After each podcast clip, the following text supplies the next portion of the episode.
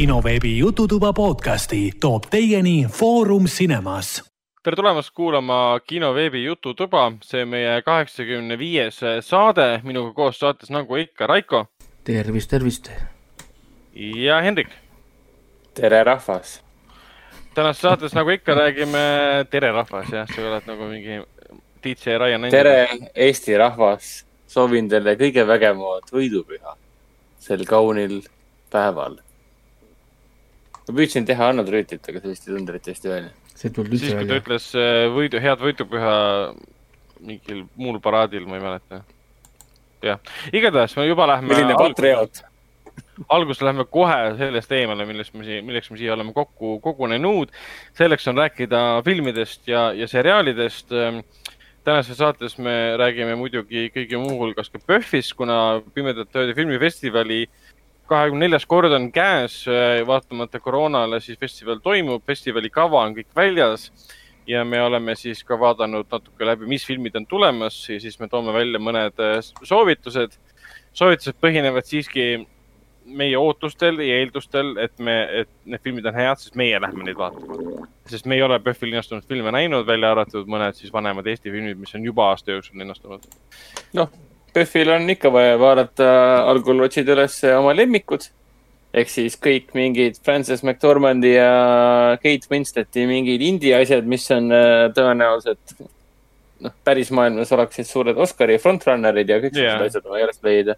ja muidugi teine, teine kõige tähtsam, see on siis muidugi Screen International ja siis on mingid muud asjad leiavad teistest programmidest muidugi. Nad kõik ei ole ühe koha asja all. ja teine kõige tähtsam on muidugi öised värinad muidugi, kõige tähtsam. jah, õudukad sõpradele.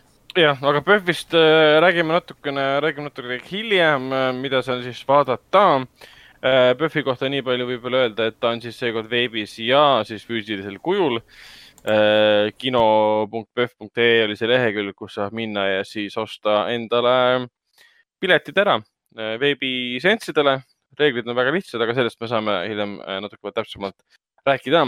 räägime siis filmidest ja seriaalidest, mida me oleme vaadanud siin kahe podcast'i vahel.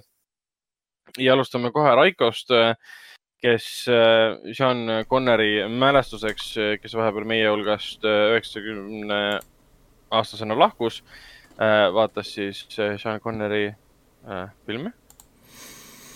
kuule jah, ma tegelikult tahtsin äh, natuke rohkem filme vaadata. Läksin, lappasin oma siis DVD ja, ja VHS-e siis nii palju, kui mul on veel, veel alles neid. ja Mm, avastasin, et mul on väga vähe äh, tegelikult Sean Connery filme, mis oli tegelikult piinlik. ma ausalt öeldes mõtlesin, et mul on rohkem, et ma saan nagu vaadata nagu rohkem. ja, ja ma tahtsin just vaadata just nagu noh, nagu ütleme VHS-i ja DVD pealt, sest kuigi ma vaatasin siin osad striimingutes, tegelikult leiab ka terve hunniku Sean Connery filme, aga ma tahtsin seda feeling'u, mis mul kunagi oli, kui ma vaatasin neid noh, nagu lapsena või noh, nagu ütleme Mm. noh, noh nagu noore, nooremana, et selline mõnus VHS on niisugune krabine ja noh, nagu saad kerida seda, et sa kuuled seda, kuidas see VHS kerib või midagi, noh nagu ütleme, ja, tahtsin nagu midagi sellist vaata saada. ja, ja avastasin, et mul olid kolm filmi, aga õnneks need olid head filmid, mis mul, mis mul olid. et ei olnud päris see, et noh, okei okay,, vaatan mingi niisugust kesist filmi, vaata. et mul oli siis kolm filmi, mul oli The Rock, mis oli siis ainsana äh, DVD peal, siis äh, Finding Forrester ja Just Cause. äh, Just Cause'ist Cause'i ma isegi ei tea. ma just tahtsin öelda, et mul nendest kolmest minu lemmik on Just Cause äh,, minu üks lapsepõlve parimaid trillereid äh,, kellele meeldib näiteks Hannibali seriaal võib-olla, võiks vaadata Just Cause'i, see on äh, väga hea niisugune hea kurja mäng, sa kunagi ei tea, kes on tegelikult hea, kes on nagu paha, kes kelle trikitab, kuidas kõik toimib, on ju. Aga jah, nüüd kuna vana meister on nüüd läinud, siis äh, siin nüüd saame vaadata filme ju hoopis teise pilguga alati, noh, me teame, et me juurde enam ei saa filme, täpselt nii ongi need filmid, mis meil on, need on ja ja niimoodi ta jääb ja tegelikult noh, natuke veider on vahepeal vaadata, noh nagu vaatasin seda Rocki, ta oli seal kuuekümne kuue aastani seal filmis, et et, ta on alati vana olnud sellest. täiesti uskumatu. et, mõni, mõni näitleja selleks ajaks pensionil põhimõtteliselt. et ei ole üldse mõelnud ka selle peale, et tegelikult kui vana ta juba siis oli. noh, nagu, et, et noh, natuke vaatad seda filmi, oh, ta on nii mõnus vanamees, et ta rullib seal, kakleb seal, tulistab relvi on ja hüppab ja, ja siis tegelikult on kuuekümne kuue aastane papi on ju.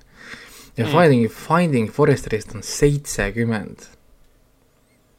täiesti uskumatu, üldse ei aru saa-, ma, ma, ma mäletan, ta kui see film välja. mäletan, kui see film jooksis siis aastal kaks tuhat kinokosmose ekraanidel. aga Et- ta nägi nii hea välja, ta oli kuld, kuldvaramu selle koha pealt. et äh, täiesti nagu noh, niisugune veider on vaadata nagu mõtet korra noh, nagu, nagu vanuste peale vaata noh, mis ta oli sel ajal siis.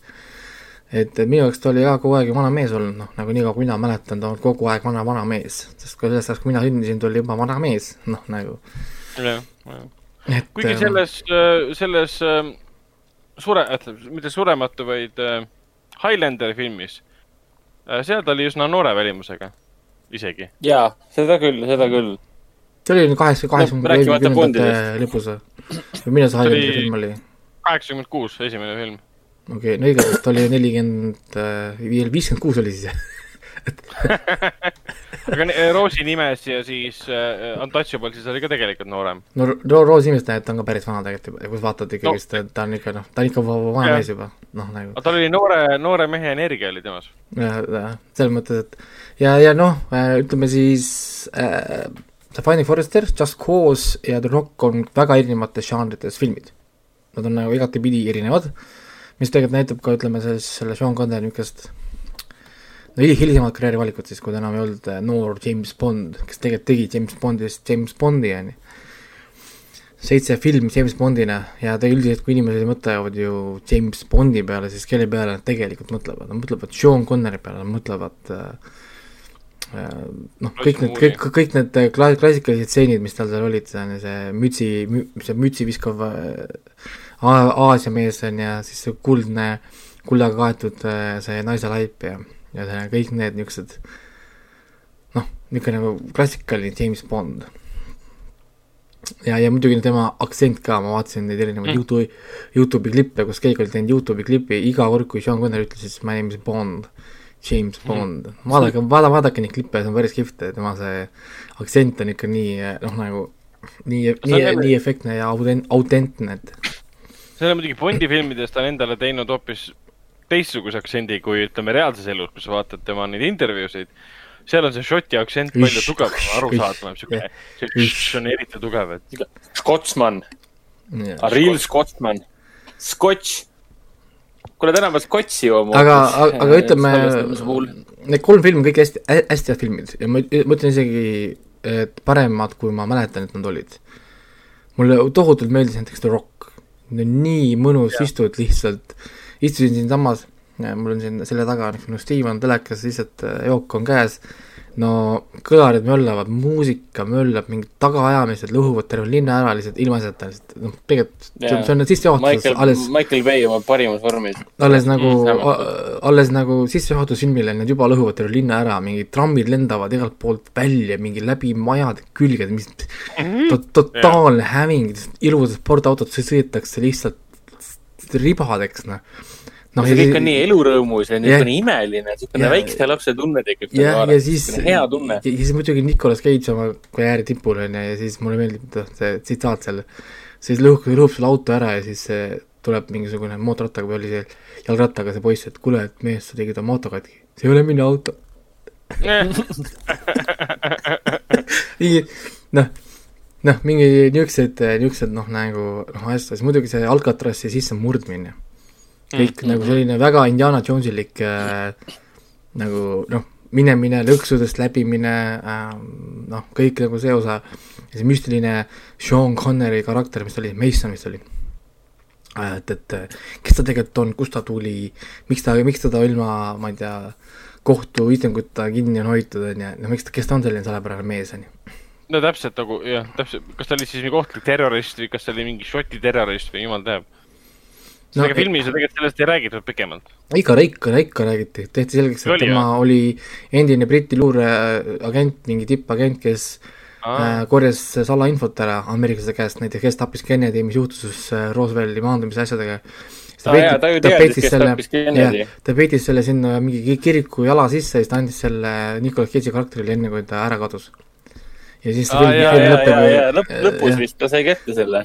film lõpeb, kus ta, kus, kus kus ta oli? jah, ta võtab selle kirikus kuskilt Kanadast, kan-, oli vist Kansasest yeah. või Nevadast või kuskilt võtab selle äh, kirikust ja siis äh, sõidab autoga minema. kuule, kallis, kas tahad teada, kes tegelikult Kennedy tappis ja siis äh, film lõpeb mäletan, nüüd tuleb meelde vaikselt Jaa. ja. imeilus, noh, imeilus film. päriselt nagu, kui, kui inimesed mõtlevad, et noh, kus on mingi niisugune mõnus, lihtsalt mingi pikk, mõttetu, niisugune nagu mõttetu sisuga põhimõtteliselt nagu, aga lihtsalt tohutult hea nagu, nagu niisugune märul. no sorry, noh, The Rock lihtsalt on alati tipus, noh nagu listidel lihtsalt nagu üleval. ja, ja ta näeb, näeb hea välja, selles mõttes, et ta ei ole kuidagi nagu isegi halvasti ja aja vananenud või midagi, kakskümmend neli aastat vana film, aga ta on isegi täna veel väga nagu teemas. samad probleemid, mis neil seal olid, on kõik nagu alles see arvutitega, nagu kusjuures need arvutite graafik ei näe isegi nii halb välja, võiks, võiks mõelda, et üheksakümne kuuenda aasta on ja arv-, ei, üldse täitsa okei okay on. et tead noh, väga, väga, väga hea film, väga rahul, Sean Connery, ma arvan, üks parimaid filme, mis ta, mis ta on teinud, et ja tal on ikka selles mõttes väga erinevad rollid olnud, et kasvõi see, mis see oli, Dragonheart, kus ta Dennis ja, Quaidiga koos oli vist või, ja tegi, andis siis sellele yeah. draakonile hääle näiteks.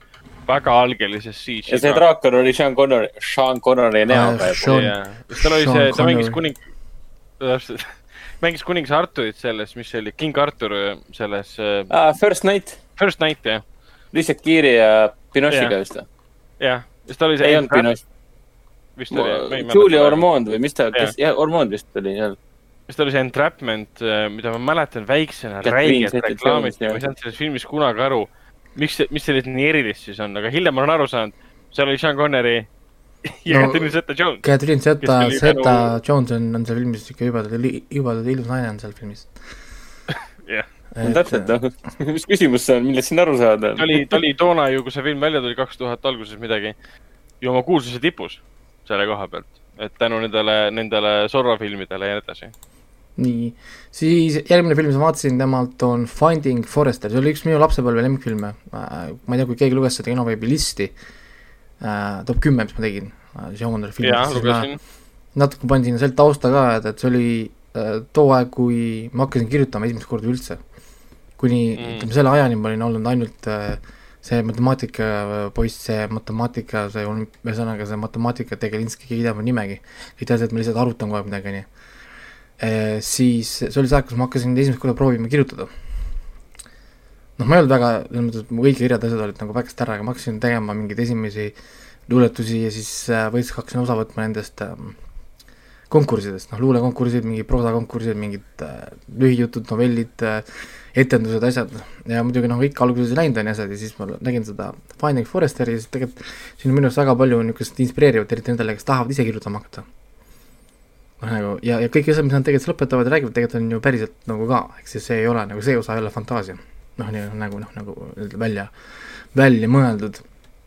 ja, ja muidugi noh, hiljem, kui ma sain teada, et see on Gus Van Santi film on ju, kui inimesed mõtlevad, siis see on ju see äh, Good Will Huntingu äh, lavastaja on ju täpselt, et ähm, noh, see on, selles mõttes, et ta on ikka, ta on ikka draama, on ju, ja, ja, ja muidugi noh, ta on siin seitsekümmend, ehk siis on, ta on vist kolm aastat enne seda, kui ta läks pensionile. On ta, on ta siin filmis, selles mõttes on ta te- noh, nagu ikka nii heas vormis lihtsalt. ja, ja siis tema see, kusjuures see Rob Brown on ju, kes, kellega koos ta siin mängib, ma olen teda nii vähe tegelikult hiljem muudes filmides näinud, kui ma niimoodi noh, nagu hakkasin, hakkasin mõtlema, et mis temast nagu sai, et ma vaatan ka, täiesti et, tundmatu nimi. et miks ta nagu, nagu ära nagu kadus, see oli tema esimene filmiroll. oli, oli koos Sean Connery'ga teha filmi Finding Forrester. võiks ju mõelda, et noh, nüüd on ju kõik uksed ju avatud.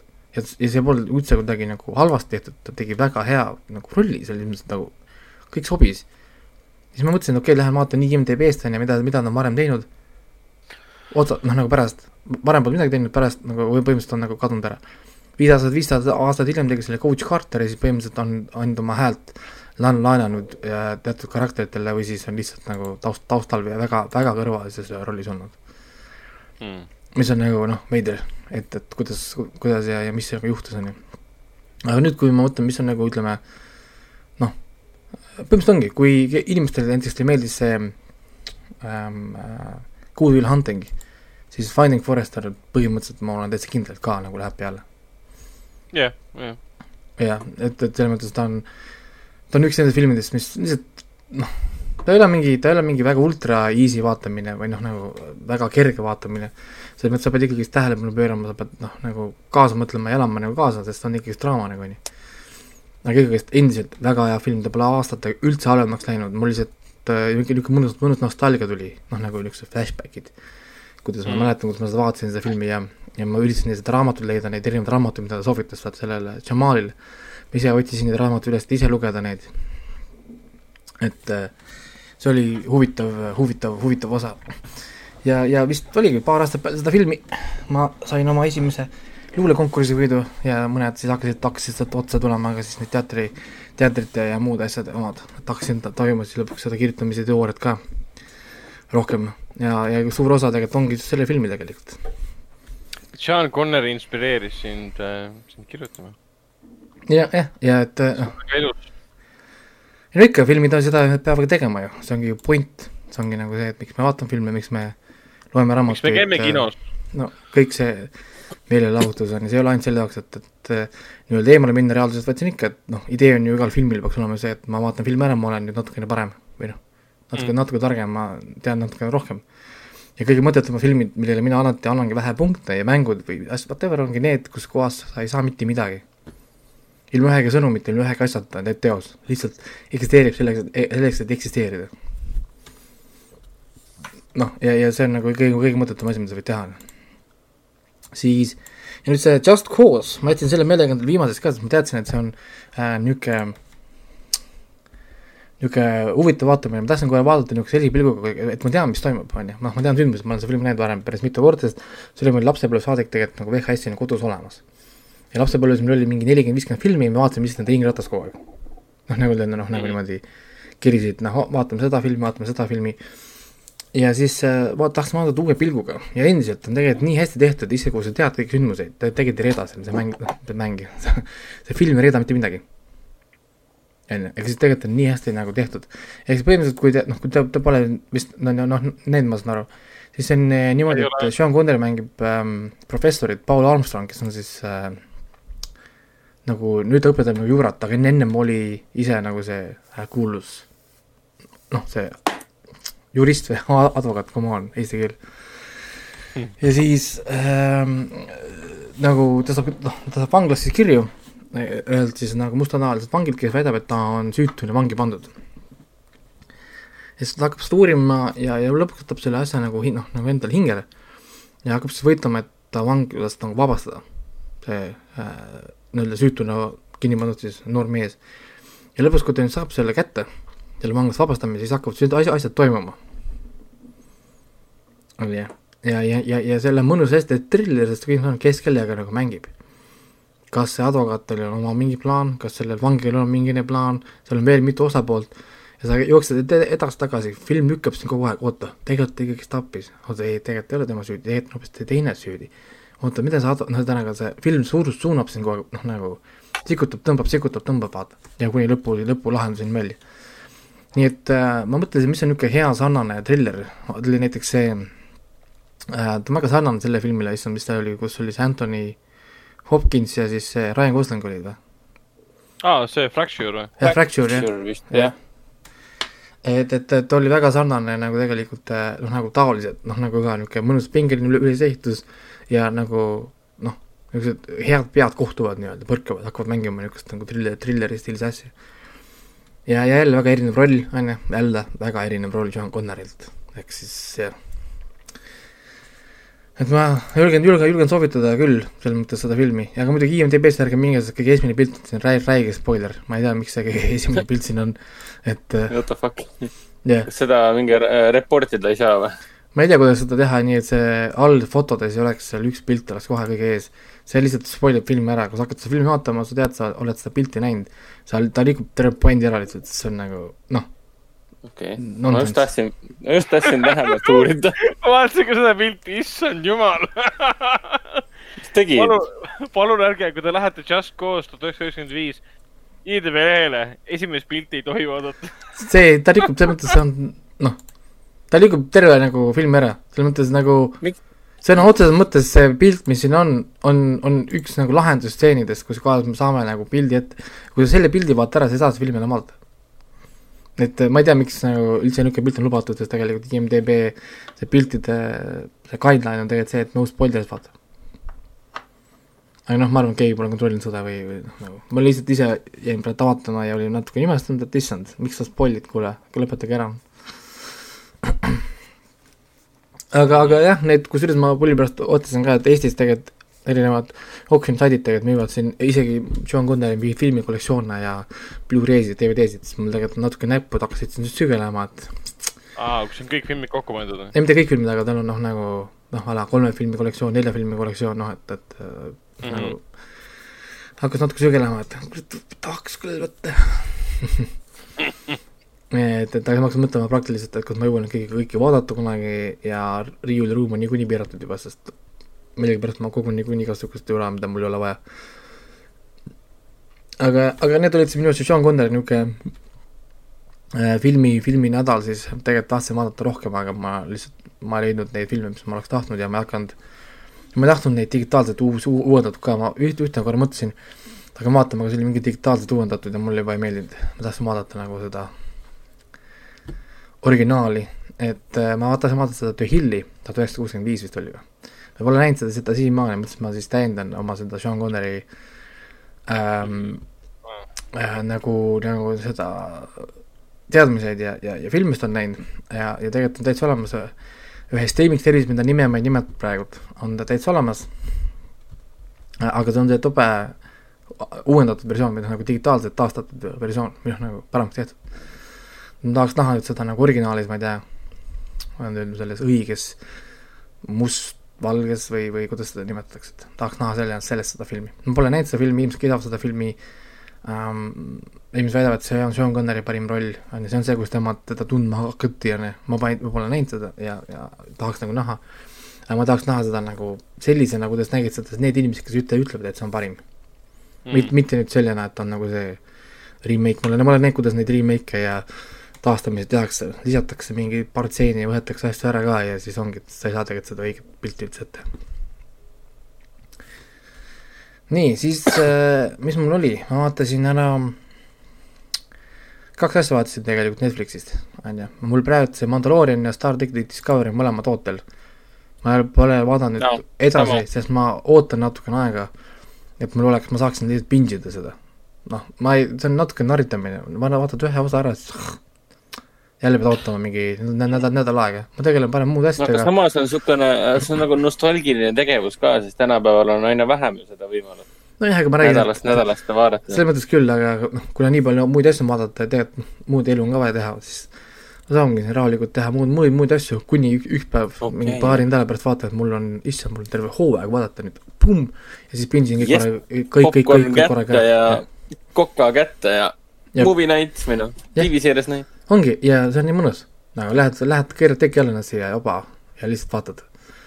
et, et see on nagu, nagu, nagu noh, nagu mõnus. nii et ma olen nat- natukene ootan veel endaga, kui, kui jõuame lõpule lähemale või lõppu, siis ma tõmban kõik kiiresti su suure hooga ilma vahelt hingamata kõik järjest, järjest ära. aga ma vaatasin Netflixist ära see Secrets of Sakara Tomb, millest äh, Ragnar Kelm rääkis, sest tegelikult oli mul niimoodi lihtsalt, ma tahtsin seda näha ja, ja ma tahtsin kogu aeg teada, kuidas nad tõlgivad näiteks neid hieroglüüfe, ma olen ise varem proovinud interneti abiga teha selgeks endale, kuidas hieroglüüfe tõlgitakse, kuidas neid üldse nagu mõiste, mõistetakse. ja, ja nagu noh, tark internet mulle telge selleks tegigi, et see on räigelt konteksti, kontekstipõhine. et hieroglüüfid ei tähenda ühte asja, see on umbes nagu Hiina ja, ja Jaapani hieroglüüfid ja kõik need kanjid, noh, kui sa paned lihtsalt selle kanji, siis äh, me ei kuule praegu Ragnarit millegipärast. No neid, sa oled nüüd oled tagasi. See oligi nagu huvitav teada saada, et ta on nii kontekstipõhine selle koha pealt, et äh, sõltub, kes on sinna maetud näiteks äh,, sõltub, mis staatuses seal on äh, see inimene, sõltub, mis suunas sa hakkad lugema, ülevalt, alt, külje pealt äh,, kas siin on trikitamine, kordustähendused ja nii palju elemente, millega arvestada, see on nii kohati nagu illustratiivne tegevus, see on nii allegooriline tegevus, see, sa ei saa midagi kunagi otseselt võtta lugemise jaa, et see on, see on, noh, see on, ma räägin, et see hea näide ongi, võta jaapani keelest kanji. keegi kirjutab Mm. sulle ühe, ühe hieroglüüfi, sa ei saa kunagi teada, mida see tähendab. et sa võid öelda, et noh, ta võib tähendada seda, seda, seda, seda, seda, aga sul on vaja konteksti. ja nüüd, kui sa paned terve hunniku neid kokku, siis sa lõpuks saad lautida sõnad, on ju. Siis noh, seal on muidugi keerulisem ka, sest seal on, nad otsivad seda lindu, et mis pidi lind vaatab, kas ta vasakule vaatab paremale, mis pidi me peame lugema. on ju, noh, ja, ja kõik nagu need asjad, see, see on ikka väga väsitav ja tüütu töö. noh, nagu need asjad tõlkimine, see ei ole umbes nagu Stargate SG-1, mil vedab, et sa lähed lihtsalt kuskile katakombi, hakkad lugema lihtsalt, paned näppu sinna peale ja muudkui loed nagu teksti nagu raamatust. et, et äh, loe need laused kokku, on ju, nad kaardistavad seda, sest seal on osad on lihtsalt äh, hieroglüüfid, mis tähendab mitte midagi, vaid on umbes nagu koordinaadid või äh, vihjed umbes noh, nagu määravad mingeid asukohti ja ühesõnaga nagu nad peavad kõik sellest nagu välja sorteerima ja see on päris nagu tüütu töö. ja samuti see kõik see puhastamine, kaevamine, siis edasi minemine, on ju, et nad ei lähe nagu lõpuni, enne kui neil on mingid protsessid vahepeal tehtud kes see on, kas nad noh, ühesõnaga palju seal inimesi võib olla, noh nagu kõik see protsess, see on väga niisugune selles mõttes oli lihtsalt huvitav näha, kuidas see tegelikult nagu käib nendel. noh, nagu, noh nagu see, noh nagu see osa. ja, ja muidugi, et nad ise räägivad seal omavahel mitu erinevat keelt, mis oli ka minu jaoks huvitav teada, et ma ei teadnud, et nad Egiptuses omavahel ei räägigi kõik äh, samas keeles. et mina mõtlesin, noh, jah, et, siis et oli araabia keel, siis oli inglise keel.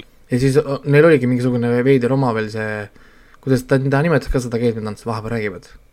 vaata see see mingi, jaa, oli küll ma jah, ei tea, mingid mingisugune, mingisugune keel oli, et, et üks nendest pidi nagu tõlkima seal osade inimeste vahel veel, ehk siis tema nagu käitus nagu tõlgina, ehk siis nagu a la Mm. noh, nende inimeste, nemad räägivad kohe, põhimõtteliselt minu jaoks nad rääkisid kõik nagu araabia keelt, aga tegelikult vist ei olnud, sest nad ei saanud omavahel aru, siis üks, üks inimene, kes tõlkis, siis üks oli seal see nagu see abi, abitöötaja, kes oli kaasas ainult selle jaoks, et nagu tõlkida, noh, ühesõnaga mingisugused no hu- huvitavaid asju oli seal, et selles mõttes, et ta on, ta oli päris pikk ka, kas ta oli peaaegu kaks tundi oli või? oli vist peaaegu, peaaegu kaks tundi oli peaaegu kaks tundi, mingi tund nelikümmend oli umbes. aga väga, väga huvitav leid, selles mõttes, et see on noh, see on see, miks inimesed vaatavad Stargate SG-1-i ja see on see müstiline, see on nagu päris müsteerium siis nagu meie enda päris äh, planeedilt pärit niisugune mõnus ajalooline müsteerium, et alati tere, tere tulnud ja mina noh, alati ootan uudiseid, et keegi leiab kuskilt mingi sellepärase hauakambri ja ma endi- endiselt ootan, et Hiina laseks maailma oma suurte püramiidide juurde aa jaa, et, jaa. et mis seal toimub, me ei tea mitte midagi. on ju, nendel on nii üübersuured salajased püramiidid seal on ju, üks vanimaid kultuure maailmas on ju Hiinas. siis mis neil seal võib olla, meie ei tea ju, on ju, et millal me sellest saame dokumentaalfilmi. ja, ja, ja siis äh, vaatasin äh, seda Unsolved Mysteries, volüüm kaks, varem, varem rääkisime vaata Aa, sellest jaa, see teine hooaeg tuli välja. varem rääkisin sellest äh, esimesest osast nii-öelda ja kirusin seda, et, et noh, lihtsalt kadunud, kadunud is- isiksused ja mingi igav on ju. siis teine osa on natukene parem. natukene parem, ma pean ütlema, et oli, ma vaatasin suurema huviga küll. Nad on neid huvitavamaid lugusid, mida nagu rääkida, mis, mida võib nimetada tõepoolest müsteeriumiks. nagu, selles mõttes, et ma võin nimetada seda müsteeriumiks.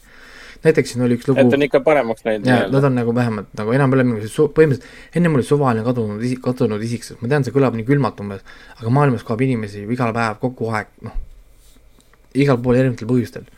noh, ja kui pole isegi mingeid müstilisi asjaolusid pole, lihtsalt kadus, siis tegelikult noh, see ei ole ju nagu müsteerium, on ju. Siis äh, siin oli paar huvitavat head lugu, näiteks äh, ma vaatan kohe, mis äh,, issand, tahaks näha mingit pe- osade nime pealkirja, ma tunneks kohe ära võtan korra selle kiiresti lahti siin taustal. mul on esimene hooaeg endal täiesti jäi pooleli, kuna mul kadus lihtsalt huvi ära.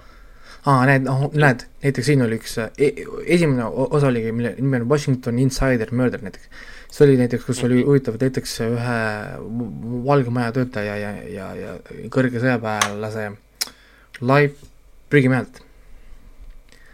ja kui nad hakkavad mm. -hmm. seda nagu juhtumit uurima, siis seal on minu arust päris huvitavaid asju, et noh, kuidas ta sattus sinna prügimäele, lõpuks leiab selle prügikasti, kus ta oli, hakkab leidma parkimismajadest ja asjadest äh, neid äh, salvestisi, hakatakse nagu pilti kokku panema ja siis seal on nagu, kuidas nagu need käitumised on veidrad, kuidas ta tuleb ühe saapaga, tuleb parkimismajja mingi paanikas, on ju, mingi teatud vaata niisugused nagu asjad, mis hakkavad e nagu noh, nii-öelda nagu, sul on erinevad nagu tükikesed, pilti koos pole, aga, aga kui sa proovid seda nagu ise kokku panna, siis saad midagi väga veidrat, vaata noh, nagu see oli niisugune nagu noh, hakkas ah,, hakkas juba looma nii-öelda äh,. siis oli meil see äh, noh, see et tehti Oslo oli, see oli niisugune soo, soo, leiti ühe, ühe naise laip äh, sellest äh, Norra pealinna sellest äh, hotellist ja siis hakati nagu teda proovima nagu leida tema kodu ja asju ja kuidas seda nagu lahendama, teda, tema nagu isiksust põhimõtteliselt kindlaks tegema.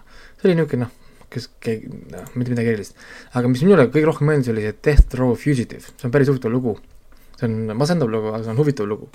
põhimõtteliselt see lugu rääkis sellest, kuidas ähm, üks siis, midagi viiekümne, kuuskümmend vist oli, sorry, kuuekümnendatel oli see, oli see algne lugu, kuidas üks siis sarivägistaja põhimõtteliselt, kes vägistas noori tüdrukuid äh,, sai kautsjonist välja, on ju, põhimõtteliselt vägistas ära ühe noore tüdruku, sai kautsjoniga välja äh, vägi-, noh, põhimõtteliselt ei suutnud tõestada vist, ta vägistas või midagi, nii, ta vägistas jälle mingi tüdruku ära. jälle, jälle lasti välja kautsjoniga. tulemuseks oli see, et äh, lõpuks siis äh, kolmas või tüdruk, ma ei tea, mitmes ta oli, aga põhimõtteliselt kolmanda korra, kui ta vahele jäi äh,, ründas ühte tüdrukut siis äh, noh, nii-öelda kõrvaltänaval, tüdruk hakkas karjuma äh,, tapp eksis teda siis nii kaua, kuni tüdruk ei liigutanud mm. -hmm. Läks siis koju, pani peoriidid selga, et minnes peole, kõndis sealt tänavalt mööda, tüdruk liigutas ja veel kegises. võttis siis telliskivi ja lõi siis tüdruku peal pea, pea, pea lõhki Mm. nagu ja läks, ja läks peole, nagu mitte midagi poleks äh, juhtunud, onju. no siis lõpuks ta, noh, ta arreteeriti, ta tunnistas kõik kohe ülesse, täiesti suvaline tal vaata. tunnistas kõik ülesse, talle määrati surmanuhtlus. Tuhat üheksasada seitsekümmend kaks pidi ta vist äh, ühesõnaga ei mäleta, mis aastal ta pidi hukkama, ühesõnaga see aastaarv pole tegelikult nii oluline. ja siis hakka, hakkasid pihta need niisugused nagu veidrad sündmused siis või noh, nagu niisugused kokkulangemised siis, kuidas see mees siis suutis vältida kogu aeg. kõigepealt lükati kaks korda tema hukkamine edasi, ilma, ilma teadmata põhjustel. kohtunikud lükkasid, kohtunikud jah, ei antud või pole kuskil ava, ava, avalikustatud, miks tema hukkamine edasi lükati ta hukkamist lükati nii kaua edasi, kuni tuhat üheksasada seitsekümmend kaks aastat, vaata et seitsekümmend kaks aasta äh, võeti vastu seadus, et enam ei hukata vange mm -hmm. on ju. ehk siis ta pääses nagu äh, huh, hukkamisest, mis siis ase-, asendati üleaegse vangistusega. nii, siis vanglas tehti erinevad programmid, et aidata vangidel nii-öelda eluga kohaneda. antud mees oli siis väga andekas kunstnik ta oskas väga hästi joonistada ja, ja ühesõnaga nagu niisugune maalida ja, ja hästi hea, hästi hea käega mees.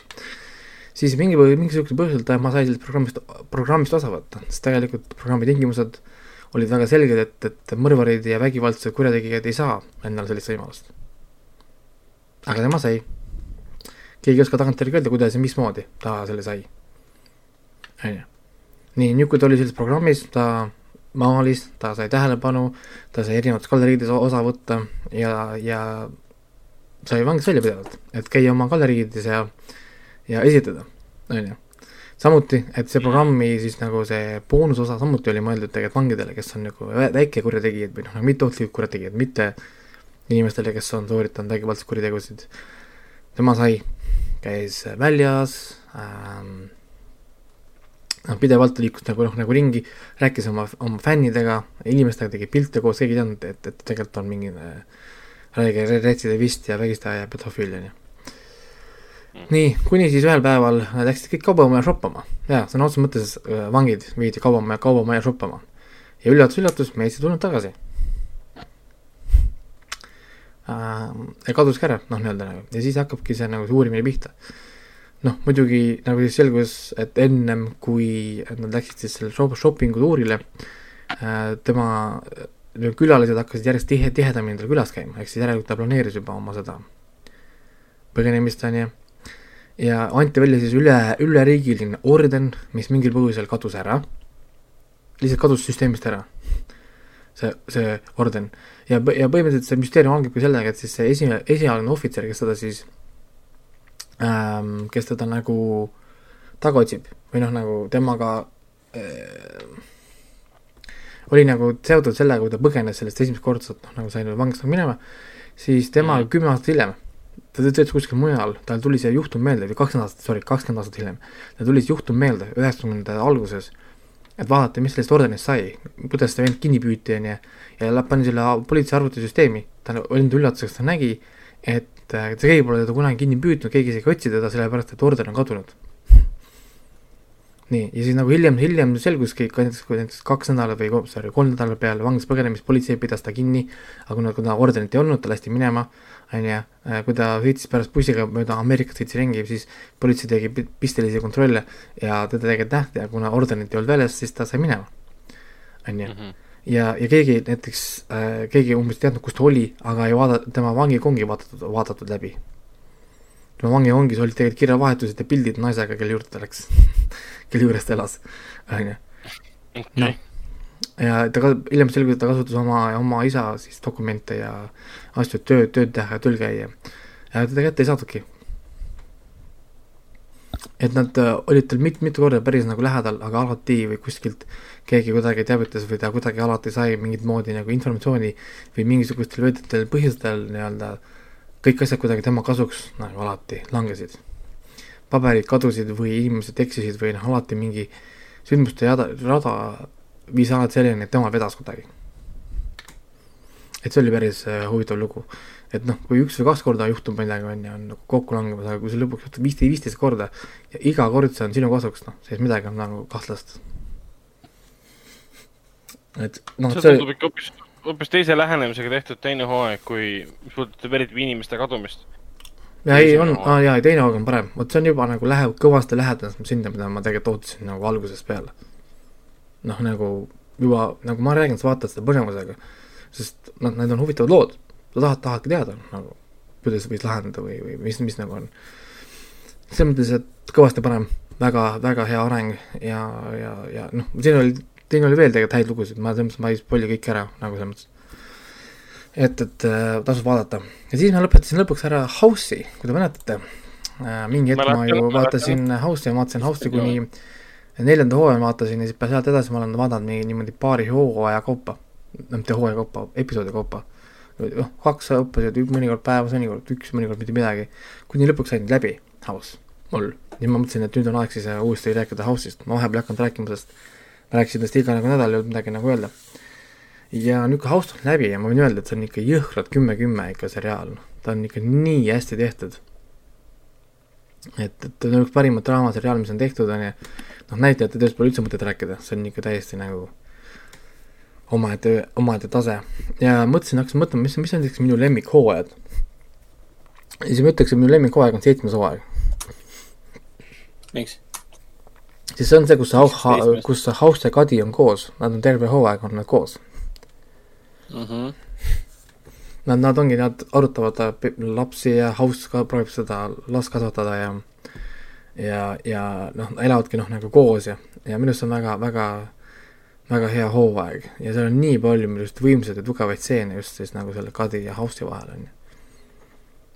noh, eriti veel need lahkuminemise stseenid ja, ja kuidas, noh, kõik see, kuidas nad isegi tegelikult kokku saavad, võib-olla viimased episoodid siis kuuenda hooaja lõpus. kõik see oli minu arust nagu lihtsalt nagu noh, vapustavalt hästi tehtud. ja siis teine lemmik on siis kaheksas hooaeg. kaheksas hooaeg on siis, kus äh, House tegeleb oma selle vangla mure ja Wilsoni vähiga. aa, seda ma isegi mäletan. ta, ta läheb ju vangi sellepärast, et ta sõidab autoga läbi Kadi maja seina. Seda ma ei mäleta, miks ta sõitis sealt läbi. sest Kadi jättis ta maha. Jaa, ja, see- ja, ja, siis, siis ta väitis, et, et ta ikkagi armastab seda House'i ja siis House tahtis minna lillede või ästaga tema sinna juurde, aga Kadil oli pime kohting mingi võõra mehega sel ajal, siis ta nägi, et Kadil on juba uus, uus mees seal majas, ta võttis auto, sõitis autoga läbi maja seina ja tuli autost välja, ütles, et vabandust, et ma astusin valele sisse ja siis kõndis minema. klassikaline. Jah. jah, ja siis ta läks vangi ja vangis ta sai ajapikendust vangiga, sest ta ravis seal ühte, ühe patsiendi terveks, ilma et ta oleks lubatud tegelikult ravida teda. ja siis ta sai tingimusi välja, sest Foremanil oli vaja arsti, sest Kadi läks minema ja Foreman võttis nüüd üle selle haigla juhtimise. Mhm. ja siis kolmandana minu lemmik on äh, kolmas hooaeg, on siis see, kus ta hakkab otsima omale uut äh, meeskonda ja ta palkab kõik need noored äh, ka kakskümmend või kolmkümmend seda ja huvilist hakkab neid siis ükshaaval noh, nagu alla nagu võtma sealt, jah, nagu nii-öelda alla võtma. kas äh, siis tuli see Olivia Wilde ka või? Olivia Wilde, Cal Penn äh,, siis see, mis oli see Taubi nimi, see Christopher mingi ma ei tea, ma tean nende näitlejate nimesid, ma ei mäleta. mina mäletan Et- Olivia, Wilde'iga. jah, ja siis ma vaatasin ära lõpuks siis seal Prime videos, kui te vaatate lõpuni, seal on veel üks ekstra episood, tunniajane, on siis nagu see behind the scenes, kus siis see Hugh Laurie Mhm. ise käib kaameraga ringi viimase saat-, viimase episoodi tegemise ajal. ja räägib siis inimestega, seal on videosid, kuidas on after party'd ähm,, ta ise, ise räägib sarja tegijatega casting utest asjadest, see on väga hea niisugune pilguheit siis, kuidas see sari tegelikult nagu reaalselt nagu sündis ja mis seal taha kõik nagu läks. Et näiteks, et sarja juur, juures on töötanud üle tuhande inimese näiteks, on ju, ta, ta näitas, kuidas neid võttelplatse ehitatakse, et nad ehitavad reaalselt terve, terve haigla tiiva ehitavad kuskile suurde lao, laohoonesse mm. see oli jah päris suur ettevõtmine lõpuks, kui ta nagu eriti, eriti, eriti populaarseks kujunes. Eestis ju näitas seda vist TV3, kogu Eesti rahvas vaatas seda minu arust. kuule, see on, see oli suur teema. ta on ikka jubedalt, jubedalt kaasakiskuv, siin on noh, ja mõtle, kui palju episoode on, kakskümmend neli, kakskümmend viis episoodi iga hooaeg on, kaheksa hooaega. noh, massiivne, kõik need haiguste väljamõtlemised, kõik see meditsiiniline jutt, kõik need karakterid, iga, iga karakter saab oma nagu aja. noh, igaüks nendest kõiki seal on. ja sellest ju sündis ka nii palju asju, vaata, tuletage meelde, mis asi see oli, see üks sinisilmne blond mees mängis seal mingisuguses. See oli ka, kui igas osas oli eraldi juhtum. ja see oli haiguste mingi kontrollikeskuse teema, et igas osas oli, keegi oli haige ja keegi ei saanud üldse aru, miks ta haige on ja siis pidi tegema hullu CSI-d, et aru saada, miks keegi haige on. mäletate või? seal mängis see blond mees peaosas, noh. see blond mees, kelle nime ma ei mäleta. of uh, Brothersis. kas sa mõtled seda ah, seda. Chase, Chase karakterit või?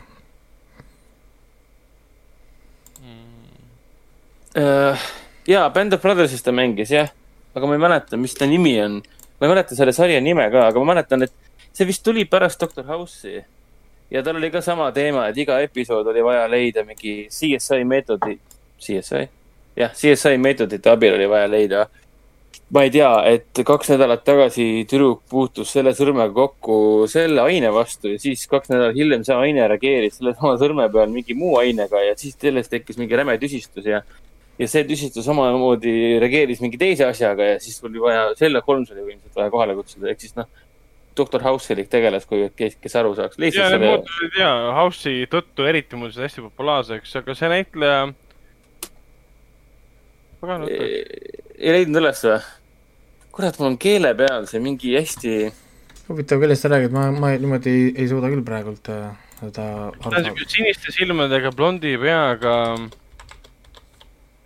ta oli ju selles.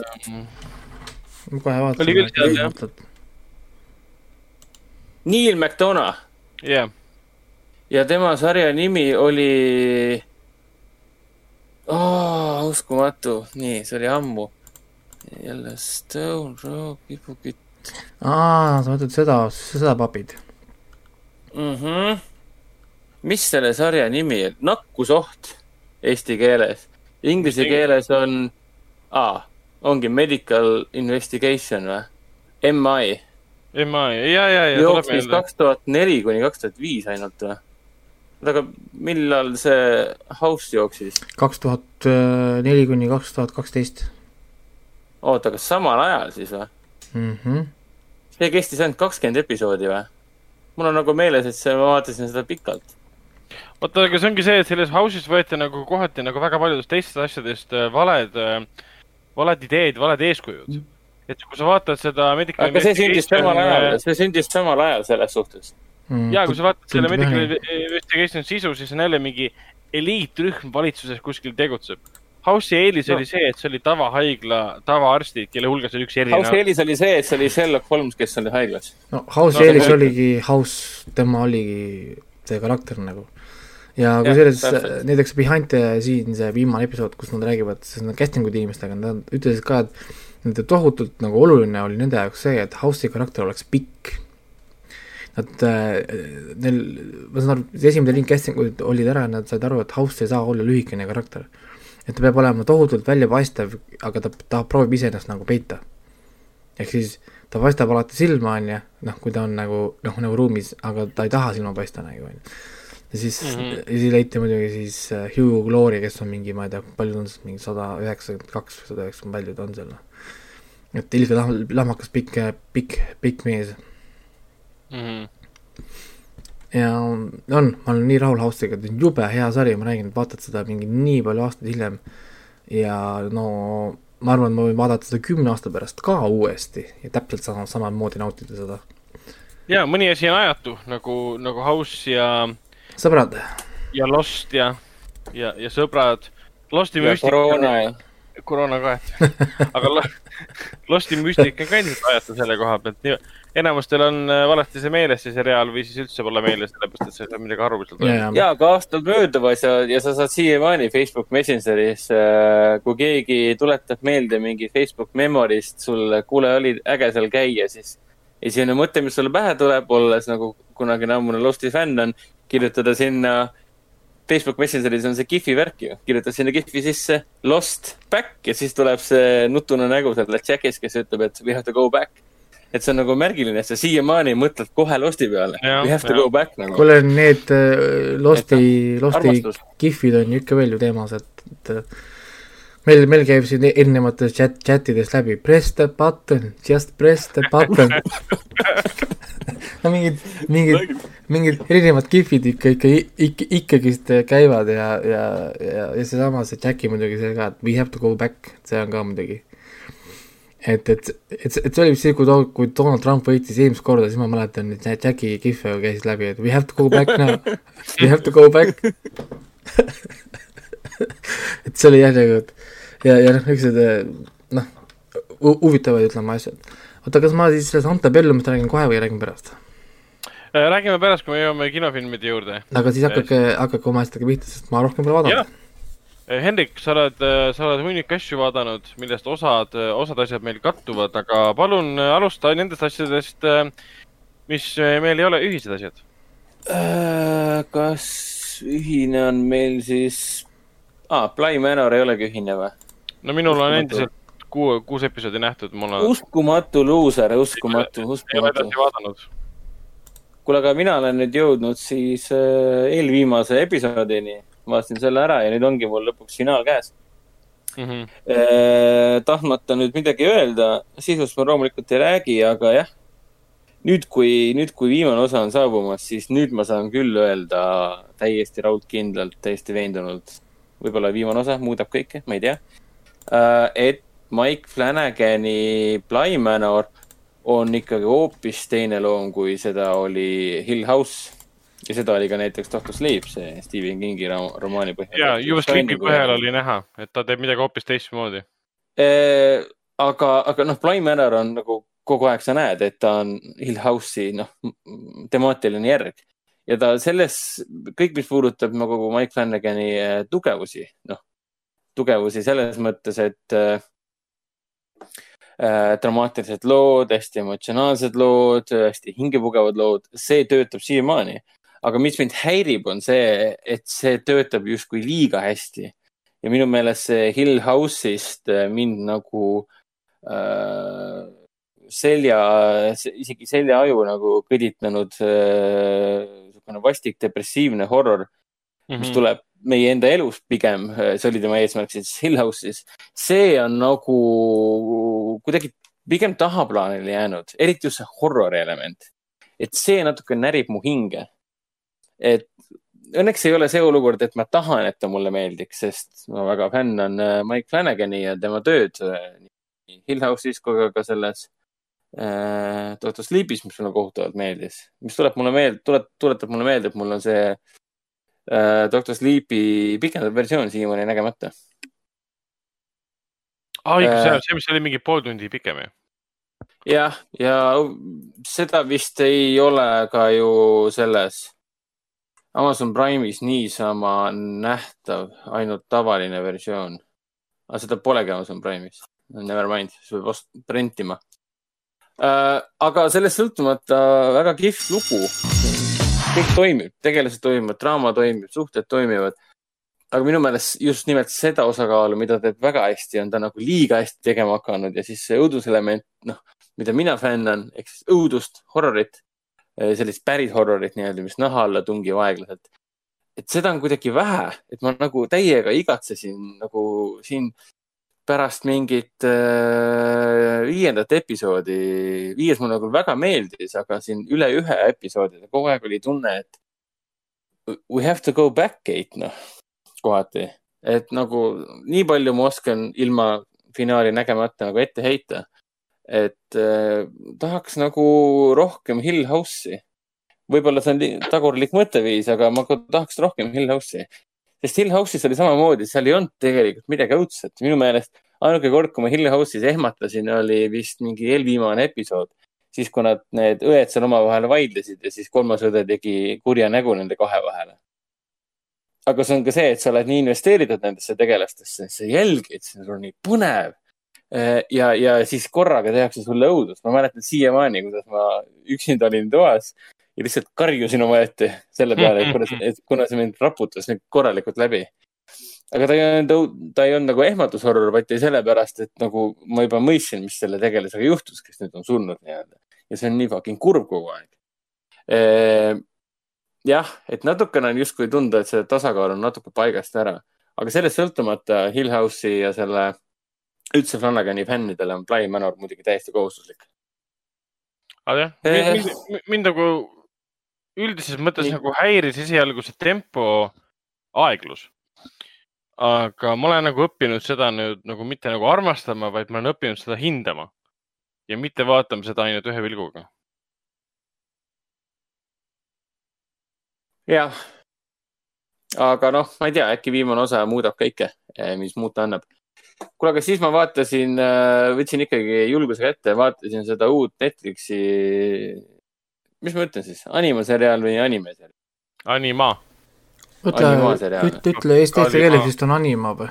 ma ei teagi, kuidas seda eesti keeles on. et kuna siin Jaapaniga pole otseselt midagi pistmist ja minu meelest siin, ma ei tea, kes see animation stuudio siin on tegelikult isegi. millest ma räägin, on muidugi Blood of Zeus, mis nüüd siis, ma ei tea, kas siis see nädal või eelmine nädal alustas. noh, kõik osad tulid välja uh,. Netflixis, ta on põhimõtteliselt nagu Castlevania või eesti keeles Castlevania siin on kaheksa episoodi, kõik on siuksed kuni kolmekümne minutilised episoodid. okei okay,, kolm viimast on juba kolmkümmend kaks kuni kolmkümmend seitse minutit, mis tähendab, et läheb põrguks. Äh, aga ta on äh, sama verine, sama julm, sama kiireloomuline, väga hea tempo, fantaasiat on palju, sihukest horror fantasy't on palju, et väga maitsev kraam oli. ma olen ainult esimese osa ära vaadanud. aga, aga põhimõtteliselt, kui oled Castlevania fänn, äh, Netflixi Castlevania fänn või üldse Castlevania fänn, siis Blood of Zeus on ka nagu kindel asi, mida peaks vaatama. Äh, vähemalt esimese osa põhjal. et äh, kui Kreeka mütoloogia nagu meeldib, sobib, siis lase käia, naudi täiega. ikka parem kui mingid, mis need olid, need Louis, Louis Leterrieri Clash of the Titansi ja, ja. ei, muidugi, muidugi ükskord püüdsin uuesti, uuesti vaadata esimest osa, aga siis miski selles oli kuidagi nii teatraalne ja nii nõme, eriti kui see Liam Neeson äh, ja, ja see teine Ralph Fiennes ekraanile tuli, siis ma mõtlesin, et kuule, mul on oma aega midagi paremat teha ka. aga hea näeb välja. kuigi tõesti, ta nägi hea välja ja see treiler, mis nad esimesele filmile omal ajal välja andsid, vana see film juba on, ta on mingi viis aastat vana vist või? kas esimene oli Clash vist või?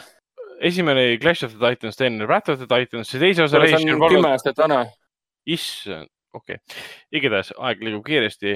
mida ma mäletan, see esimene pikem treiler, mis välja anti, oli suurepäraselt monteeritud äh, koos mingi lauluga, mingi rokkmuusikaga. fantastiline näide sellest, kuidas reklaamida filmi. siis lähed vaatama filmi kinno, see pole üldse nii rokkiv ega lahe, kui treiler nagu näitas. aga eesmärk on täidetud, sa oled jõudnud kinno ja sul on õigus, sa tahtsid vist mainida, et teise osa tegi see Jonathan Liivesmann. see on see, kes tegi siis. mul lähevad need Liivesmannid, Lettererid ja see üks nimi veel läheb kogu aeg sassi.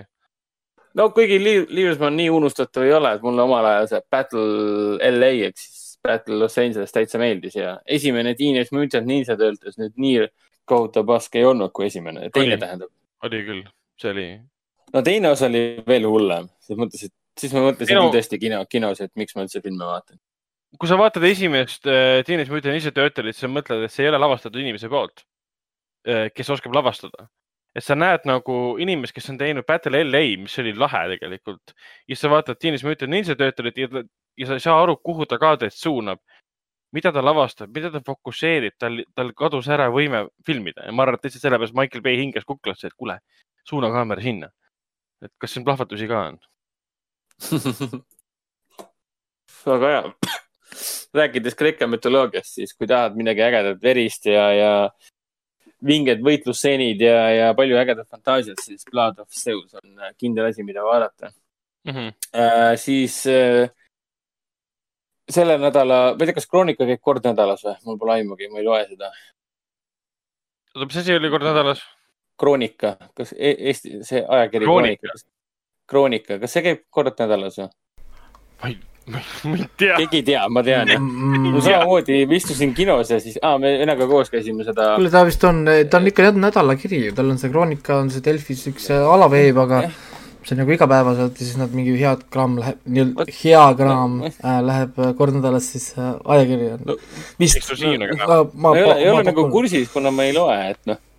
samamoodi, et vennaga vaatasin seda Koola sügavikku ja siis oli, enne filmi oli siis reklaam sellele Sky plussile vist või? Eesti Jaa. kuulatuim raadio. See hull reklaam käis seal ja siis ma vaatasin vennale sügavmõtteliselt otsa mingi, millal sa viimati Sky, Sky plussi kuulasid? kas sa tead kedagi, kes kuulab Sky plussi, mul pole õrna aimugi. mina, mina, mina kuulan. ainult taksos jah? Raiko kuulab. mina, mina kuulan sest ma sõidan autoga palju. aa, see on Aa, arusaadav okei. ma ei, väl- väljaspool autot ma ei kuula ühtegi raadiot. kui sa vabalt istud kodus maha ja paned Sky plussi tööle ja jood õlut, siis ja see on sellepärast niimoodi, et ta on mul programmeeritud kui number üks raadiojaam, ehk siis äh, igal kord, kui ma panen auto tööle, ta alustab alati Sky plussiga ja kui seal keegi räägib või muusika, ma ei vaheta ära, kui on reklaamid, siis ma vahetan automaatselt Power Hit Radio peale. see on minu see, see standardkäik ja kui Power Hit Radios on mingi reklaamimöla, siis on Vikerraadio, kus tavaliselt reklaami pole, siis ma jään, jään kuulama Vikerraadiot. Ja siis ma käin seda No minu- nagu minu- tsüklit, tsüklit pidi. minu hommikune, hommikune programm ongi tegelikult Vikerraadioga, et eriti mulle meeldib reede, siis, siis on äh, Märt Reier, ei, kes andis hiljuti ju just, kuidas? raamatu välja, jah. ja raamatu välja ka.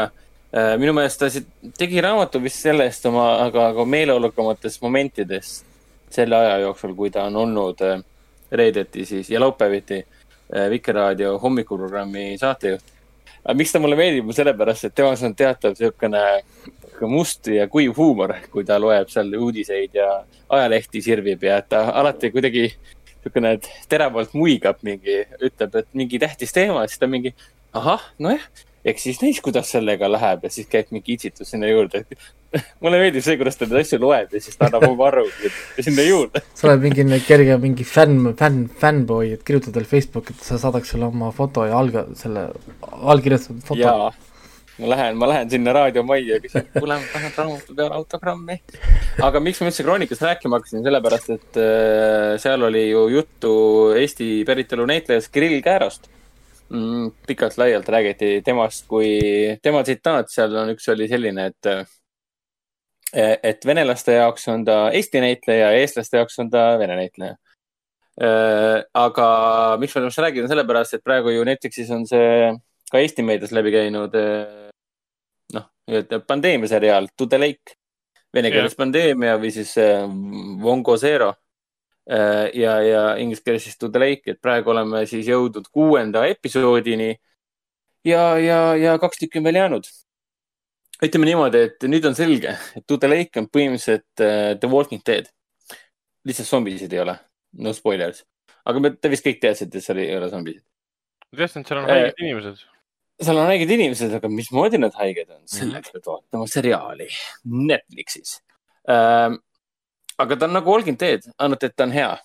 sest Walking Deadi ainus miinus on see, et Walking Deadil on vist mingi kakskümmend tuhat hooaega praegu, aga ainult esimene oli hea äh,. sest noh, Frank Darabont on väga hea režissöör ja stsenarist ja äh, produtsent ja puha äh,. aga kuna tema sai kinga, siis Walking Dead läks, muutus seriaaliks, kus äh, üheksakümmend protsenti igas episoodis räägitakse oma tunnetest ja suhetest. Aga see ei ole huvitav, kui need tegelased, kes seda räägivad, ei ole huvitavad. ja siis see muutub nagu problemaatiliseks, aga huvitaval kombel see on jõudnud eh, nii pikale tohutu fännibaasini. aga To the Lake'is on kõik vastupidi. sul on hästi keevalised vene inimesed, suhteliselt autentsed ka niimoodi, isekad, jobud, närvilised, karjuvad, seal on üks emategelane ähm,. issand jumal, Victoria, ei ma ei mäleta enam tema naisnäitleja nime. See on seesama näitlejanna, kes mängis ka selles äh, Andrei Svinagitsevi selles äh, Lovelessis või? Loveless, jah, täpselt. jah, mis ta nimi oli, ma reaalselt ei mäleta. ei näitleja nime ma niimoodi, niimoodi. Mariana, Mariana Spivak. okei, sa ilmselgelt täitsa peast seda. Ant-, ei, ma vaatasin praegu Inda peest. Et tema mängib seal ühte ema te- tegelaskuju, kes on mõnikord nii närviline ja nii vihane, eriti vihkab oma eksmees, kelleks on siis äh, Kirill Kääro tegelane. aga ma saan tast aru. selles mõttes, et see on hämmastav, et ma saan tast aru, ma võin teda vihata, aga ma mitte kunagi ei jälesta teda kui tegelast, sest ta on hästi kirjutatud. ma saan temast aru, kui ta on närvis ja vihane oma eksmehe peale ja hoiab oma poega ja on valmis kõike maha jätma, siis ma mingi, nojah, ma saan sinust aru. Walking Deadis seda ei ole, sest sa lihtsalt mõtled, et miks ma üldse teleseriaale vaatan. et noh, jah, aga To the Lake äh, siiamaani on päris vinge, toimib selles suhtes. palju ootamatuid üllatusi ka ah,. ja siin lõpuks ilmus üks äh, teine äge mm, näitleja ka, keda mina tean ka ju. mis ta näitleja nimi oli? tema nimi ah,, Aleksandr Jatšenko ja mina tean teda tänu ühele filmile, mis ma kunagi Artises vaatasin ja filmi nimi oli Arütmia. tema Mm. mängis seal seda meespeaosatäitjat. Arüt-, Arütmia oli üks meeletult hea film, kohutavalt meeldis see. ta mängis seal äh, kiirabibrigaadi meedikut ja ta siin mängib ka meedikut põhimõtteliselt. et tore on näha, et terve hunnik siukseid ägedaid näitlejaid on koos. ja kõik toimib, pinge toimib ja, ja see pandeemia osakaal ka ja kuidas see vastus on toi, toiminud äh, kaasaegsel Venemaal on päris julm. kohati on siuksed äh,, ma ei tea, siuksed äh, Tšer- Tšernobõli mõõdud, Tšernobõli seriaali mõõdud kohati. rohkem ei hakka nagu laiendama seda mõtet. Mhm. et äh, kihvt seriaal, soovitan kindlasti vaadata. ja mis ma märkasin ka, et Viktoria Isakova, kes mängib ka ühte äh, tegelast siin, temal ka on PÖFFi põhivõistlusprogrammis sihuke film nimega Kolmekesi, kus tema mängib koos, vene film, kus ta mängib koos Konstantin Ha- Havenskiga. nii et ma just seda panin tähele, et või võimalik, et ma panen selle endale kavasse ja vaatan ära ka. Havenski on ju igal, Havenski on igas vene filmis selles suhtes. tal on praegu see doktor Liisa meil kinodes. Doktor Liisa, ta Liisa on tõesti nagu igal, igas filmis. tal oli kunagi Äh, see, on doktor Liisa ikka või? mul on segamini. ja, on küll. aga siis lõpevadki ah,, nii palju ma mainin ka ära, et ähm, vaatasime siis Halloweenil Halloweeni filme ja pärast seda ma tulin koju ja oli vist samal päeval, ei, eelmisel hommikul, ma ei mäleta enam. ja siis ma panin selle David Gordon Green'i kahe tuhande kaheksa, kaheksateistkümnenda aasta Halloweeni korraks uuesti tööle ja vaatasin selle algust ja ma sain taaskord äh, kinnitust sellele, et see on tõesti väga hea film. minu meelest on ikka super viis, kuidas äh, äh, nagu reboot ida äh, kogu see õud, õudusseeria, mis on nagu liiga kaua aega kestnud äh,. Minu meelest nii äge, kuidas seda Michael Myersi hirmuäratavat äh, müüti siin filmis nagu pingena üleval hoitakse äh,. et ma tean, et ma olen üks vähestest, eriti seoses äh, vennaga, sest vend vihkas seda filmi ma ei vihanud siis..., viha, vihkamine on väga tugev sõna. nojah, sa oledki meil sihuke vihkaja. aga räägime siis nendest Halloweeni filmidest, mis me sinuga koos vaatasime. jah, esimene neist oli, mis see järjekord meil oli, meil oligi, oli Halloween kolm, Halloween kolm oli esimene. Season of the Witch. Halloweeni filmidest ma olen näinud esimest John Carpenteri oma muidugi, ühtegi vahepealset pole näinud, enne, enne seda filmi siis, ühtegi Rob Zombie filmi pole näinud ja siis ma olen näinud seda mm, uut David Gordon Green'i oma. ja Halloween kolm, selle kohta ma teadsin, et see on legendaarne, sest see ei seostu mitte kuidagi Michael Myersiga ega Halloweeniga. See on no lihtsalt film Halloweeniga seostub tegelikult küll. Halloweeni kui see filmiseeriaga, aga Halloweeni kui Aa, pühadega jah., jah. et see, et see, kui Halloween üks ja kaks olid Michael Myersist, killerist, kes tuleb Halloweeni ajal ja tapab inimesi äh,. Jamie Lee Curtis jookseb seal ringi ja karjub. siis kolmandas osas pole Michael Myersit, seal ei ole Jamie Lee Curtist. see on lihtsalt film Halloweeni ajal, kus leiab aset midagi kummalist ja inimesed surevad. no Ja ja, ja meil polnud aimugi, kui, kui mida see tegelikult tähendab, et ta ei Jaa. seostu Halloweeni seeriaga. tule, tuleb välja, et see kolmas osa loodi umbes eesmärgiga luua uus spin-off seeria. et nad lihtsalt teevad äh, kolmanda filmi, mis ei seostu Michael Myersiga, hakkavad selle mitte ainult spin-off seeria, vaid nad, vaid nad lugesid teise Halloweeni filmiga Michael Myersi loo lõpetatuks. nagu, otsustasid, et eh, nüüd me hakkame tegema Halloweeni teemalisi filme. et Halloween ei seostu enam Michael Myersiga. No tollal mõeldi, et julgelt ikkagi, et kuulge, Michael Myers lõpetas oma töö nüüd ära, et lähme võtame järgmised teemad ette. kujutad ette, tänapäeval produtsentide toas sihuke jutt tuleb jut, nagu teemaks Mm. ma arvan, et see, see meem tuleb kohe mängu, kus see üks tüüp aknast välja visatakse. mis mõttes nagu? Kaks, kaks edukat filmi on olemas ja me juba loobume oma peategelasest. aga to, toona oli nagu huvitav, et nad tõesti otsustasid, et nüüd on seeria läbi ja siis kolmas film on lihtsalt ähm, arstist ähm,, doktorist ühes haiglas, kes on ilge go-getter naistemees ilmselgelt, sest kõikide naistegelastega, välja arvatud omaenda naisega, saab ta liiga hästi läbi.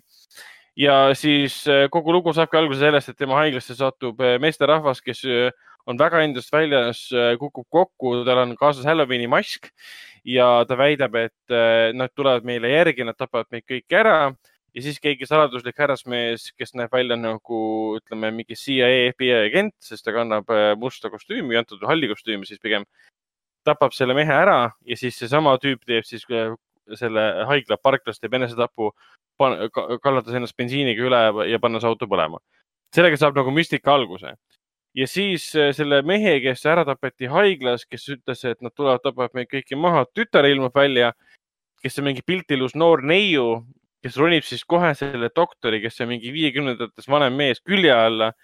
muidugi nad mingi ko- kolm minutit hiljem seksivad juba ja siis see on umbes niimoodi, et okei okay,, see juhtus ja, ja kiirelt., ja, ja doktor on äh,, doktoril on ju see abikaasa ja tal on vist kaks last ja ta on alkohoolik. ja, alkohoolik ja, ta on ja, ta on kirurg või mingi peaarst põhimõtteliselt ja teised ja. õed põhimõtteliselt teadvustavad seda väga hästi. ja ei, ta läks baari jooma, mina otsin ta sealt üles. et, et siin ongi nagu nii. Et see film teeb nii palju nagu oma asja, mis on nagu huvitav ja tänuväärne, aga samas film algab põhimõtteliselt haiglaga. teine Halloweeni film, ma ei ole seda näinud, aga mul on üks Halloweeni fänn öelnud, et lõpeb haiglaga. et see nagu, ta loob sihilikult seoseid filmide vahel, et kui toona kaheksakümne teisel aastal tulid rahvas kinno, no internetti polnud midagi levinud infot eriti. jess, me saame Michael Myersit näha, kujutad ette, et vaatavad poolteist tundi, üle poolteist tunni filmi ja mõtlevad, oota, millal Michael Myers välja ilmub ja teda ei tulegi. ja, ja oota, kas sa, kas me üldse võime mainida ka seda mingit, noh, seda absurdset mingit sci- sci-fi horrorit, mis seal lõpuks teemaks tuli või? muidugi võime, võime seda ilusti spoil ida, et see ei ole niikuinii põhiseeria osa. kogu selle filmi point on siis see, et see doktor võtab siis selle tapetud äh, mehe siis tütre kaasa, nad lähevad kuskile Iiri linna, Iiri linnast äh, väike, Iiri väikelinn, mida juhib üks suur korporatsioon, mis toodab Halloweeni maske. Ja sa saad sellest Iiri, Iiri linnast ilmselgelt äh, aru, et see on Iiri linn, sest seal on igal pool näiteks baari peal on kirjas Irish pub igal pool on roheline värv. Lähevad sinna, selles linnas on kõik hästi imelik, sest kõik, kes seal linnas elavad, põhimõtteliselt töötavad selle ähm, ettevõtte heaks, mis toodab ajal siis maski üle kogu maailma ja Ameerika. ja nad avastavad, et selle, selles, selles äh, ettevõttes on midagi väga-väga valesti. et need hallides kostüümides mehed käituvad nagu robotid ja seda tungivad põhimõtteliselt sinna sisse, nad avastavadki selle kohutava tõe et kogu filmi aja meil on algusest peale lastud ähm, taustal televiisoritest äh, lastetubades, inimeste kodudes, kui nad Halloweeniks valmistuvad või siis äh, televiisorites nagu siin klaaside taga tänavatel on lastud ühte Halloweeni reklaami hästi painavaks muutuva sellise viisiga, kus loet-, loetletakse siis päevi äh, Halloweenini, et three most day to Halloween, see Ja jääb kummitsema küll. Ja kogu selle asja point on selles, et see üks ettevõte, keda juhib äh, üks, üks, üks inimene, kes austab iidseid kombeid, sest me teame, et Halloween on alguse saanud tegelikult, kui me vaatame nagu Vikipeediat ja veits tausta, Halloween on alguse saanud tegelikult keltide, iidsete keltide lõikuspühast. siis, kui see muidugi roomlaste poolt ähm, kelt hakati vallutama ja Kristus sisse tuli, siis see võeti ümber ja üle ja siis nimetati siis kõikide pühakute õhtuks ja sealt saadakse edasi Halloweeniks. aga kunagi see oli lõikuspüha. see oli lihtsalt lõikuspüha, seal ei ohverdatud inimesi, ei tapetud loomi, seal ei tehtud midagi perversset. aga see film võtab muidugi selle lõikuspüha ja ütleb, et näed, lõikuspühal keltide ajal iidsetel aegadel ohverdati lapsi, inimesi ja loomi ja meie ohverdame ka lapsi. kuidas nad seda teevad? Nad müüvad üle kogu maailma maske, kuhu on mingisugune, ma ei saanudki aru lõpuks mingisugune, mingisugune kiip külge pandud, mida Jah. põhimõtteliselt, millele annab võimsust äh, äh, Stonehenge'ist varastatud kivi. Needsamad tüübid, need iirlased varastasid Stonehenge'is kivi, see vahepeal oli uudistes seal, et Stonehenge'is kadus kivi ära, kus on maagiline võime sees ja siis nad äh, kasutavad seda Stonehenge'i kivi maagilist võimet, et panna sinna kiipi, mis on maski küljes ja see mask tapab ära kõik need lapsed, kõik need inimesed, kellel on äh, maskid peas. Ja siis, kui need lapsed ja inimesed surevad tänu sellele maskile, mis tegelikult visuaalselt tähendab seda, et sa näed, kuidas see mask veits pigistab ja inimene kukub kokku, hakkavad selle inimese suust ja silmadest igalt poolt madusid tulema, putukaid tulema ja siis Jaa. see oli hästi-hästi kummaline kontseptsioon, et siis teoorias kui see kõik juhtub, on, on, et lapsed on teleka ees. Neile pannakse siis, neil on mask peas, see teleka ees, see laul lõpeb ära. See toimub nii-öelda giveaway siis. Ja siis, siis see nii-öelda plahvatus toimub, kõik lapsed surevad ära ja siis inimesed, kes on siis majas, surevad ka ära, sellepärast et lapse seest tulevad siis maod ja putukad, kes on mürgised ja umbes niimoodi. See oli siis see üleüldine plaan, mida siis iidsete keltide jälg, järgijad nagu, nagu tahtsid maailma peale panna. Ja ma ei saanudki aru, miks tegelikult. Ja need hallides kostüümides tüübid on tegelikult nukud, et kui seal peategelane neid vahepeal tapab, siis me näeme, et neil on tegelikult mehaanilised jupid, nad on nukud, sellepärast ongi nagu Terminaatorid põhimõtteliselt. suudavad inimesi ühe käepigistusega tappa.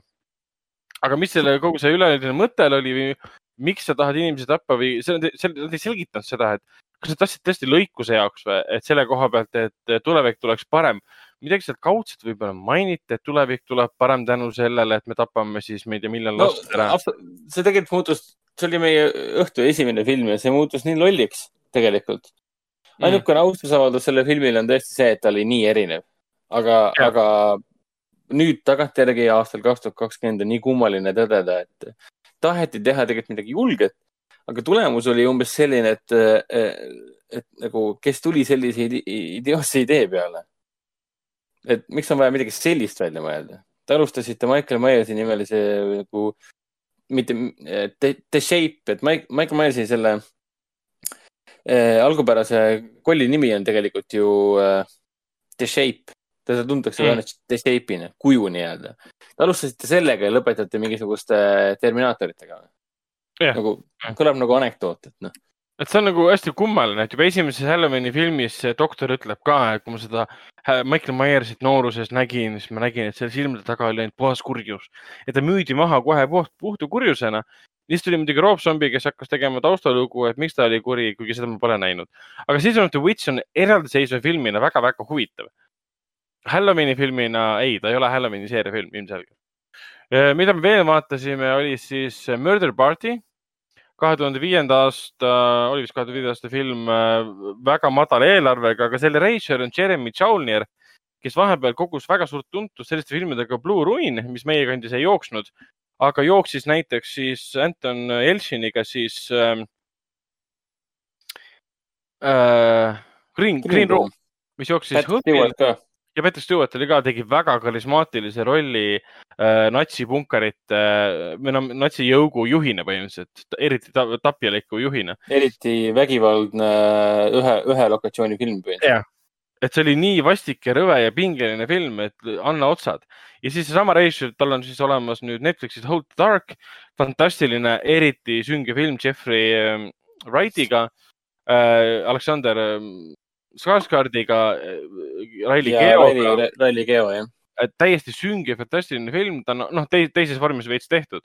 aga mida nagu Jeremy Saulneri stiili nagu võib-olla aitab kirjeldada, ongi see, et talle meeldivad tihtipeale ühed lokatsioonid, talle meeldib ekstreemne vägivald, aga talle meeldivad huvitavalt artikuleeritud nagu karakterid, talle meeldib dialoogidega mängida, kaameraga mängida, et asi oleks kogu aeg huvitav ja Murder Party on väga lihtsa, lihtsa kontseptsiooniga, ma ei tahagi seda tegelikult ära anda, kui inimesed tahavad seda vaadata lugu lihtsalt on ühest tossikesest, kes leiab Halloweeni ajal maast lihtsalt kutse, et tule Murder, Murder Party nimelise Halloweeni peole.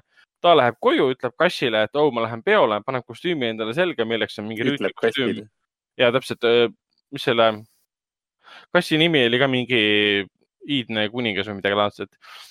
tüüp midagi paneb- tüüp paneb endale kostüümi selga ja läheb mingi täiesti suvalisse laohoonesse, eeldades, et seal on siis nüüd Murder Party nimeline Halloweeni pidu. seal ootab teda ees hoopis kolm, neli imelikku tüüpi, üks nendest on siis naine, kes võtavad ta kinni, seovad kinni ja tuleb välja, et Murder Party on tegelikult see, et nad meelitavad sinna inimese, seovad kinni ja tapavad ta eriti kunstiliselt ära. et neid on siis neli inimest, kes sa- saavad otsustada, kuidas seda tappa. Siin ilmub üks viies ja kuues Jah. ka välja muidugi. ja kogu asja ei maksa, ei maksa unustada, et tegemist on hästi ägeda musta komöödiaga. ta on must komöödia, ta ei ole tõsine film, absoluutselt. et seal ongi kogu asja mõte on see, et ta seotakse kinni ja viis-kuus tüüpi hakkavad otsustama, mis viisil teda tappa, et see oleks kunst, et see oleks tõeline kunst. Nad on tegelikult oma arust kunstnikud. et nad teavad, et kui nad teevad pildi sellest, kuidas ta on tapetud eriti jõhkral kombel ja viivad selle kuskile tänapäevase kunstigaleriisse, mis sealsamas lähedal on, keegi ei tee vahet, kõik arvavad, et see ongi tegelikult kunst, siin pole kedagi päriselt tapetud, et siin on filmis sisse peidetud selline kunstikriitika ka aga ta on tõeliselt must komöödia, ta on must huumor ja, ja need dialoogid on nii hoolikalt läbi mõeldud, et hoida sellist pinget üleval, et mis nüüd juhtuma hakkab see, nagu peategelasega. aga see isegi enam ei küsi endalt filmi alguses, võib-olla pärast esimest neljakümmet, kolmkümmend minutit, sa ei küsi endalt, mis peategelasega juhtub, sa küsid endalt, mis teiste tüüpidega juhtub. Sest need teised tüübid äh, muutuvad pea sama oluliseks, olulisteks kui, kui siis see peategelane, kes üritab ellu jääda ainult.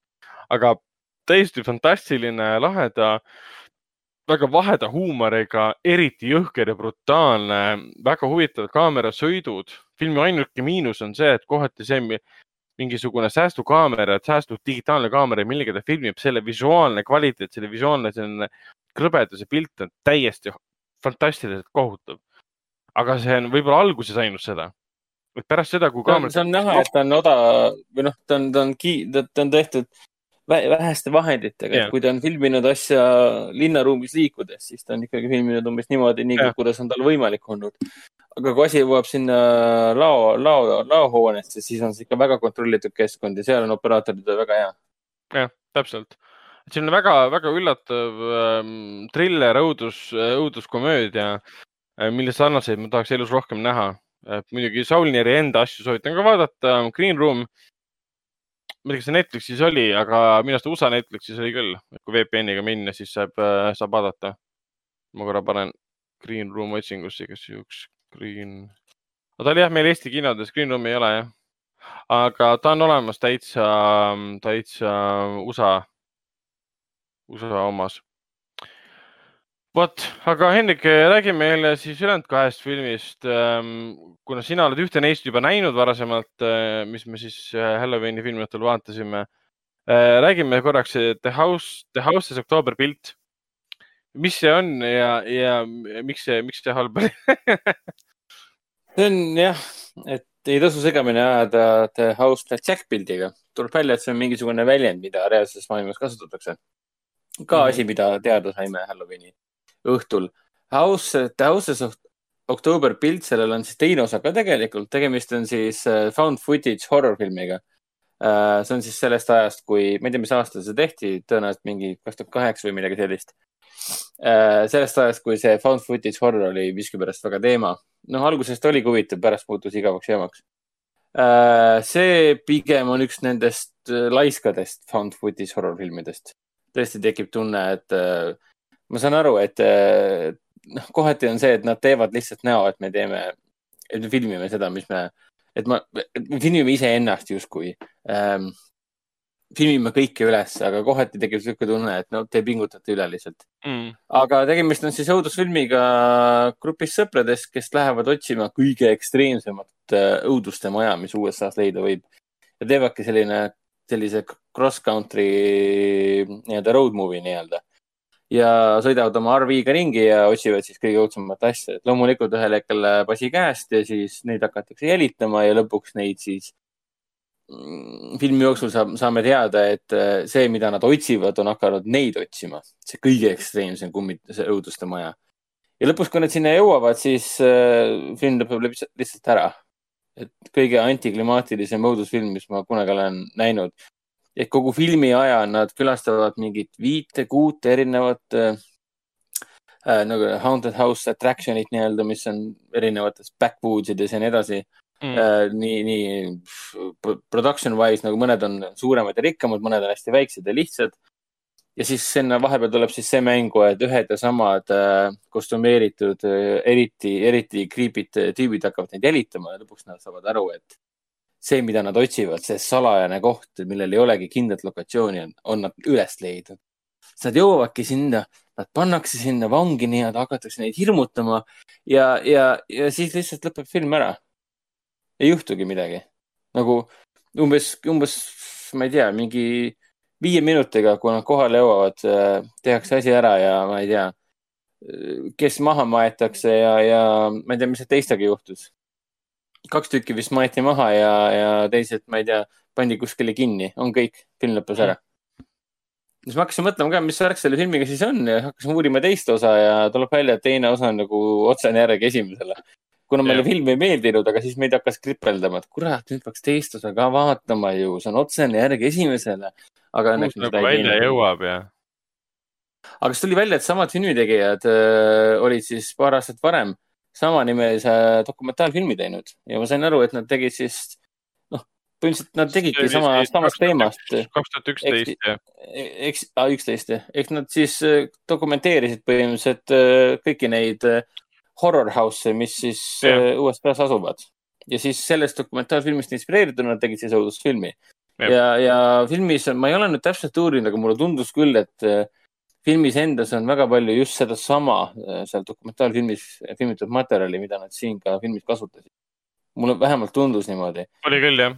et, et kohati, kus nad, mida nad külastavad, et need ongi nagu background noise'ina küll jah, aga need ongi nagu päris kohad nii-öelda.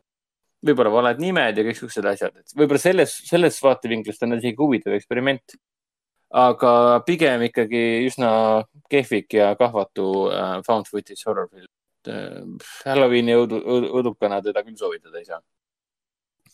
ja teine asi, mis me vaatasime siis, noh, viimane asi, mis me vaatasime, oli siis Scary Stories to tell in the dark uh,, mis jooksis ka Eesti kinodes uh,. hirmsad lood, mida pimedas rääkida selle lavastaja oli siis, on siis Andrei Ovredal, sama mees, kes lavastas ka Autopsy of Jane Doe ja Trollhunteri.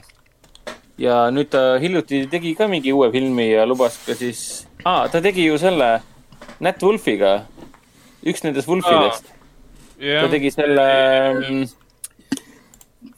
ta tegi Norra, Norra selle, Norra filmi. Portal. Mortal. Jah, kus ta pani vist Nat Wolfi peaossa ja tegi siukse dark fantasy loo äh, Norra jumala võimetega noorest mehest nii-öelda Jah.. mis vist nüüd varsti hakkab välja tulema kuskil nurgas. et noor mees Eerik av- avastab, et tal on jumalikud võimed, mis põhinevad siis Norra mütoloogial.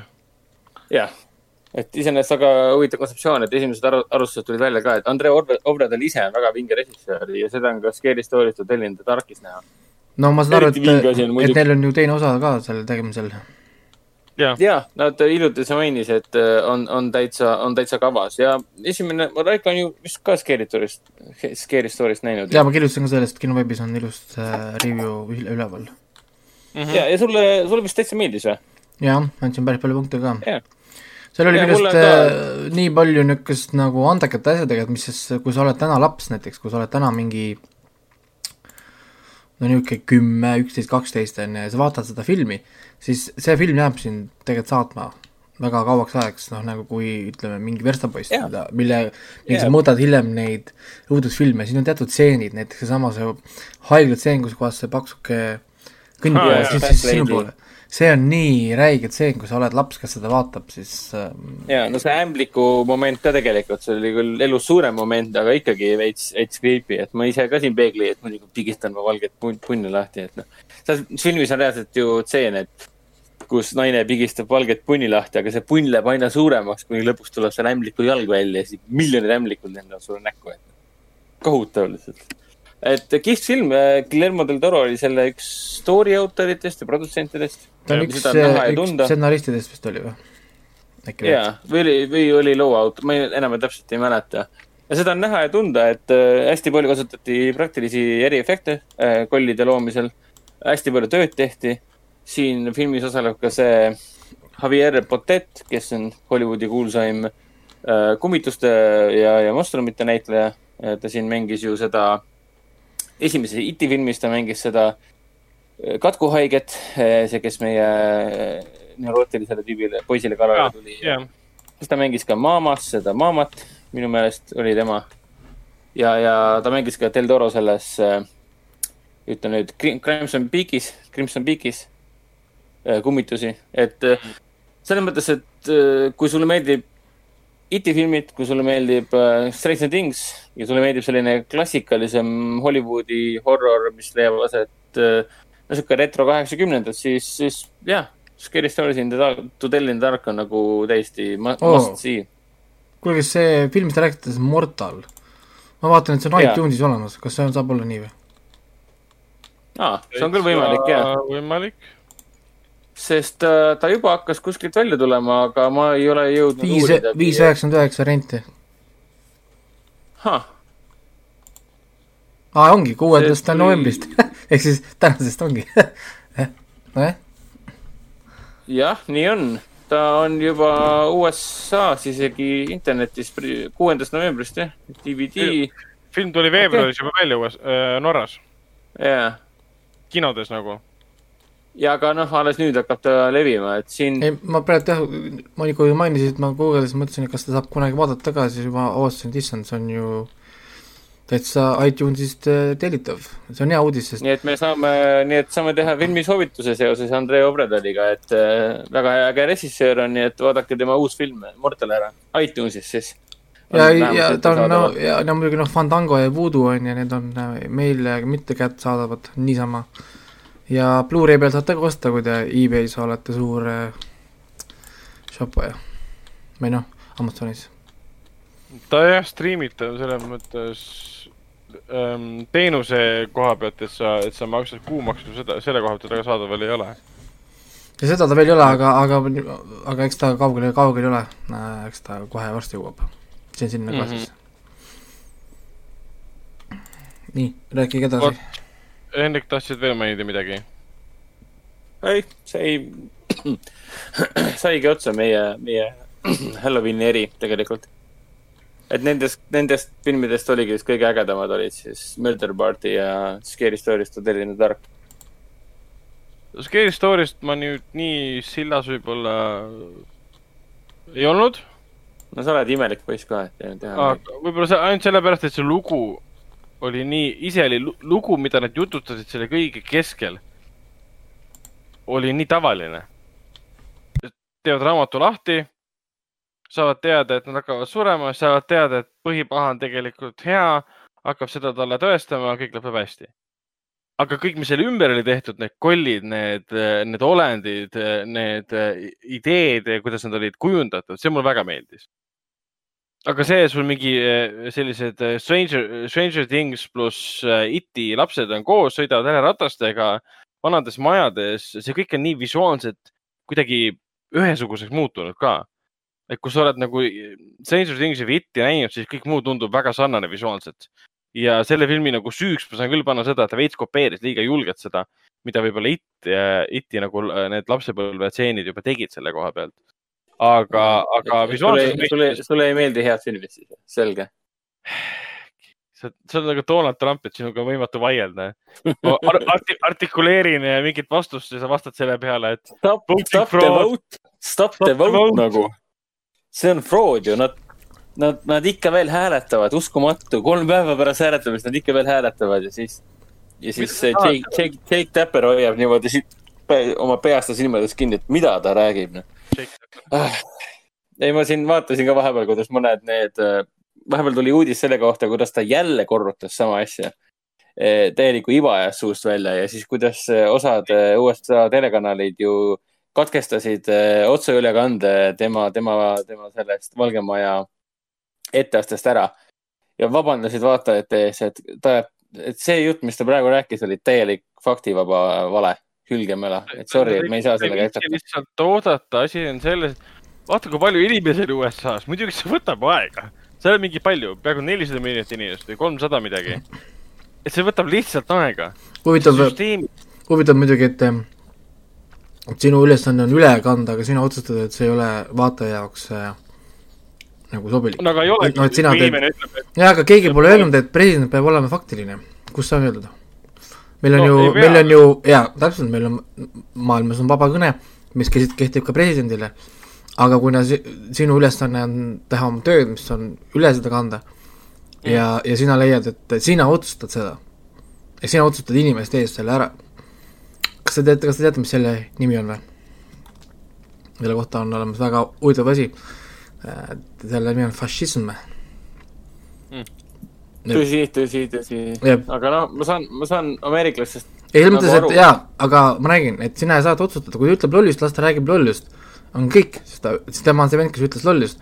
aga sina katkestad ära nüüd, sina oled see vend, kes äh, ei lase teistel rääkida, ehk siis see on sama põhjus, miks ei tohi vastu lüüa, noh, inimest. kui keegi sind lööb, siis sa sa saad ju teha ta peale kaebuseid, sa saad noh, inimest arreteerida, sina, sina lööd vastu, nüüd on ju, nüüd, nüüd hakkame sinu, sinuga tegelema. Nii et jah, ei, Ameerika val- valimised on alati fun. ma olen selle uue, uue hooaja pilootosaga väga rahul, päris hästi kirjutatud, päris head karakterid on, siin on äh, siin on, siin on paar, paar head pööret olnud, mõnus cliffhanger, nad, nad ikka teevad siin eh, niisugust eh, head asja.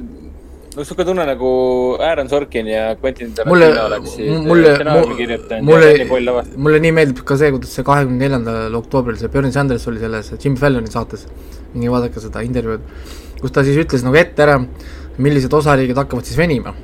ma siis hiljem olin ise üllatunud, et kuidas siis ta teab, mis osariigid hakkavad venima häälte lugemisega, siis guugeldasin, mis on, mis teeb need osariigid siis eriliseks ja siis ma vaatasin, ohoo, nendes osa, osariikides on mitu huvitavat seadust, mis käsitlevad äh, neid posti teel tehtud hääletusi ja üllatus-üllatus, nagu me hakkasime nägema, et nendes osariikides millegipärast ei lasta osapooli kontrollima, kui loetakse neid äh, posti teel tulnud hääletusi ja millegipärast just, millegipärast need osariigid venivad.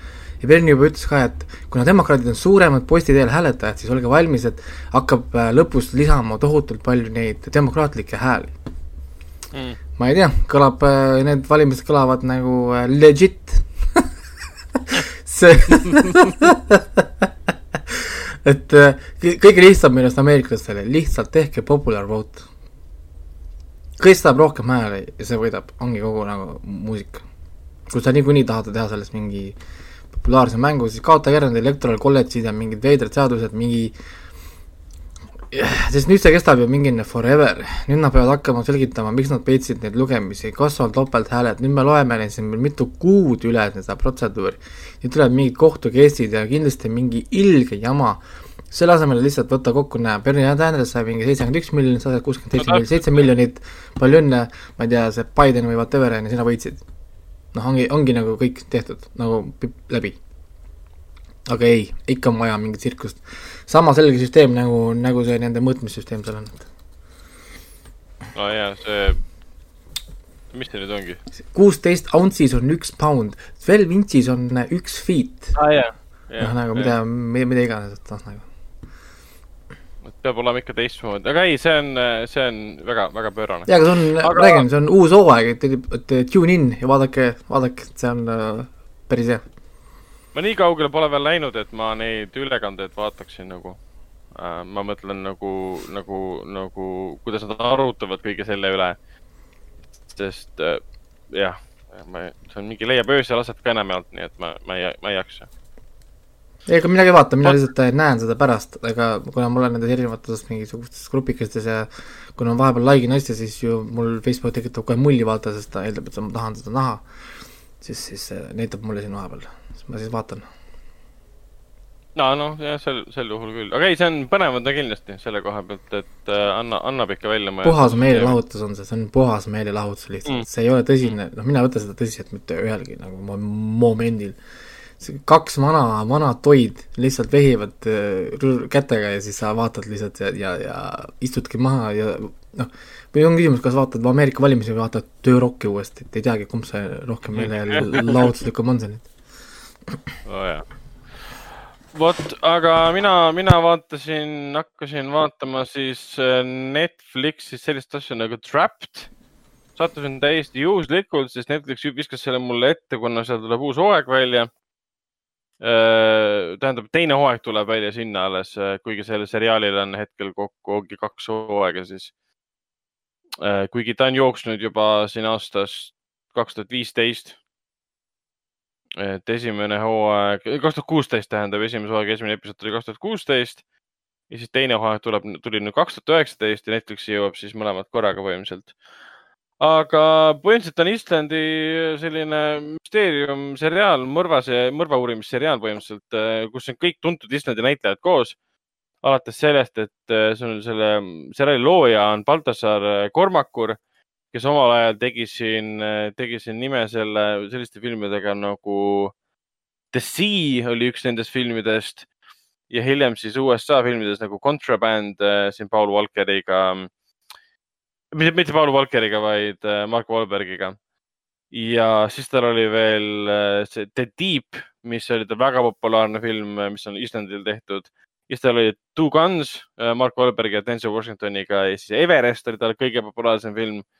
Äh, USA film, igasuguseid äh, staare täis, Jason Clarke, Josh Brolin, John Hawkes ja nii edasi. ja viimased filmid on tal olnud siis Islandi filmid. ja Adrift oli tal kõige viimane film, kus siis Jamie Dornan ja Sam, Sam Claflin tähendab ja Shailene Woodley siin olid mere peal.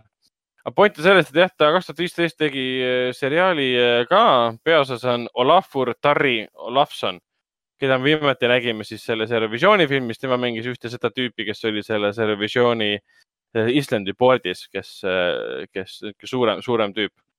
ja eks ma teda igal pool näinud, ta on siin olnud selles NOS neli A2-s oli näiteks, ta oli Fantastic Beast'i filmides ta oli Demegis mängis, äh, tal on pisikesed rollid olnud USA filmides, Zoolander kahes, BFG-s, Last Witch Hunter ja nii edasi. aga ta on siukse Jolly Islandi tüübi välimusega, sa tunnete kohe ära. ja mm -hmm. teine tüüp, äh, keda kõik tunneme kindlasti ära, on Ingvar Egert Sigur Rosson.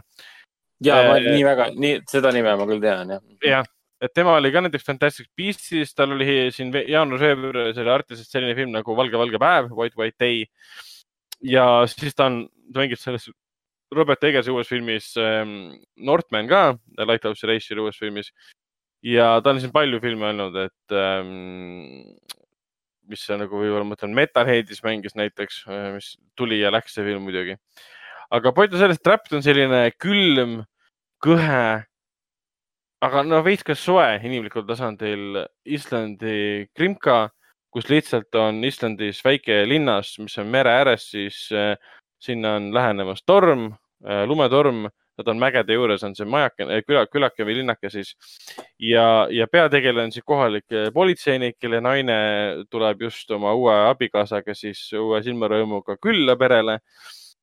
tema elab siis oma kahe tütre ja siis, mis ta oli, vanaemaga koos. või siis tema naise vanematega koos siis ühes suures majas ja, ja siis ühel hetkel tuleb siis praam, lihtsalt tavaline praam sadamasse ja siis kalamehed leiavad laiba. leiavad tükeldatud laiba, mis on sisse mähitud, tükeldatud selles mõttes, et tal ei ole jäsemeid ega pead. see lihtsalt... kõlab täpselt, täpselt sedamoodi nagu Skandinaavias asjad käivad. leitakse, leitakse laip, mis on sisse mähitud ja inimesed muidugi kohalikud pole sellise asjaga üldse kokku puutunud. Nad on tavapärased politseinikud mida eriti mängitakse väga selgelt sisse sellega, et äh, kui politseinikke tutvustatakse nende igapäevase argirutiini, üks mängib lihtsalt äh, äh, malet iga päev arvutis näiteks, teine teeb kohvi ja kui nad lahendavad probleemi, siis see on see, et miks üks naispolitseinik tegi siis mehele trahvi äh, ühele mehele selle eest, et ta parkis oma auto selle hüdrandi juurde näiteks ja tal on korda öeldud, et ei tohi ja see on kõige suuremad probleemid, millega tegelevad. siis nad leiavad lõpuks laiba ja kuna nad. siin on, sorry, et ma vahele segan, aga siin on seda huumorit on ikka palju, eks? ei ütleks ah,. ta, ta ei ole. umbes niimoodi, et nagu, nagu mingi hot fast või midagi. tal on selline inimlik huumor sees, et need inimesed ei, nad on olemuselt soojad ja toredad selle koha pealt, et kus sul, ta ei ole hot fast'i, ta ei ole loodud sihilikult komöödiana, selles mõttes inimesed ei kuku või ei tee siukest no nalju, aga nad on toredad ja soojad inimesed ehk siis seetõttu, kuna niimoodi tutvustatakse ka, siis ongi nendega huvitav jälgida seda, kuidas nad hakkavad lahendama seda müsteeriumit, et kust see laip pärines. aga tundub, et see peategelane, äh, mis ta nimi oligi siis, oligi mingi Ola, Ola, Ola äh,, isegi Andri, jah, Andriks nimetatakse teda temaga on lihtsalt see, et tema tausta ma täpselt ei tea, ma olen ainult ühte osa vaadanud, aga tundub, et tal on mingi kriminalistika, mingi suurema linna, mingi Reykjaviki linna politseiniku kogemus ja ta on sattunud sinna väiksesse linna, kus on konstantselt tormid ja kõik tunnevad üksteist. Ja sest ta on ilmselgelt palju asjalikum kui kõik teised, ta käib nagu linnapeast, läheb üle pea lihtsalt, kõiki kamandab ja kõik austavad teda muidugi, isegi linnapea austab, ütleb kohe, kuule, praam tuleb kinni panna, ühtegi inimest praami pealt maha ei lasta, sest mõrvar võib seal olla, kõik tuleb üle kuulata.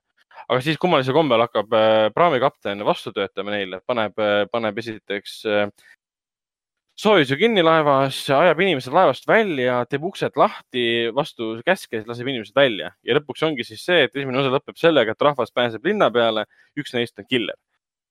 ja mulle meeldis, ta on, ta on ilus, kohe seriaali alguses, ava, avaosa alguses on selline muusika ka, mis meenutab mingit Sigur Rossi näiteks, sest noh, Island, siis sa mõtled muusika peale, Björk ja Sigur Ross põhimõtteliselt ja kuule, kas see tundub sama Võlu, nagu jah. see ETV pealt jooksev, see Shetland? Seda Šoti, seal on samamoodi Šoti, Šoti muusika, kõik räägivad raske Šoti aktsendiga, et head subtiitrid on olemas.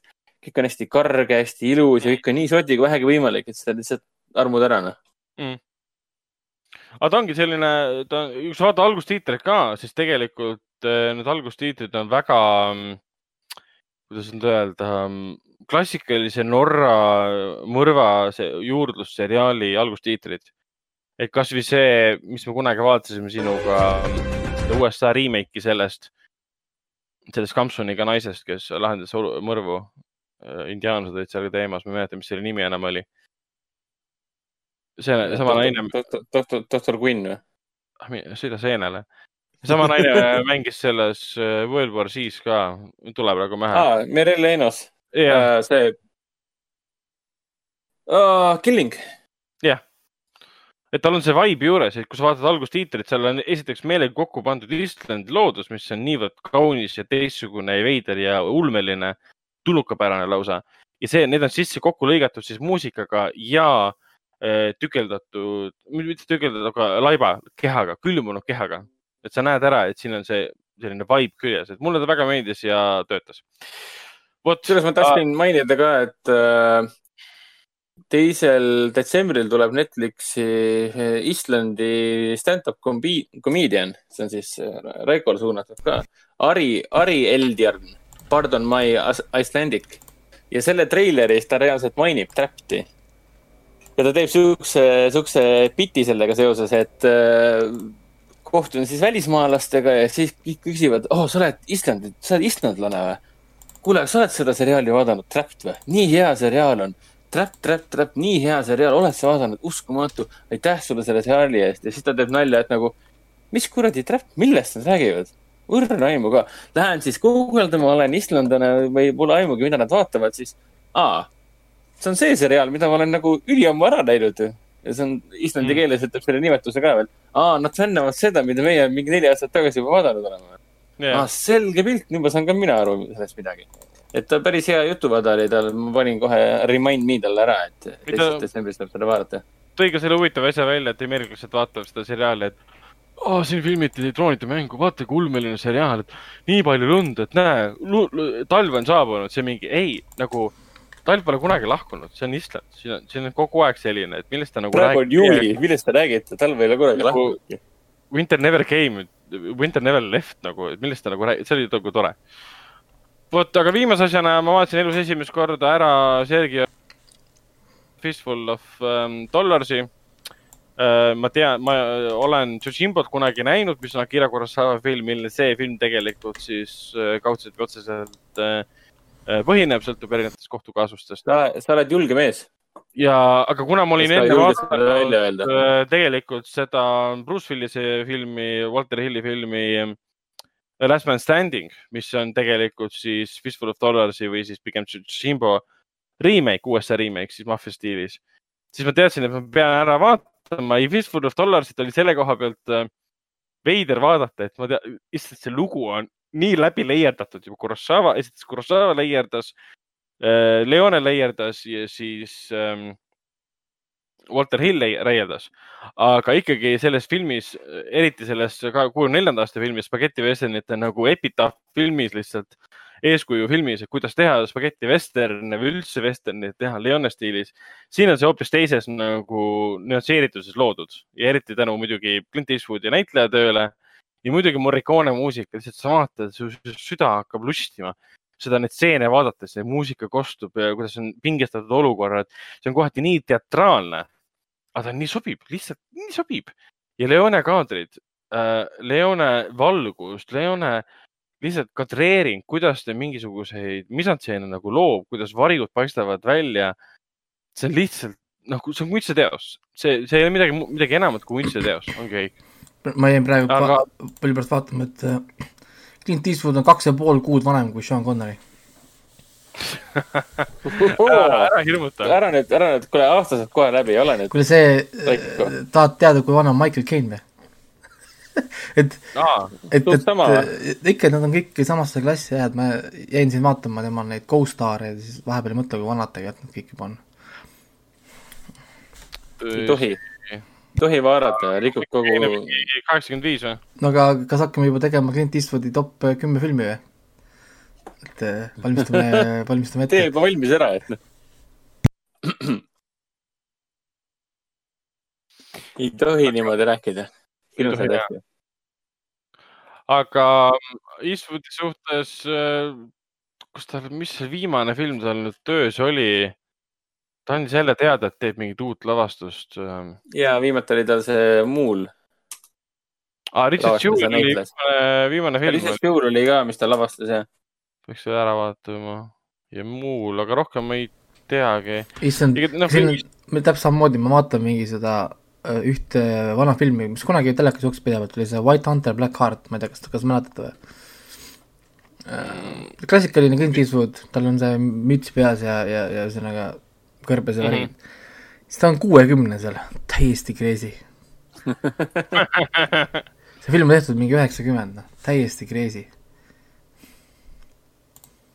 Need on ikka nii vanad tegelikult juba, sõnas mõttes neil on varsti sajand, ta saab, saab täis. jõhker. ikka, ikka Need näitlejad on kogu aeg vanad olnud, ükskõik mis rollis nad on kunagi olnud. okei okay,, ta kunagi oli noor, ütleb Clint Eastwood. no ja- aga, Aga- aga jah, Morgan, Morgan Freeman pole olnud kunagi noor, nii et ja, ja, aga mis puudutab äh, Clint Eastwoodi ja Leonet äh,, siis äh, ma vaatan ära ka siis äh, A few, For a few dollars more'i, mida ma kunagi vist olen näinud, aga enam ei mäleta. ja siis vaatan uuesti üle siis äh, Good Band and Ugly ja siis ma kindlasti võtan ette ka What's Upon a Time in the West, mis ma pole kunagi Leonet näinud. aga ma olen muusikat kuulanud sellest ja ma arvasin sellest ära. ja siis ma võtan lõpuks ette selle kõige pikema cut'i või siis kõige hinnatumat cut'i sellest Once Upon a Time in Americast. aga need olid, need olid minu filmid. Lähme edasi kinofilmide juurde nüüd kuuendal novembril ehk siis meie salvestamise päeval, jah äh,. alustasid Eesti kinodes siis animatsioon Loheratsur, Vene ulmehorror Koola sügavik äh,, äh, fantaasia õudukas Noored nõiad uus sisa- sõsarkond äh,, Prantsuse krimikomöödia kolmkümmend pärast, pärast, pöörast päeva ja õhtusöök äh, sõpradega, mille kohta ma ei oska praegu kommenteerida. Hendrik, see on selle Malin Akkermanni ja see, issand, mis Cat Denningsiga komöödia põhimõtteliselt äh, sõpruskonnas, kes teevad tänupea õhtusöögi ja loomulikult lähevad äh, suhted äh, pingesse ja tekib palju nalja ja draamat. ah, Malin Akkermann, tal mm,, ta oli näitleja äh, Watchmenis kate, igatahes ähm, ja äh,, kinos Artis äh, nüüd äh, kuuendast äh, novembrist alustas ametlikult siis dokumentaalfilm Forman versus Forman ehk siis Forman Formani vastu. meil on nüüd viiendast novembrist olnud siis Milos Formani filmipäevad, kus me näitame siis dokumentaalfilmi Forman Formani vastu, mis jääb meil ka kinno. ja siis jätkame nüüd reedel linastus Must-Peeter nüüd laupäeval, seitsmendal siis linastub Blondiini armastus, pühapäeval, kaheksandal linastub siis Pritsimeeste pall ja siis üheksandal ehk siis esmaspäeval linastub Lendas üle käopesa ja kümnendal siis ähm, Amadeus ja muidugi lendusele käopesale on kõige rohkem piletid ette ostetud, sest inimesed näevad, et seal on Jack Nicholson. aga kui vähegi tahate teada, mis asi oli Tšehhi uus laine, Tšehhoslovakkia uus laine, mida tähendas see Euroopa filmikunstile, siis tasub kindlasti ka tema vanemaid kuuekümnendate filme vaadata. Artis alustas ka muidugi siis äh, Pärsia tunnid, millest me eelmises saates ka rääkisime pikemalt ja muidugi ka siis Loheratsur.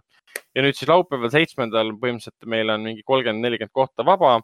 Äh, saab näha kell kaheksa siis Jaak Lõhmuse, härra Jaak Lõhmuse, Eesti filmiajaloolase äh, sissejuhatusega filmi nimega La Dolce Vita, magus elu, Fellini meistriteost. La Dolce Vita film on kolm tundi pikk, äh, aga ma arvan, et Jaak Lõhmuse sissejuhatus on seda äh, kindlasti väärt ka. Äh, millest me pikemalt räägime, on siis kauaoodatud ülevaade Raikolt, mis puudutab õudusfilmi Antebellum ja meie siis Hendrikuga käisime vaatamas õudusfilmi Koola sügavik, millest ma tahan pikemalt rääkida.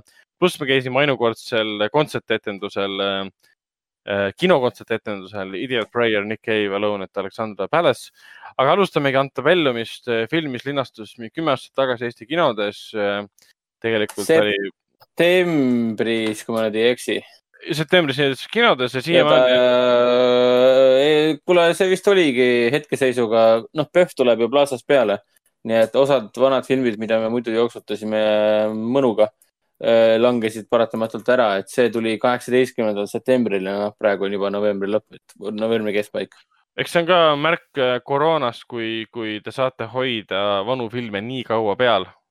ja no inimesed seda vaatasid ja näed, Raiko jõudis ühele viimastest seanssidest. jah, aga Raiko, Antobellum, mille alapealkiri oli suur saladus välja valitud välja valitud. välja, välja, välja, välja valitud.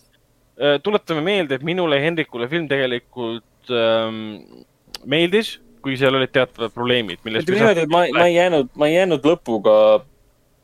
mulle ei meeldinud filmi lõpp, aga, aga mulle meeldis, kuidas nad seda tegid.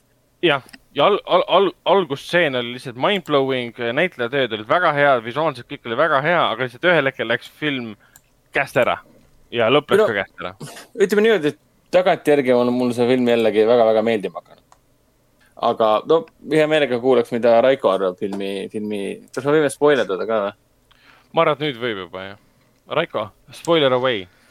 okei okay, äh,, niikaua kui, kui te siin korra rääkisite, ma jäin, kui oli huvi pärast korra guugeldama, vaata pikk elu inimestele ja asjadele, kui palju on kõige rohkem acting credits'id meestel ja naistel siis tekkis huvi, millistel näitlejatel on, noh, leidsin üles ka mehe ja naise, kellel on kõige rohkem, väljaspool Bollywoodis, Bollywoodis on mingi tuhandetes, tuhandetes mingeid eh, inimesi seal, aga väljaspool Aasiat ja, ja Hollywoodis siis, kas te, kas te oskate mulle kiiresti öelda, kui ma räägin Ante Pellumast?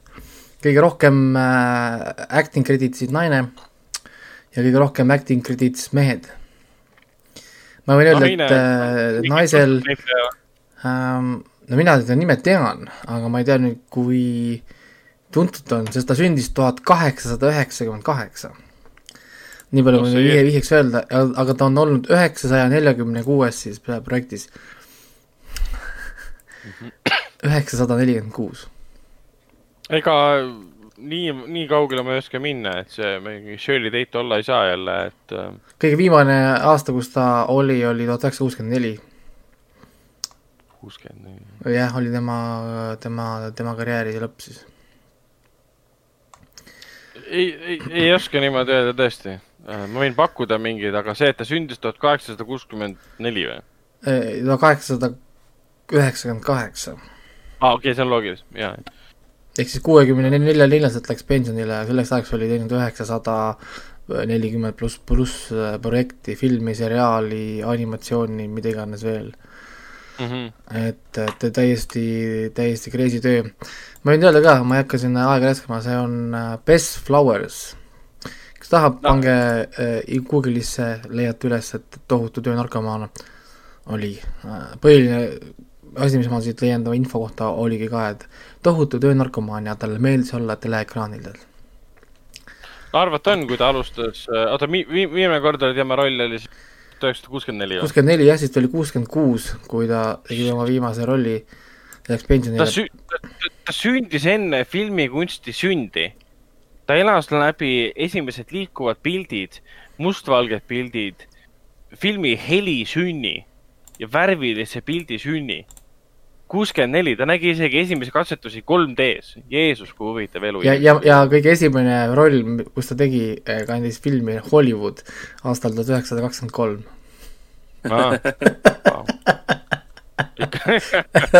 sellepärast nagu, nagu jah, ja, ja niimoodi see läks jah talle, et äh, täiesti, täiesti crazy, et ähm, on ikka, inimesed ikka, ikka saanud tööd teha.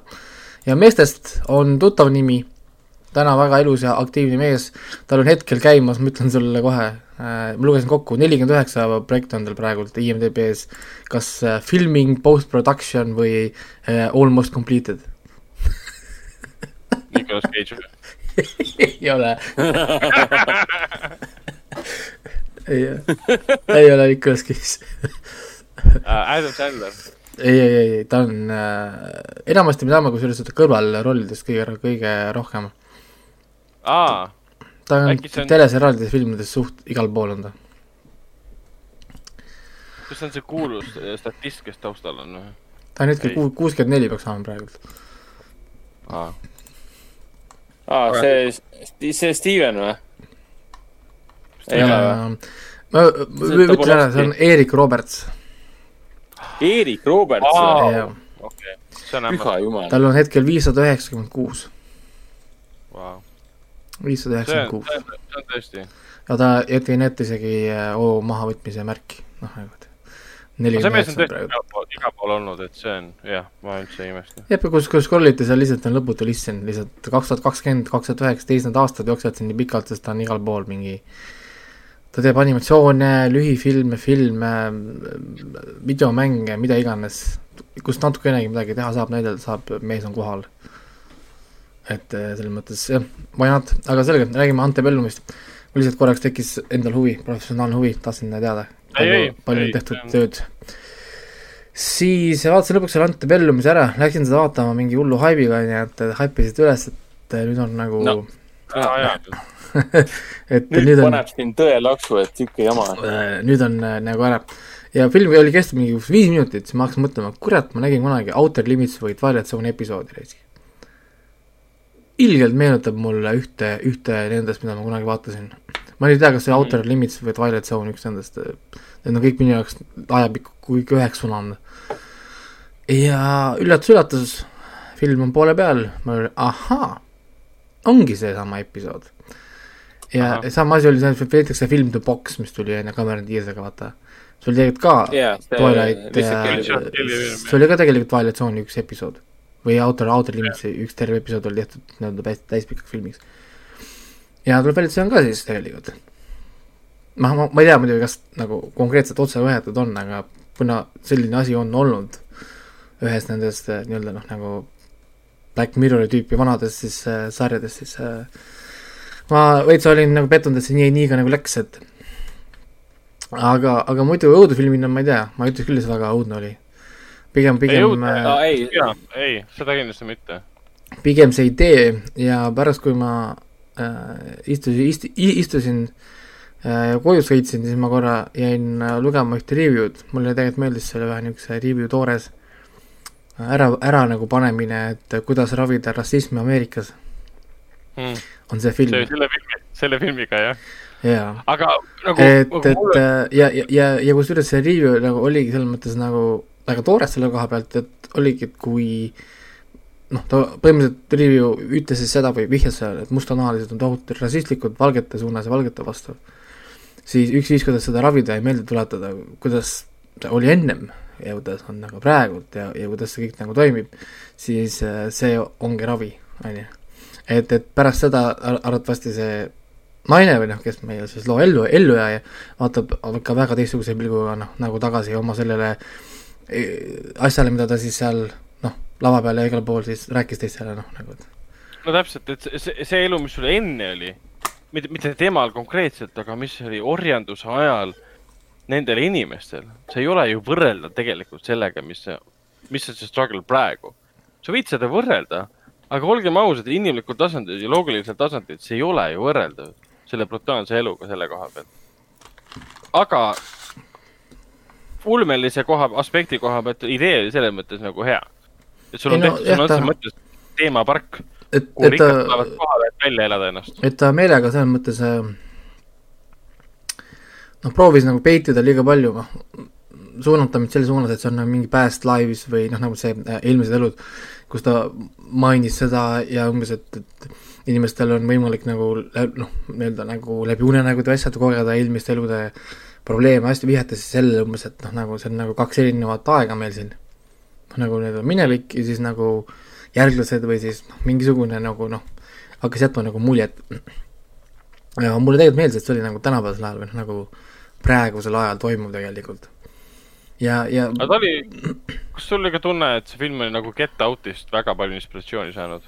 Ta tundus olevat, Get Out, jah, oli küll stiil sama, no atmosfäär oli sama, hästi palju niisugust nagu feeling mm, -hmm. feeling oli sama. see tempo, isegi kaamera liikumine vahepeal meenutas mulle seda, kuidas Get Out'is oli noh, näidatud, näiteks kuidas see kaamera ruumi sisenes, oli minu arust väga samamoodi, mida see Peel kasutas siis nii selles Us kui ka siis selles Get Out'is.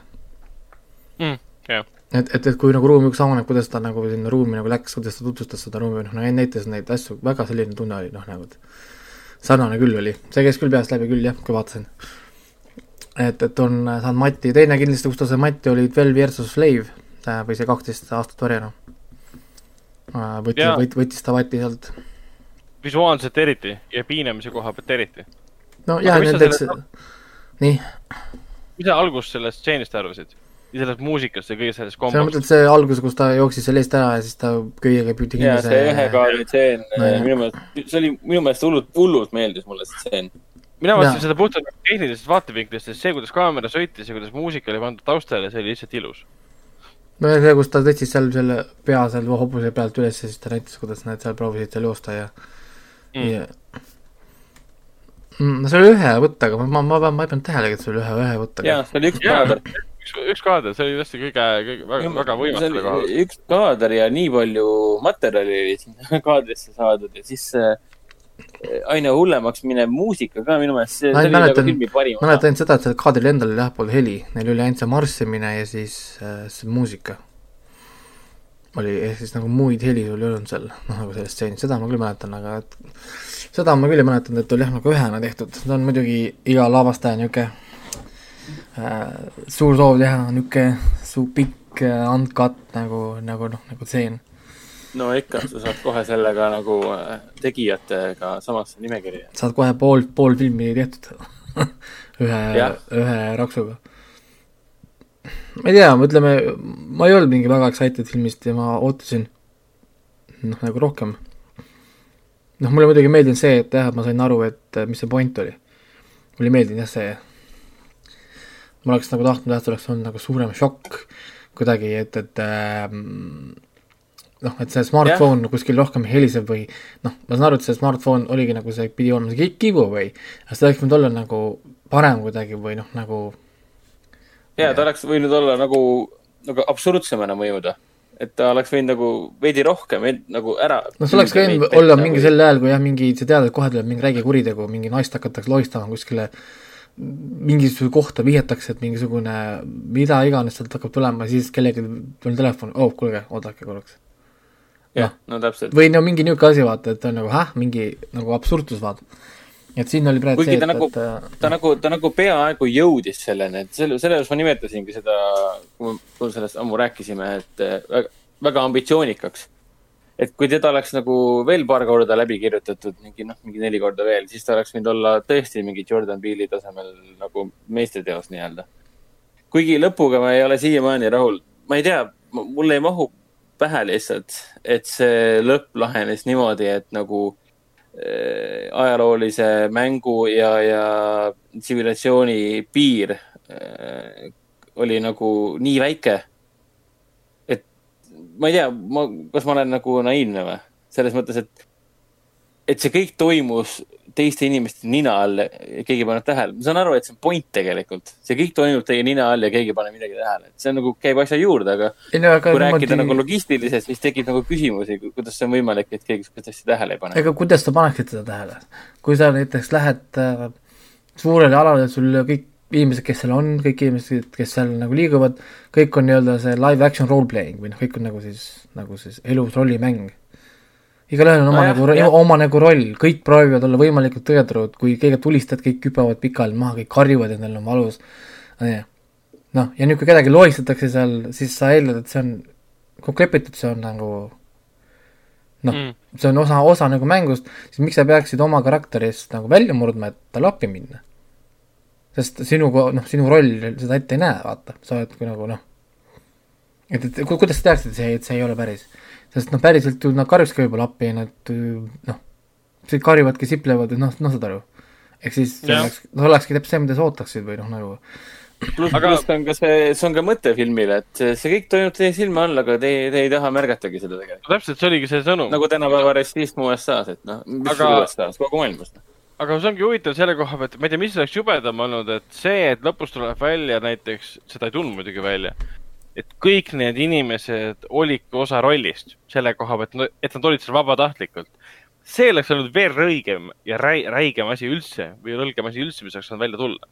aga see, et noh, see oli ka räige tegelikult, et sul on lihtsalt rikkad inimesed seal, kes maksavad raha ja et, et piinata röövitud inimesi ja kes kõik mängivad, et nad on kodusõja ajal et see on ka umbes niimoodi, see on nagu lõbustuspark, kus sa maksad, et sa saaksid vägistada ja tappa võimalikult palju mustanahalisi. nojah siis, ela oma elu. nagu, nagu hostel. no nagu Oster põhimõtteliselt jah, aga socially conscious ja woke. aga ei, selles mõttes see woke teema minu arust seda filmi nagu as-, ära ei rikkunud. et ei tea, see oli korraks nagu et see oligi minu arust see Vogue oli nagu set-up nagu, et, et see oli nagu see, et ta, ta oli Vogue teema ja siis ta oli see wake up call oli siis seesama see tema see kogemus siis, mis ta siis sai. mm, noh, et see on, see on nagu noh, see on, mida varemgi on öelnud, kui keegi hakkab rääkima seal Ameerikas on pidevalt ju näed, keegi räägib seal reparatsioonidest või, või umbes, et noh, orjustest ja siis hakkab seal nõudma mingeid asju, siis öeldakse, kas sina korjasid midagi, kas sina tegid midagi, ei teinud, täpselt. inimesed, kelle käest sa küsid, ka ei teinud mitte midagi. noh, on kõik nagu, samal ajal Euroopas elavad inimesed, kes olid Siberis ju põhimõtteliselt orjuses, täna veel on elus, on ju. Noh, et äh, jah, see on niisugune nagu, ma ei tea, see, see mind ka ei häirinud, et noh, üldiselt mulle need woke asjad ei meeldi, sest ta on noh, nagu mingi poliitiline nagu bullshit, aga siin oli ta nagu mingi Bondiga, ta sobis siia Jah. ja ta ei olnud üle mängitud, selles mõttes ei, sellega ma olen nõus, et ta oli nagu noh, ta oligi nagu set-up, noh, see oli vajalik story jaoks ka, et näidata, et karakter on see, kes võitleb paatri, patriarha vastu ja, ja süüdistab noh, rassismis kõiki on ja noh, see valgeid ja, ja, ja ühesõnaga noh, nagu noh, noh, ja nüüd ta sai nagu tunda siis seda päris rassismi. nüüd nii-öelda nagu noh, noh nagu ku, kuidas see tegelikult nagu on kõik. ja, et see oli ka huvitav, huvitav point selle koha pealt, et see sunnibki päris nagu seda kõige brutaalsemat versiooni ajaloolisest rassi- rassismist nagu läbi elama, et näidata, kui raske see tegelikult nagu olla võib. Aga võib-olla filmi suurim miinus minu silmis ei olnud isegi see, et äh, see teemakäsitlus, pigem see, kuidas film oli jaotatud. ta nagu oli nii heal arvamusel oma sellest unikaalsest ideest, et lihtsalt terve film hoiti seda saladuses aga nagu probleem on selles, et see ei ole enamiku publiku jaoks saladus. enamiku publiku jaoks on see, et aa, siin on mingi up teema käsil, et et see see ei olnud jah saladus, et minu arust et see ei, läinud hästi. kas Raiko näiteks treilerit nägi või? Ei vaadanud treilerit ühte korda, mul on siis siiamaani No- no. treilerit. vot, selles mõttes, et mina jälle olin selle struktuuriga väga nõus, et filmi struktuur on ju selline, et reaalselt film ongi nagu kolmeks jaotatud. sa põhimõtteliselt ju kõige suurema osa sa vaatadki ja arvadki, et sa vaatad eh, kakskümmend aastat orjana. ja sa ei saa üldse aru, et kas siin on mingisugune ulmeline teema sees, mingi õudusteema sees või mida ma üldse vaatan nagu. Ja alles teises osas tuleb välja, et aa, okei okay,, nüüd me läksime tagasi tänapäeva. kuidas see siis seostub sellega, mida me just praegu no no, nägime? spoiler oli see, kolmandas osas hakkab see välja nad tulema. rikkusid selle ära, et nad panid kolm nädalat tagasi. no aa jah, jah, jah. miks nad ütlesid kolm nädalat? tagasi, miks nad olid pidanud lihtsalt lõikama toorelt tänase, tänasesse päeva, ilma selgitamata, on see tulevik või minevik. No täpselt, siis on kohe mulle tuleb, see et publik nad hakkab ju mõtlema, et nad- kas see on mingi esiisade hingede värk, et Nad- taassünd ja uuesti sünd ja mis Nad, iganes. nad ütlesid, et see on äh, kolm nädalat tagasi, siis hakkaski pihta, et see naine on mingi woke, patriarh ja et ühesõnaga nagu ahah, selge, okei okay,, nüüd ta tõenäoliselt peab saama siis selle lessoni, mida ta tegelikult siis nii-öelda nagu ise otsib siis nagu. et ta tuletas mulle ühte teist filmi meelde, ma ei suuda praegu seda nime meenutada, ma proovisin seda enne saadet korra guugeldada. ja kunagi oli veel üks film, mis sai tegelikult omajagu vastu näppe, oli sellega, et äh, oli ka taolise ideega, kus oli mitte üks naine, aga vist küll kolm naist olid. Nad tegid seda noh, ka neid motiv-, mitte mitte motivatsioonikõnesid, vaid nagu õpetus, ma ei tea, etteastet siis või käisid nagu ülikoolides ja kohtades rääkimas siis noortele mustanahalistele ameeriklastele no, noh, nagu sellest süsteemilisest rassismist ja ühesõnaga kogu sellest vaata asjast. ja, ja siis mingil ühel momendil nad kohtasid ühte meest, kes ka tõusis püsti äh,, valge mees oli, tõusis püsti, küsis nende käest, et kas te teate, mis asi on rassism, te räägite sellest nagu te oleks sellega ise tuttavad jah, me kogeme seda iga päev, siis see mees naeratas muigas ja kõndis minema sealt saalist, vaata. on ju, see oli mingi, mingi treiler oli. ja, ja siis äh, järgmine moment oligi, naised ärkavad üles, nad on paadi peal. aga noh, ongi nagu niisugune vana, vana, vanamoodne paaton, vanaaegne paaton, moodsad need piraadid äh, müüvad nad tagasi Aafrikasse. Aa ah,, okei okay..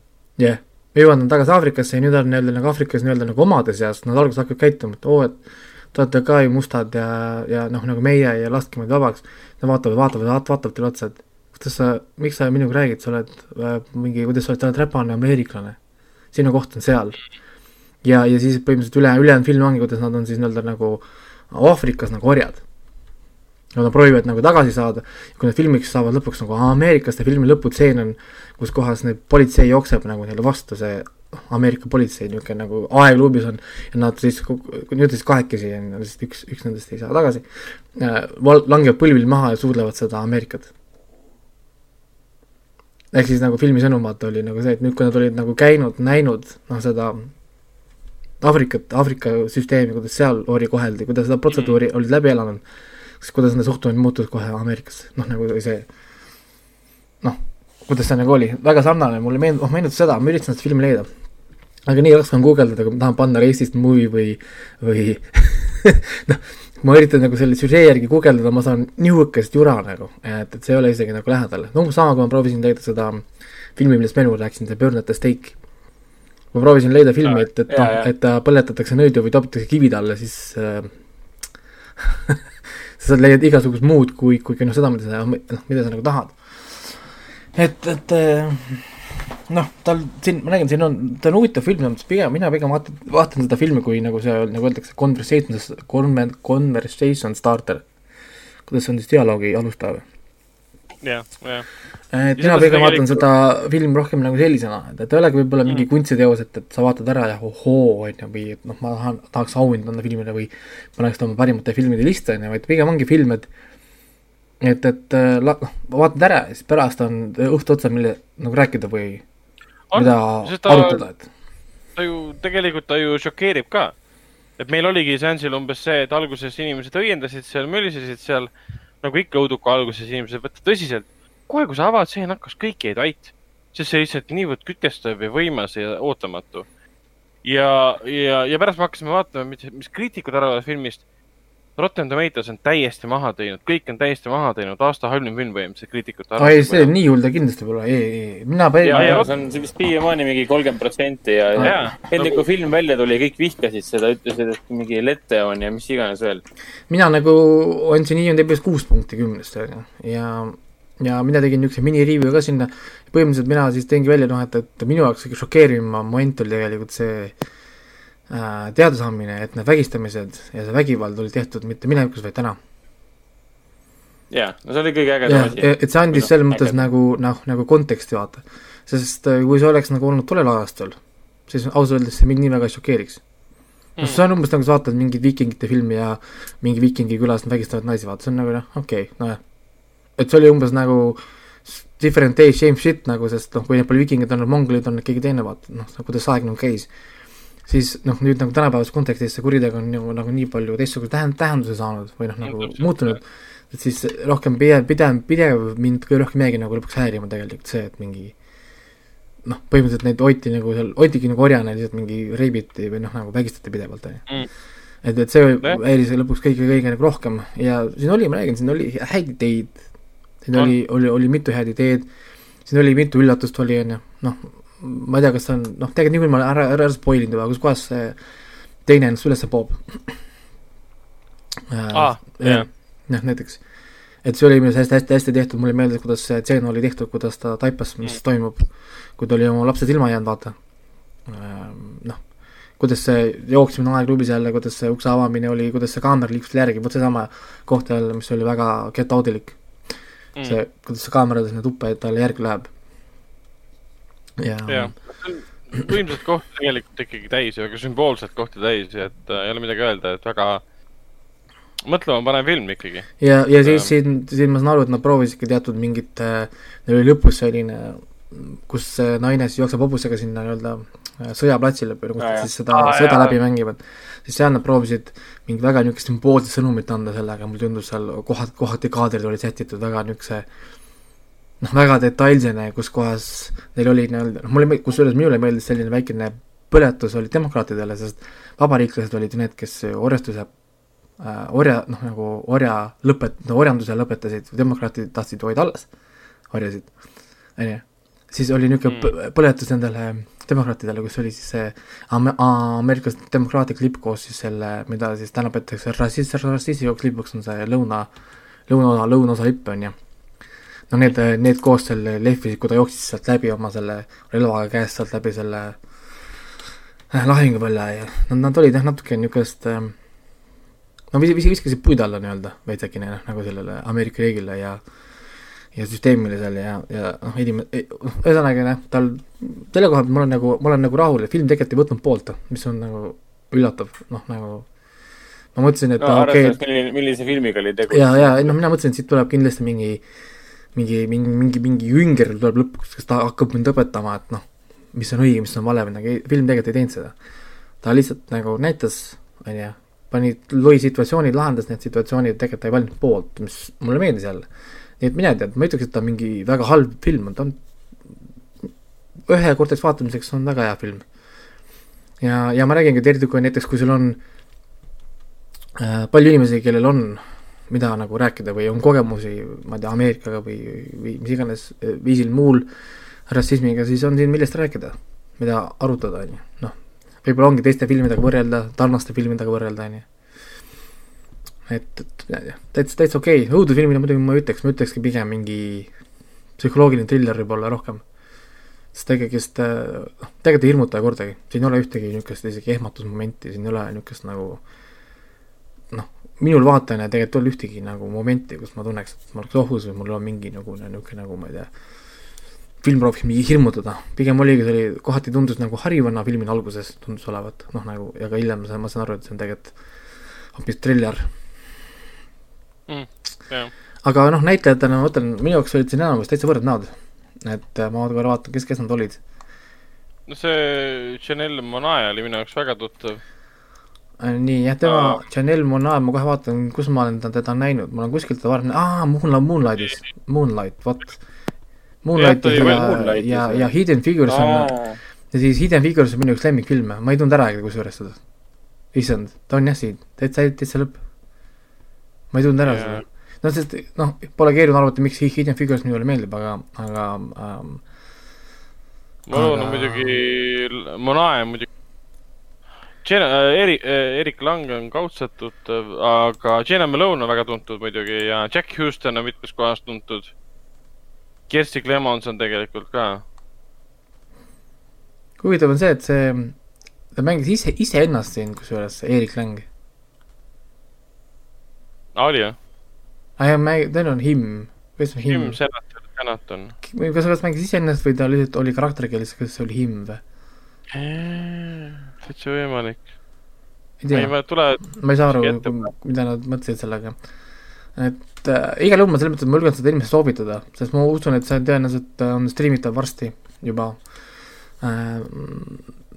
Tõenäoliselt ma isegi võib-olla äkki enne juba aasta lõppu või, sest nad tavaliselt tulevad päris kiiresti, kui kino, kinoleviringid on ju läbi, tulevad väga järsku ju sellesse äh, streaming, noh, streaming service itesse ju püsti, noh nagu kui need äh, ja Anto Bellon tuli põhimõtteliselt USA-st tuli kohe ja Aa, meile kui ta, tuli. näed, näed, kui ta on juba Ameerikas veel olemas ka, vot siis on ju veel lihtsam. Jah. siis on tõenäoliselt, tõenäoliselt juba ju kuskilt saadaval ka, nii et äh, sealt ta tuli vist kuusteist või seitseteist september otse, otse VOD-sse ja meile tuli siis kinno. aa, vot jah, vot seda ma polegi vaadanud. Et eh, aga, aga jah, ma ei tea, ma olen rahul, selles mõttes, et ma olen filmiga nagu rahul, lihtsalt ta ei ole noh, nagu jah, ta ei ole mingi üüberkunstiteos või, või niimoodi, et sa pärast värised seal hirmust, on ju. seda kindlasti mitte. aga mõtlema, mõtlema ta paneb igal juhul, on ju, mm.. et, et ta näitab meile, tuletab meelde teatud asju, mida me võib-olla unustame vahepeal ära, noh siin nii-öelda nagu ajastul, kus kohas kõik on kas äärmusest äärmuseni või marginaliseeritakse igasugust, igasugust mõttetut nonsensi. aga keegi vaatab siin viltu, et on rassist, on ju, siis peab tuletama meelde, et mis asi on rassism, palun noh, tuletage meelde endale seda. et, et äkki vaadatakse sind viltu, sest sa oled lihtsalt douchebag. noh, et, et jah, selline, selline hu- huvitav, huvitav lugu. aga jah, ma ootan, noh, ma vist rohkem kinno ei jõudnudki vist ju. lastega me ei käinud, tahtsime minna, aga me ei jõudnudki kinno. Ja ma mõtlen, kas ma käisin, vaatasin Antebellu või vaatasime äkki veel midagi või? vist kuidas sul ei ole meeles? see oli, see oli juba laupäeval ju, see oli juba nädal aega tagasi, nii palju asju vahepeal toimunud. päevad on nii, sa, sulavad kokku ka tihtipeale, kui sa oled hästi öösiti üleval ja päevad on ja magad vahepeal siin, siis kuidagi nagu noh, vahepeal on tunne, et sa oled nii nagu kaugel. ma ei tea, mäletan. Aga ei, selles mõttes, et saime, saime räägitud äh, filmist, mille, mille kohta me ootasime sinu arvamus, arvamust päris, päris pikalt. aga me käisime ka õudukalt vaatamas Koola sügavik, täiesti uus äh, õudusfilm, pigem ta on ta siis survival horror movie. no umbes nagu survival horror äh, videomängud, Koola sügavik on ta nimi. leiab siis aset äh, Koola poolsaarel Murmanski piirkonnas, kuskil seal Norra mm, piiri ääres, see on Koola puurauk on äh, päris äh, asi, mida nõukogude ajal ähm, tehti, see lõpuks jõudis vist kaheteist tuhande kahesaja seitsmekümne meetri sügavusele puuriti põhimõtteliselt. ja sellega siis tuvastati, avastati põhimõtteliselt maakoore äh, omadusi tuvastati, mis, mis hetkel hakkab temperatuurid tõusma ja langema, ehk siis õpetas väga palju. ja see oli siis sügavaim aastani kaks tuhat kaheksa ja siis, jah, kaks tuhat kaheksa, siis Kataris kuskil naftapuurtorn tegi sügavama, kaksteist tuhat kakssada üheksakümmend meetrit või midagi laadset. ja, aga siis üheksakümne teisel aastal pandi see asi kinni aga, aga miks see, Nõukogude miks see Liit pandi kinni? aa, okei, jah, saan aru. lihtsalt nagu kõik lagunes ja tüübidel oli see, et seal, seal oli lihtsalt üks hoone ja siis auk. puurauk ise on ju põhimõtteliselt mõnekümne sentimeetri ähm, diameetriga. et ta ei ole suur auk ega midagi, sa ei saa sinna sisse minna, sa ei saa isegi sisse kukkuda sinna, see on nii väike. Sa vaatad pilte sellest, see tundub naeruväärne, aga nii pagana sügav. aga sa ei saa suurematki teha. Pole mõtet suuremat teha, kui sa teed auku see kukub kokku sul. no täpselt jah, kui väike auk, siis ta ju väiksem tõenäosus. aga siis venelased tegid õudusfilmi äh,. Nemad võtsid umbes sellest kinni, sellest samast ideest, et äh, aga miks jäeti üheksakümne teisel aastal või isegi varem äh, puurimine pooleli äh,. mitte no, kõik sellepärast. teavad, miks tegelikult, sest Nõukogude Liit lagunes ära. ei, mitte sellepärast. Tegelikult jäeti see oluliselt varem puurimine pooleli äh,. jäeti puurimine pooleli sellepärast, et inimesed puurisid liiga sügavale ja mitte paarikümne sentimeetrise diameetriga siis äh, auku, vaid ikka tohutut massiivset kompleksi ehitati tohutusse sügavusse, kus sa said liftiga sõita. ja nad avastasid midagi koledat sealt. ja kui nad seda midagi koledat avastavad, nad kutsuvad ühe venelannast äh, mik- äh, viiruse uurija. Sellel on mikrobioloog vist või? mis, meil on mikrobioloog ja see teine tüüp. Milena Radulovitš või? jaa Jah., epidemioloog. tema kutsutakse siis appi, et asja uurima ja kohale jõudes avastavad, et äh, seal on ikka asjad väga, väga, väga halvasti. kuna ma tahan, et kui, kui Raiko tunneb huvi selle filmi vastu, siis Tunnen. ma ei taha teda spoilerdada ma, ma on, täiesti, ma olen juba, ma olin juba müüdud sellega, kui ma lugesin seda ühte lauset siin, et tuhat üheksasada kaheksakümmend neli aasta seal lindistati kahtlast helistust augupõhjast. pumm, sobib, mulle, mulle, mulle juba läheb. seda on Youtube täis. Youtube on täis sellest, kuidas äh, seda salvestati, pandi kaabel, see heli, mikrofon sisse ja see heli, mis sa seal kuuled, on puurimise ajal. Sa kuuled sealt tohutut röökimist ja siis on see, et issand, sounds from hell ja see on ka element filmis sees. aga tegelikult see oli lihtsalt puurimise heli metalli ja kõikide muude asjade vastu ja kivimite vastu. aga see on tore, et on sellest täiesti kinni võtnud, et helid on surmakorinad, karjumised, okei okay,, ilmselgelt maa all on põrgu ja see ongi klassikaline lugu, sul on mingi üks tegelane, kellel on mingi mineviku taak. ta hoiab uurimisjaamadest, värkidest eemale, ta kutsutakse tagasi, sest tema on ekspert. Läheb meeskonnaga alla ühel eesmärgil, arvates, et seal on üks asi toimumas. kohale jõudes arvestab, et asjad on ikka väga halvasti, on hoopis teine asi toimumas. kuidas seda filmi kirjeldada niimoodi, et me ei spoilerda, ma kasutaksin filmi levitaja enda sõnu äh, tema siis Facebooki ja siis Instagrami lehel ka, kus ta ütleb, et see film on nagu The Thing, John Carpenteri The Thing, ta on nagu Ridley Scotti tulnukas ja, ja, ja nagu parimad survivor, survival horror mängud ka näiteks minu jaoks selles filmis oli niivõrd palju äratundmisrõõmu selle koha pealt, aa, see on võetud sealt, see on võetud sealt, see asi on võetud, ah, väga üllatav, et see on sealt võetud. et siin on ideid igalt poolt lahedates kohtades kokku laenatud. ja, kui sa oled ikka elus survival horror mänge, videomänge mänginud, siis, siis see film on küll väga suur äh,, väga sõbralik sinu vastu. see koht ka... ei ole isegi laenamine, nad on lihtsalt võtnud, nad on näinud, meile meeldis see, võtsid selle ja tõstsid selle enda filmi aga see on okei okay,, sest see töötab, ta on, ta on kohati liiga pikk, ta on kohati veniv, seal on siuksed väga pikaks venitatud episoodid, mis ei pea üldse nii pikad olema. oota, see on alles tulnud uh, film ka ju, ma vaatan, et see on neljas november alles Venemaal linastunud, ehk siis samal ajal kui meil jah, jah, jah, täiesti, täiesti uskumatu värske film. aga produktsiooni kvaliteet filmil on fantastiline, õudusstseenid, sellised, kuidas nüüd öelda ulme horror stseenid on väga ilusad, üleüldine õhustik on väga tugev. näitleja põhimõtteliselt, see peanäitleja on Bella Thorne'i teisik, või siis ta hoidis meelega suud lahti, et näha välja nagu Bella Thorne, et see oli hämmastav lihtsalt, et kuidas ühed inimesed võivad üksteisele sarnaneda niivõrd palju. no ta on nii sarnane ka ju olnud. Eesti mainitakse filmis ära väga lambises kohas ja ma olin jumala üllatunud ja šokeeritud, rahvas ilmselgelt reageeris sellega kinos. kuradi IMDB yeah., ma läksin vaatama pilte ja jälle üks pilt on see, mis on selge spoiler, noh, käib pekki, noh ongi nii või? selle, kuidas sa otsisid IMDB-st äh,? Super Deep on selle filmi nimi inglise keeles. Super Deep või? Ei, ma, ma panin no, äh, Kolska, Kolska ja Svergul Super Deepiga leiab üles küll. ma panin äh, lavastaja äh, järgi otsisin, ma panin Arseni Šunin panin otsingusse. ja sa spoilerdasid endale juba ära või? miks sa lähed pilte vaatama? kohe, seal on üks pilt kohe lihtsalt seal on, oli nagu üks pilt, mis tõmbas tähelepanu. paremal, parem, paremal, paremal ma, pool. ma saan aru küll, mis pilti sa vaatasid. parem, paremal pool. Ma tänan, downplay ime, see, see, see ei oma mingit tähtsust filmis, Raiko, see ei, see on okay. seda, seda kaadrit isegi ei ole filmis aa, sa tegid seda, okei okay,, loodame, et see sulle väga palju ära ei ütle. ehk siis Aga... IMDB hoiatus äh, Just Cause ja, ja Koola sügavik INDB-s, e, ärge üldse minge sinna. ei, tasub olla ettevaatlik küll nendega, et, et inimesed on hooletud, viskavad, ma olen sellepärast fotode juures tuleb käsi peale panna. ma olen teljeritega ka sellepärast tihti ettevaatlik, sest need ei suuda ka nagu ennast tagasi hoida vahepeal, et aga võttes arvesse, et see on selle Reicheri pärast mitmeid lühifilme, debüütfilm, väga, väga eeskujulik, et nii võikski teha, kuidas raha kulutada, raha magama panna, ongi nii siin olid mõned probleemid küll, kus lihtsalt üle mängiti mingisuguseid elemente, mis äh, ei väärinud ülemängimist, et lihtsalt jäi mulje, et noh, minge edasi nüüd juba, et siin ei ole nagu midagi erilist enam. aga filmitegijad nagu arvasid, et on. Aga üleüldiselt väga meeleolukas film, okei okay,, meie seansilt kolm inimest läksid minema lõpus, et nad ei viitsinud ja keegi midagi kõva häälega ütles vene keeles ka veel midagi, et mingi või midagi, ma ei tea ei öelnud. ei öelnud jaa, aga mingi, mingi reaktsioon seal oli, et äh, nagu läheb, mindi ära aga seal võib tekkida see olukord, kus inimene, inimene ei suuda tõsiselt võtta seda. aga see sõltub jälle sellest, miks sa tuled õudusfilmile, kui sa ei suuda seda tõsiselt sama on ju siis Death Thingi, lähed vaatama Death Thingi, siis sorry, see ei ole ka väga tõsiselt võetav film sellisel juhul. no täpselt, jah. Et, äh, et jah, et mina soovitan vaadata, ta on fantastiline, näeb välja, ägedad action stseenid, ägedad, äh, ägedad horror elemendid igatipidi meeleolukas film.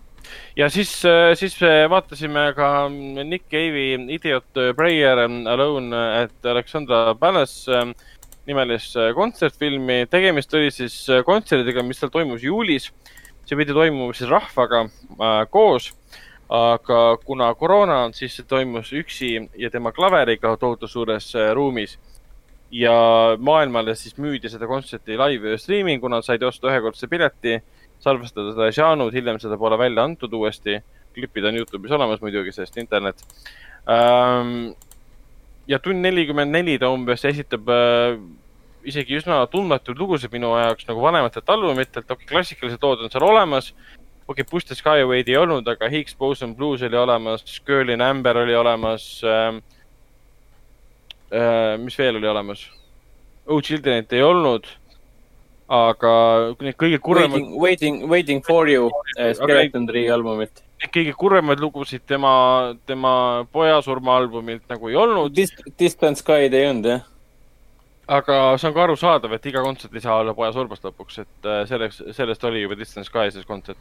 aga väga ilusti oli tehtud ja lavastatud, üks, üks mees üksi, üksi suures ruumis äh,, hästi valgustatud ruumis suurte akendega, kaamera sõidab tema ümber äh,. valgust vahetatakse korduvalt, kas siis reaalselt ööseks, öösel filmitud äh, stseenides äh, või pigem oli seal pigem muudetud lihtsalt seda mm,, tõmmati kardinad ette ja muudeti valgust et kui see juulis näidati, see oli otseülekanne. film oli siis ümber lõigatud ja pandud stseene juurde ja kõik siuksed asjad ähm,. väga kena, et äh, Nick Cave on vanaks jäänud, aga ta ei ole sugugi halvem laulja, esineja, performer, kui ma ei tea, siin ähm, maailma kuulsamad lauljad nagu Johnny Cash või siin David Bowie, ta on peaaegu isegi sama oluline oma melanhoolsete ja, ja depressiivsete ja depressioonist üle aitavate lugudega, eriti sõnaseadmisega. kohati tundub, et see mees laulab nonsense'i, et jumala eest, millest sa laulad. aga siis sa kuulad ja kuulad neid sõnu. aa, see on nagu, see on väga loogiline tegelikult, see, see, tal on allegooriast nagu muidugi metafooridest täis topitud kõik, aga, aga sa usud iga seda sõna, mida ta laulab ja sa kui ta mõne loo näiteks lõpetas ka, siis ta nagu lõpetas selle umbes niimoodi nagu tõeline näitleja või siis ta oli tõesti selles loos nii sees ka, et neelatas korraks ja sa näed tema silmis seda mingit emotsiooni, mida ta võib-olla tundis seda lugu kirjutades kunagi. et muidugi Warren Ellisega koos nad ei olnud seal ehk siis Bad, Nick Cave ja Bad, Bad Seas ei olnud kohal selles mõttes, oli ainult tema. ma lootsin küll, et ühel hetkel kaamera teeb mingit sada kaheksakümmend kraadi ja siis äh, Stedikas teeb, Stedi operaator, Steadicami operaator teeb sada kaheksakümmend kraadi ja kuskil on see metsiku väljanägemisega Warren Ellis piilub ja lehvitab, et aga noh, seda ka ei olnud miskipärast. jah, jah.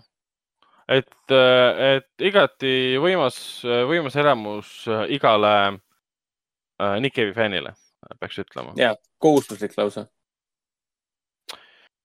vot, aga jõudsime filmidega lõpuni.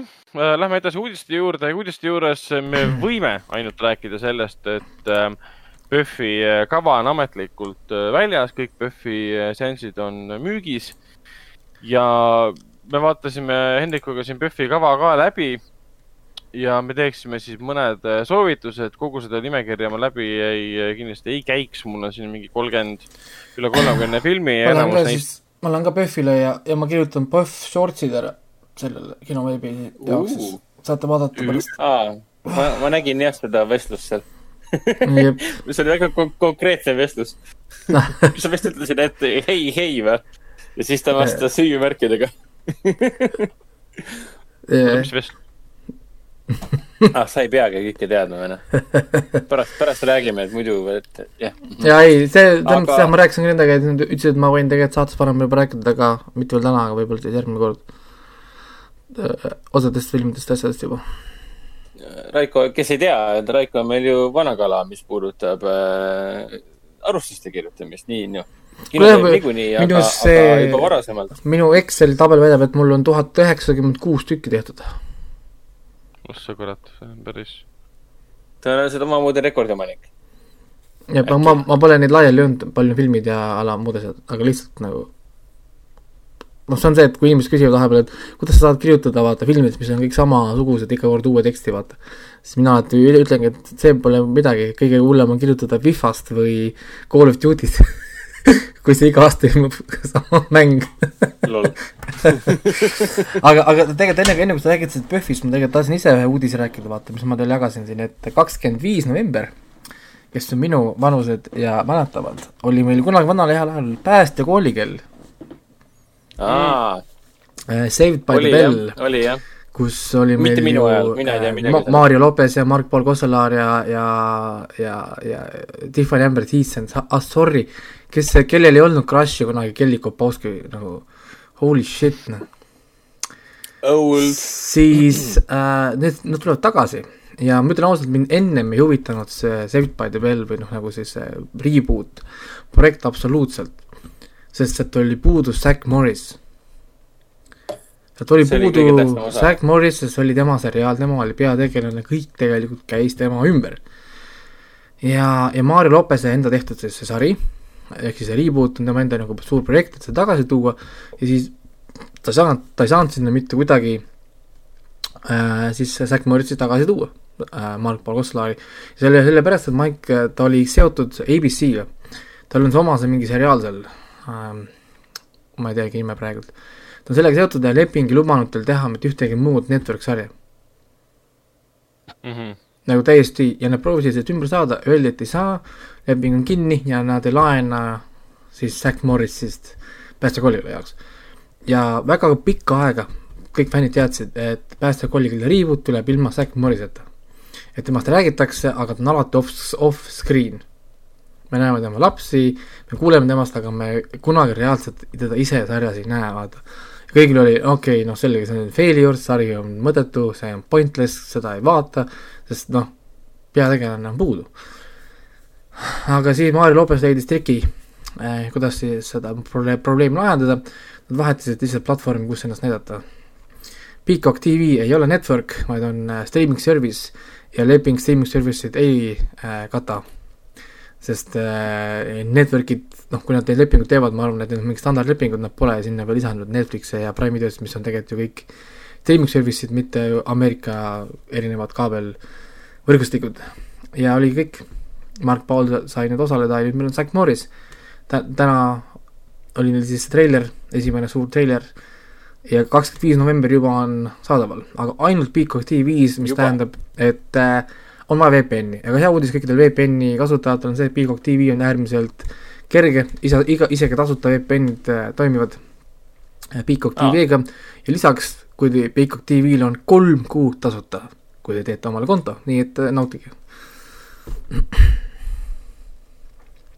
aga jah, seda on hea kuulda, kusjuures seal Peacockis on nii mõn- nii mõndagi huvitavat tegelikult. ja, ja, ja, ja siin Peacock on tegelikult ka lubanud, et nad ei taha jääda ka ainult Ameerika pinnal, nii et äh, loodame, aga, aga Peacock on selles mõttes hästi nagu chill ja neil ei ole mingit, nad isegi ei proovi väga kaitsta ennast VP, VPN-i endidest, et neil on suht ükskõik. nii et äh, kakskümmend viis november juba, nii et me oleme lähedal sellele, väga väga, väga lähedal. juba. jep, mina ootan seda, nüüd ma, nüüd ma ootan seda, ma ütlen ausalt. vaatasin seda treilerit ka ja nii hea on näha, kuidas vana Zack Morris on tagasi blond ja, ja, ja, ja täiesti crazy tegelikult. see on kolmkümmend aastat tagasi. siis, kui Sean Connery veel kuuskümmend oli. no ma ei tea, nojah, et ma ei ole kunagi seda vaadanud, aga täna või eile tuli välja esimene üliväike diiser äh, sellele lõppeva Supernaturali seriaali peaosatäitja Jared Padalecki Walker Texas Rangeri reboot'ile. Aga seda pole näinud veel kahjuks, kurat, seda peaks vaatama, Aa, kuidas see, kuidas seal oli, seal oli lihtsalt nagu see logo, mille nimi on lihtsalt Walker ja siis äh, Jared Padalecki rääkis midagi äh, sünget sinna sisse. no ja siis et tuleb, äh, aga veits, helis oli veits kuulda seda nagu teemalugu ka, aga ma, ma veits tundsin seda, et ma tun- tundsin ennast mingit äratundmist, mida ma ei teadnud, et minus on. Et, et, et, et Valkeri, ma arvasin, et Val- Valkeri reboot ei tekita minus väga tundeid. see tuletab meelde ju, et et, Chuck Norris on ju ka mingi kaheksa, kaheksakümmend juba ju. no tema on surematu. tema on nagu Putin, keegi ei kanguta teda ära. ja, jah, aga, aga ei, päriselt selles mõttes, et äh, päästekoligil oli suur teema, on ju, meil olid kõik episoodid lindistatud VHS-idel peale. me, see oli meie suur, kõik episoodid. jaa, see oli meie perekonna suur ettevõtmine, me kõik omavahel leppisime alati kokku, kes mis päeval peab, lindistama, on ju, et saada kätte need telekast nagu VHS-idele ja me panime ilusti oma VHS-i siis vihikutesse kirja ka, mis episoodid ja värgid on kuuskassettide peal ja vaatasime ringiratast, kaasa arvatud siis ka kolledži aastad, mis oli siis kaks hooaega, mis lõpeb siis selle Säki ja Kelly pulmadega.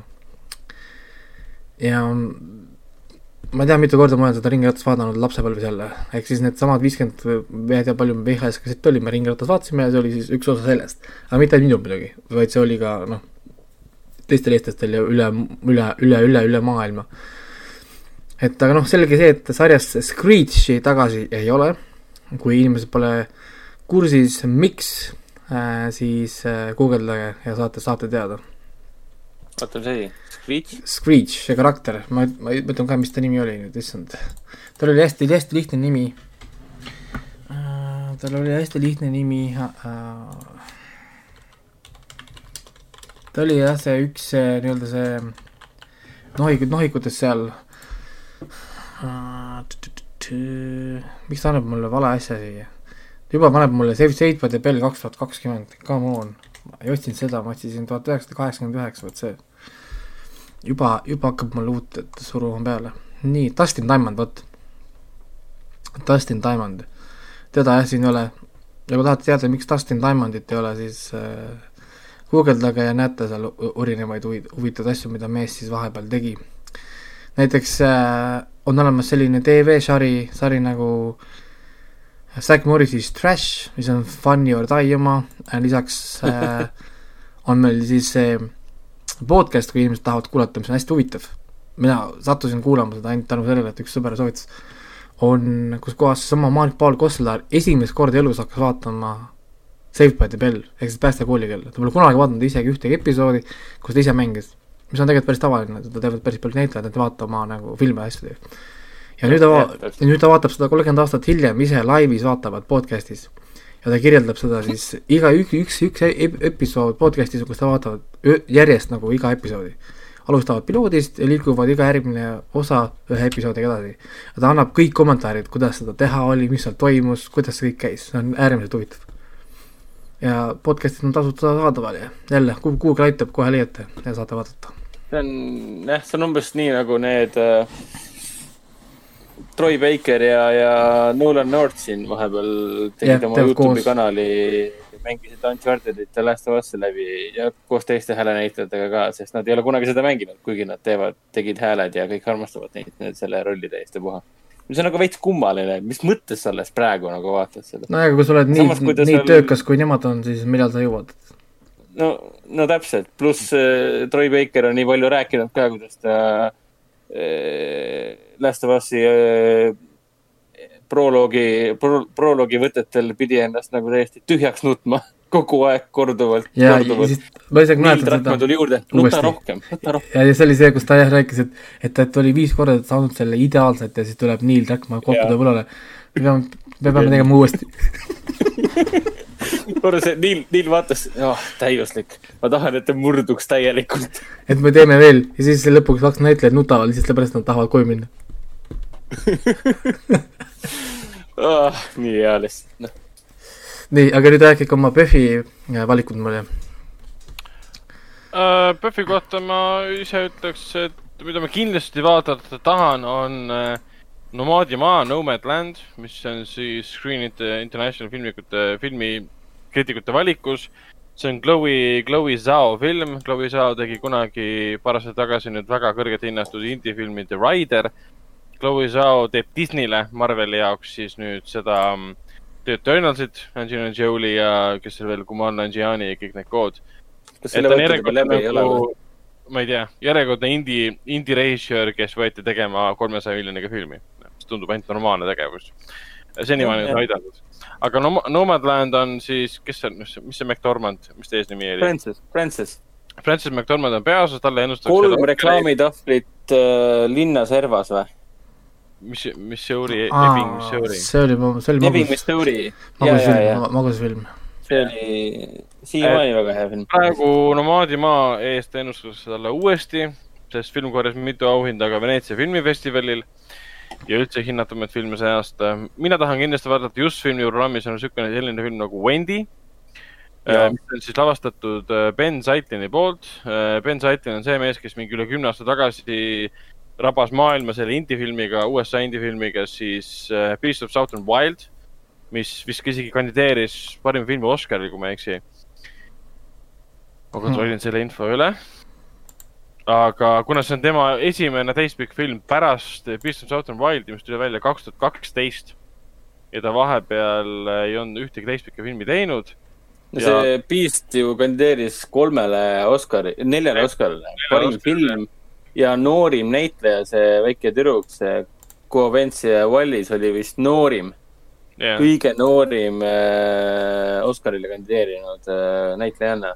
-hmm. ja režissöör ja nee, see stsenaarium said ka nominatsiooni jah, et see Reischer ei ole nüüd kaheksa aastat ühtegi filmi teinud ja see on tema uusim film, mis on siis omaette tõlgendus siis Peeter Paani loost. seda ma lähen kindlasti vaatama.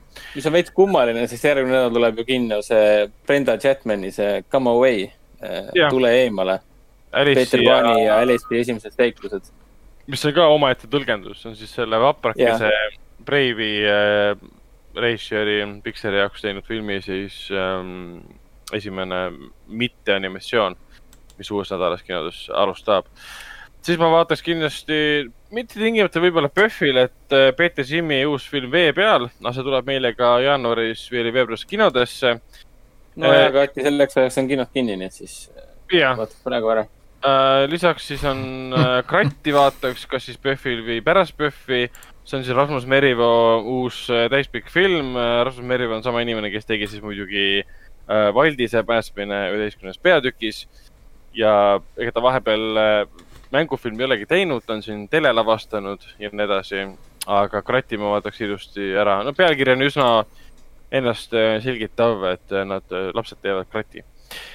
vot siis ma, mis veel kirja panin, et Erna on sõjas, kus on siis tuntud Taani näitleja Triine Türholm peaosas mida Eestis Tartus filmiti, seda ma vaataks äh, siis Greta Thunbergi lugu ehk siis Greta How dare you äh, Turb-, Thunberg lugu vaataks äh, ka ära. dokumentaalfilm Greta, Greta How dare you Thunberg. Thunberg, sa oled õige, Thunberg. Thunberg, Thunberg. Thunberg Greta Thunberg. Greta Thunberg, aga see, noh, ma tahaks lihtsalt tema kohta rohkem teada, et ma nii palju ei tea. ja siis ähm, Enfant, Enfant Terrible, mis on siis ka PÖFFi äh,, PÖFFi avafilm. avafilmiks, jah äh,. mis tulebki ma... ainult avamisel näitamisele. tal on üks linastus, jah mm. -hmm. mis on väga kurb, et, äh, et äh, ma loodan, et PÖFFile, et ma ikkagi koha sinna saan avamisele. kaks tundi ja neliteist minutit ta kestab ja räägib siis Rainer Ferner Fassbenderist Pinderist. vast Pinderist, vabandust, see on alati põhi, põhiviga ju tehakse. vast Pinder. tavaliselt, tavaliselt on vastupidi, et kes ta on, Michael Fassbinder või? Bender. ma, Fassbender on jah. siin Solarise, Solarise keskuses oli ka umbes niimoodi ükskord, kui äh, Fassbenderi film oli kinos, siis äh, loeti, loeti teksti sisse raadiosse, et uus film on kinos, peaosades Michael Fassbinder. ja kõik siis filmihuvilised, filmifännid mingi, ei, valesti ise oled Pinder no,. luule Šavornok. jah uh,. Te, teil on hoopis teistsugused filmid, kui mul on listis. aa, okei okay.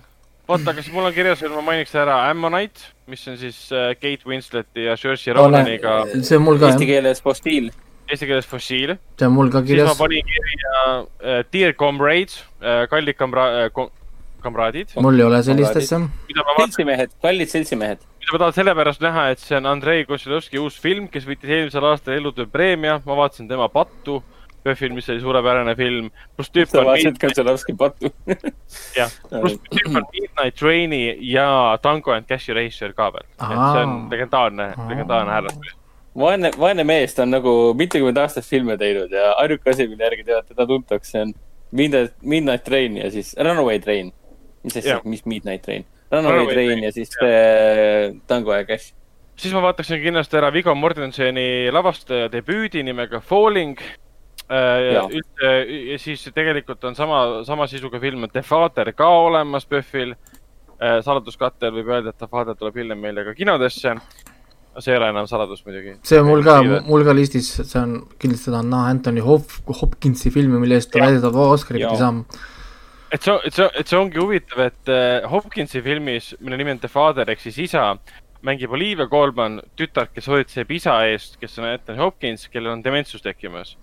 The uh, film nimega Falling, mille lavastas Viggo Mortensen, kus mängib peaosa Viggo Mortensen, mängib poega, kes läheb oma isa juurde, kes on räige homofoob, kellel hakkab tekkima ka äh, Dementsus ja teda mängib. ja, ja Vigo ise mängib ju äh, gei meest, kes läheb oma gei vihka eest isa eest hoolitsema. miks ma mainisin, et isa on homofoob, ongi sellepärast, et poeg on gei mees, kes läheb oma isa eest hoolitsema, kellel hakkab dementsus tekkima. kuule, aga sellega, kui sa praegu niimoodi seda kirjeldasid, seda filmi isa, onju, siis see on minu arust täpselt sama film, see on sama, sarnane film ju kaks tuhat viis aastat Proof, Anthony Hopkins ja Gwyneth Paltrow.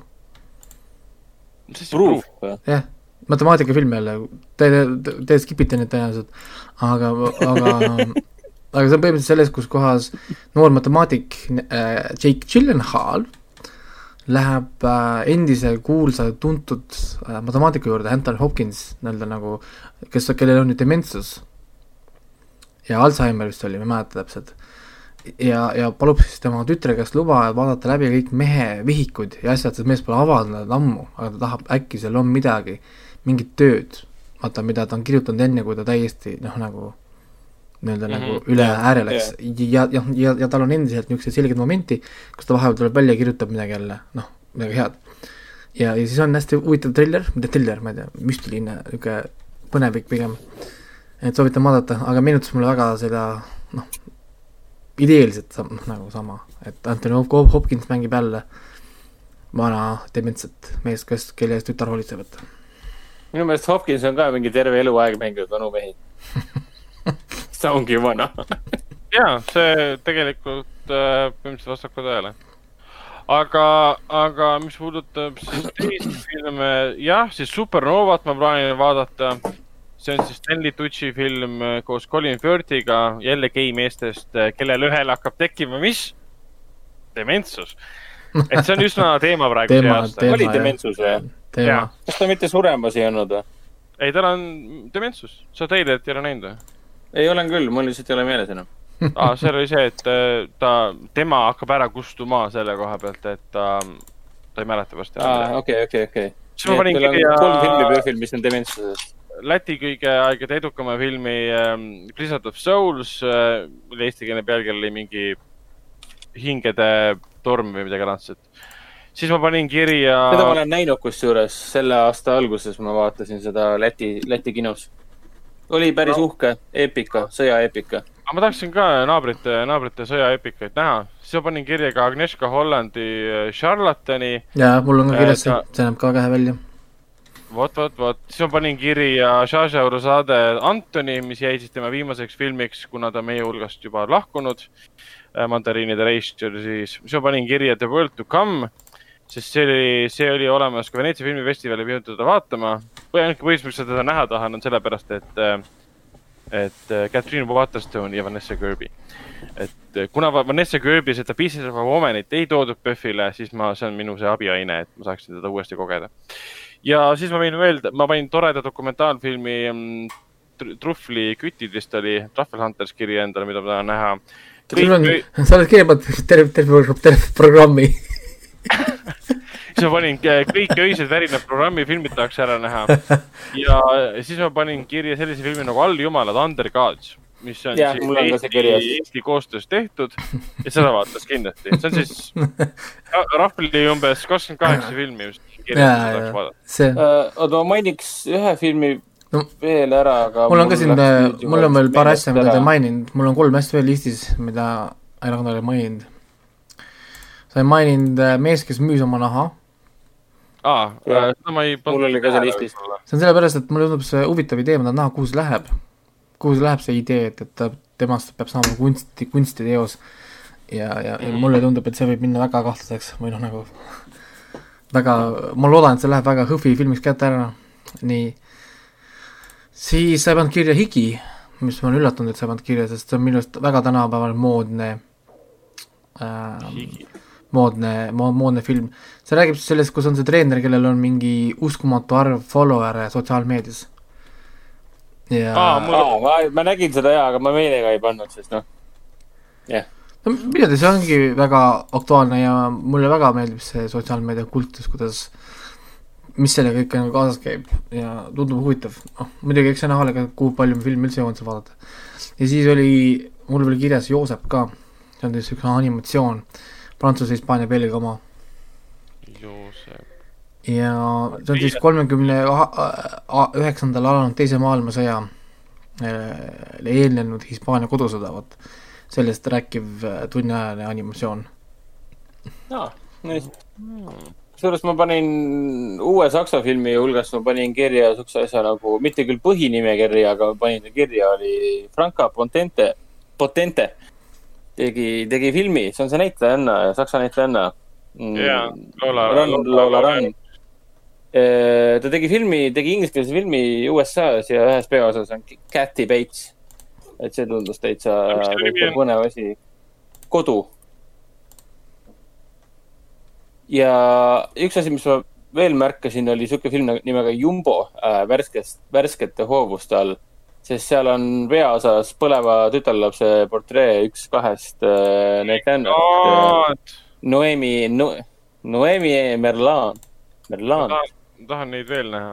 ja mis ma veel kirja panin, oli muidugi keelepäästja äh, sellest äh, keeleteadlasest Indrek Parkist. see on see Eesti, Eesti, Eesti dokumentaalfilm.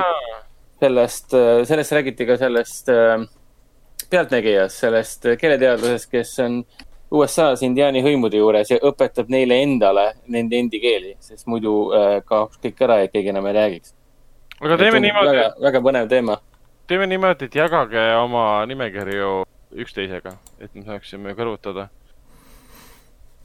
ja neid nimekirju Ja, äh, äkki me peaksime panema siis mingi top viis soovitust äh,. Äh, siis no me jõuame seda teie järgmine nädal ka teha veel. jah, seda küll. peaks jõudma Õnne, õnneks see veel ei alga. järgmine nädal ka veel teha, siis on ju hakkabki kohe. ja, ja kuna ma olen Aasia filmi taustaga ka, siis ma panin vähemalt kaks Lõuna-Korea filmi kirja. ühe Hiina, ühe Jaapani ja ühe Taiwan'i. kas Lõuna-Korea filmides sa panid Must valgus ja Kaugel eemale? täpselt nii. kolm, Hiina kolm, oma, kolm Lõuna-Koreat oligi vist, Hiina omast oli Tähtede poole. Ja Jaapani omast tundus kõige ägedam see äh, Minu veri, minu veri, minu veri ja luud voolavad. Te ikka, te ikka lähete ikka väga ambitsioonikalt tase kallale, nüüd ma vaatasin tead viis-kuus filmi maksimaalselt, et noh, nagu vaatasin Aa, kuus listi listi Ma- välja teil oli mingi kolmkümmend filmi seal vähemalt- ju kuradi kirjas. mul on kolmkümmend viis. ma tõenäoliselt kavatsen iga päev vähemalt, no vähemalt kaks filmi ära vaadata, film kui oli?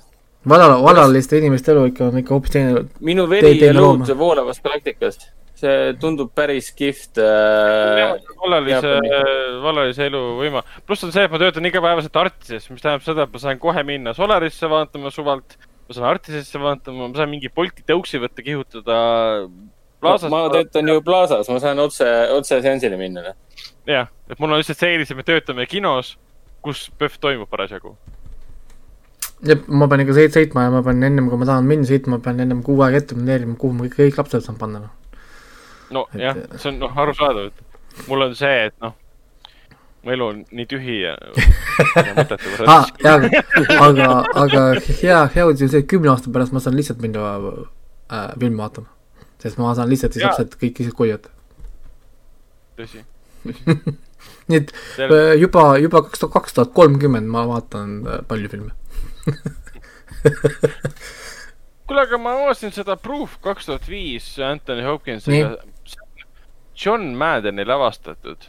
see, kes tegi Shakespeare in Love'i ja võitis selle. Oscari, jah. parima filmi, parima näitleja, parima kõrvalosa, parima, stsenaariumi. mida keegi ei suuda siiamaani uskuda, et mis, kellele, kellele ta raha maksis, et et seda saada. Harry Weinsteini, Harry kellele Weinsteini, kes kaotas, kes kaotas, see mingi suur film oli, tollal võistles temaga. seal oli palju, ma arvan. Seventy First Academy Awards, kohe vaatame. kandideerisid Elizabeth, Life is beautiful, Saving Private Ryan. oh raisk. parim reisijal oli Truman Show, The Thin Red Line, Shakespeare in Love, Life is beautiful jälle. võitis muidu Saving Private Ryan, Ryan, et see on kõik on hästi. okei. ja Paltrow võitis siis Blanchetti eest, Meryl Streepi eest ja Emily Watsoni eest, aga. aga noh, jah, ilmselgelt on. ei, ja kui keegi, ma räägin, see Proof on lihtsalt, lihtsalt hea film. Jah. kurat, ma panen selle lihtsalt, ma tahan uuesti vaadata seda. sest seal, Aga seal seal oli ka seesama, et mat-, matemaatika oli päris, ma isegi mäletan, tegin isegi niimoodi, et ma panin filmi pausi peale, ma tõin, tõin üle kõik need võrrandid ja tekstid ja panin metafoorumidesse ka, et äh, kõik saaks proovida oma kätt ja oma tõestusi teha. et see oli, et see oli fun. olid ikka head, kurat. ja, kas me tahame veel PÖFFist äh, midagi mainida või räägime? ei, me räägime. sellest veel ju hiljem ja hiljem veel siin mitme tuleval nädalal, mitu korda veel. jah, aga siis mainime viimase uudisena siis ära ka selle, et äh, Johnny Depp andis teada, et Warner Brothers äh, palus temal äh, loobuda äh, Kellert Grindelwaldi rollist äh, filmiseerias äh, Fantastilised äh, elukad äh,. fantastilised elukad. lihtsalt fantastilised elukad ja ta andis siis täna Instagramis teada, kus oli eeskujulik kirjutatud kiri, kus oli allkiri ka pandud, et stuudio palus tal seda teha ja ta tuli vastu ja tegi seda. ja põhjuseks on siis, põhjuseks on siis kohtuasi, mis lõppes äh, temale, tema kahjuks. Ehk siis kohtunik otsustas Amber Heardi äh, kasuks, ma neid detaile nii täpselt ei tea, aga See ma tean, on- et Amber Heard on see hull on inimene. täiesti See oli- nonsense lihtsalt, kuidas ta sai, see oli see, kui teda nimetati naistepeksjaks selles, ma ei tea, mis ajakiri, ajaleht see nüüd oli. see The Sun vist oli vist jah. jah, ja ta tahtis selle vaidlustada, aga ei, ei olnud nõus. seal põhimõtteliselt, kui on naistepeksja. kui te guugeldate, siis põhimõtteliselt oli nagu see, et kohtunik oli nõus kõigega, mida Amber Heard on teinud. Aga point oligi selles, et kui hullusti on käitunud Amber Heard või mis lollused ta on teinud, nad ei suutnud äh, nagu äh, mingit, mingi väga mingi tehniline nõks oli seal, kuidas äh, sõnade mänguga nad ei suutnud seda nagu paika panna, ehk siis The Sun võitis. noh, nagu selle nii-öelda, ehk siis The, The Sun umbes ei olnud siis selles laimus nagu süüdi. aga samal ajal Amber Heard pole tegelikult ühtegi füüsilist tõendit ega asja kunagi esi- esitanud. ehk siis nagu Johnny Depp pole tegelikult midagi teinud, samal ajal Johnny Depp esitas tohutult tõendeid Amber Heardi vastu. aga nagu kohtunik ütles, et see kohtu case ei olnud Amber Heardi vastu, vaid äh, The Suni vastu. mm,. täpselt. ah,. jah. kahju muidugi, sest ta oli, Johnny, Johnny Depp oli Kellert Grindelwaldina Fantastic Beasti teises osas ikka maru äge. jah, ma ostsin täna Pole näinud, endale, ei tea. Ostsin endale äh, Fantastic Beasts äh, Crimes of Grindelwald äh, Blu-ray. Meil, meil on, Ragnar tuleb see aasta nüüd nii tulevikku, kõigepealt oli 4K ekraanid, nüüd on äh, HDR ja nüüd on veel Blu-ray plaadid ka, täiesti tal on isegi, kolm, tal on isegi 3D Blu-ray seal ka olemas. täiesti 3D Blu-ray, crazy. mille ma panin esimesena, lükkasin Playstation nelja, mõtlesin, et issand jumal, kui ostsin vale asja, siis vaatasin teine plaat on ka, mis on pikendatud versioon, see maksis mingi üheksa eurot. Aga kuna ma nägin seda filmi viimati esimesel kinodes oli, siis ma vaataksin hea meelega teda uuesti, ma vaatasin algust, see nägi muah, võrratu välja. ja, oota, Raiko, sa mainisid, sa pole näinud teist osa või? ma pole näinud ühtegi Fantastic Beasti filmi. ei Aa. esimest ega teist. aga miks, miks, miks, sellepärast, et äh, J.K. Rowling on äh,, kuidas seda öelda eesti keeles, sitkirjanik.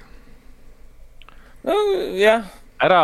oota, ei, oota, kas kirjanik? või, ah, kirjanik või? ja, ja, ja ei, mulle ei meeldi ta inimesena ka ja mulle ei meeldi, kuidas ta karakterit kirjutab, kuidas ta situatsioone loob ja lahendab, kõik on nii obvious, nii basic, absoluutselt sa puudub mõtled huvi. Potterit või?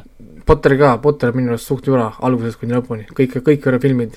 vaatasin neid hambad ristis, kannatasin sealt läbi, totaalne saaste, sorry noh, lihtsalt nagu ma ei tea, need raamatud olid ikka mu lapsepõlv. raamatud võivad olla, aga aga, aga filmid olid minu jaoks nagu see, et noh, nagu on. lihtsalt võttis ämbri, lasi sibilt täis lasta, lihtsalt laseb praegu. ei on, ega on, ega mina selles mõttes ei, ma olen küll mingisugune ultra see nerd culture on ja liider, aga kus ma kaasa ei lähe, on Star Wars, ma ei lähe kaasa selle Hobbiti ja Lord of the Ringsiga. sinna panen ka siis toorelt alati Harry Potteri, et no way. No way. kuigi ma ütlen ausalt, Lord of the Rings ma saan ikka vaadata kaheksa K. Lord of the Rings on ikka, kaheksa K Lord of the Rings on ju, aga noh. Harry Potteris, mida ma vaatan seal, noh, ma ei kujuta ette.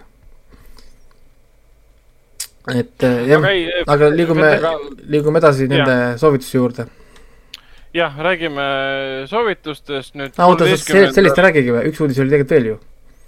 okei, mainime ära, et kiiresti ei maini, maini ära, jah. väga ootamatu andis teada, et äh, Ryan Reynoldsi film Free Guy, mis pidi siin juba kümme korda kevadel ja suvel linnastuma ja siis viimane kuupäev oli sügisel, ei tule välja sel aastal, vaid tuleb välja te teadmata ajal. ja siis Kenneth Branaga uus siis film selles Agatha Christie mõrvaseerias Surm Niilusel, Death on the Nile, mis pidi ka see aasta välja tulema sügisel, lükati sügisesse viimati, lükati ka teadmata ajaks äh, tulevikku ja ühtlasi võib ära mainida, et Fantastic Beasts, Beasts kolm, millel alapealkiri pole, lükati aastasse kaks tuhat kakskümmend kaks vist oli, ta pidi tulema järgmine aasta välja. Et see on siis viimased sammud, mis on olnud siin vahepeal äh, koroona positiivsete rekordite purustamise koha pealt, et siin. et, et USA... no Leedu, Leedu no... läks ju, jah, ja Leedu läks ju lukku ja Läti Leedu läheb esmaspäevast ja. Läti läheb esmaspäevast, meil ma ei tea, mis saab, aga point on selles, et ma lugesin mingit kuskilt mingit infot, et USA-s oli sada tuhat äh, olnud päeva kohta, aga samas USA on suur riik, nii et kolmsada miljonit versus mingi, palju Leedus inimesi on? ja kordaja, kordajate vahel. aga nüüd ongi see, et eh, mulle nii meeldis üks, üks see vand, üks vandenõu post-, postitus mulle jälle meeldis, on ju. noh, nüüd on see ameeriklastes valimiste clusterfuck on ju, noh, see selleks on ju, see on äh, lihtsalt good entertainment. siis ja nüüd nad ütlesid, kuna, kui nüüd demokraadid suudavad noh, võita ja hoida ka sellest võidust kinni, siis äh, pange tähele, kuidas need Covidi numbrid hakkavad kaduma maagiliselt ahah et järsku, järsku enam ei tõuse ja pandeemia läbi ja laine on läbi. jah, et Biden kohe lahendab selle mure ära lihtsalt, kuidas testitakse, enam ei ole inimesed haiged ja, ja numbrid kukuvad ja ja kõik kuidagi saab, Biden avab kinod juba, juba siin jaanuaris või veebruaris juba avab kinod ja, ja kuidas kõik on nagu hea ja hea, hea ja tore. päästab jah ära kõik. arvad tõesti, et see on, et see ongi selline suur, suur vandenõu või? ei, mina ei arva midagi, mul ei ole ühtegi tõendit, siis kõik on niikuinii mingi random. lihtsalt, lihtsalt hea entertainment, mida, mida lugeda internetist. no kui see, kui see tõele vastab, siis on päris päris, päris huvitav seda asja, asja jälgida. vot, soovitused. kolmeteistkümnendal novembril ehk siis päeval, mil algab PÖFF, jõuavad Foorum Cinemas kinodesse juba mainitud film Tule eemale, Peeter Paani ja Alice'i esimesed seiklused, jõuab kauaoodatud õudusfilm, selle Halloweeni sügise kõige parem tõenäoliselt film Räige reep ehk siis Freaky, mis on siis Happy Death Day ja Happy Death Day to you režissööri uus film. I think you freaky and I like you. kus käib see laul treileris ja Vince Vaughn teeb vapustava rolli. siis jõuab uus, uus animatsioon, äh, täpselt, jõuab uus animatsioon Turu üks isemoodi kana, siis jõuab äh, Vene äh, sõjafilm äh, Podolski kursandid, jõuab vene komöödia Goodbye America. veel on tulemas siis äh, muidugi Foorum Cinemas kinodesse samuti PÖFF ja siis ka muidugi jätkub kinoklassika kõikidel novembri kolmapäevadel raevunud, äh, filmiga raevunud Härrek, Raging Bull, Martin Scorsese klassika ja siis detsembris jätkub see klassika, kinoklassika siis mitte enam raevunud härjaga, vaid hoopis Heatiga ehk siis Pinge ehk siis Michael Manni klassikalise filmiga kõikidel detsembri kolmapäevadel. kinos Artises tuleb samuti näitamisele animatsioon, kuna Artis, Artis läheb põhimõtteliselt üheksakümne üheksa protsendi ulatuses PÖFFi alla, mis tähendab seda, et Artise filme saab näha päeva esimeses pooles umbes kella neljani, vahetevahel siis, mitte iga kord. enamjaolt meil on ainult PÖFF. Plaasas meil... seda muret ei ole, meil on õnneks ja. Äh, pool, pool maja lahti. meil oma ta, tava, tavafilmide all meil tuleb nüüd äh, kolmteist ja mis need kuupäevad on, reeded, et ähm, meil tuleb nüüd kolmteist, kakskümmend ja kakskümmend seitse tulevad uued filmid, aga need on kas enamjaolt animatsioonid või siis filmid, mis ongi, et me saaksime, saaksime täita seda päeva esimest poolt, äh, kus ülejäänud on siis PÖFFi peal. aga PÖFFil on nii palju fantastilisi filme, et see kõik on väga suurepärane, aga juba ma ei saa mainitud ja, et siis Turu üks isemoodi kana tuleb ka meile, siis tuleb ka Tule eemale Peeter Paani Alice'i esimesed seiklused siis tuleb täiesti uus äh, osa äh, nende siis äh, Lastemajja filmide seeriast, Lastemajja detektiivibüroo rongiröövli saladus. vot ja ongi PÖFF on meil samuti detsembris, siis kuueteistkümnendal detsembril kuni kahekümne teise detsembrini Kim Ki-Duki filmipäevad, kus me näitame terve hunniku Kim Ki-Duki filme. kindlasti, kui võtate PÖFFi kava kuskilt või selle tohutu selle paksu kava, siis leiate sealt ka Kim Kiduki reklaami.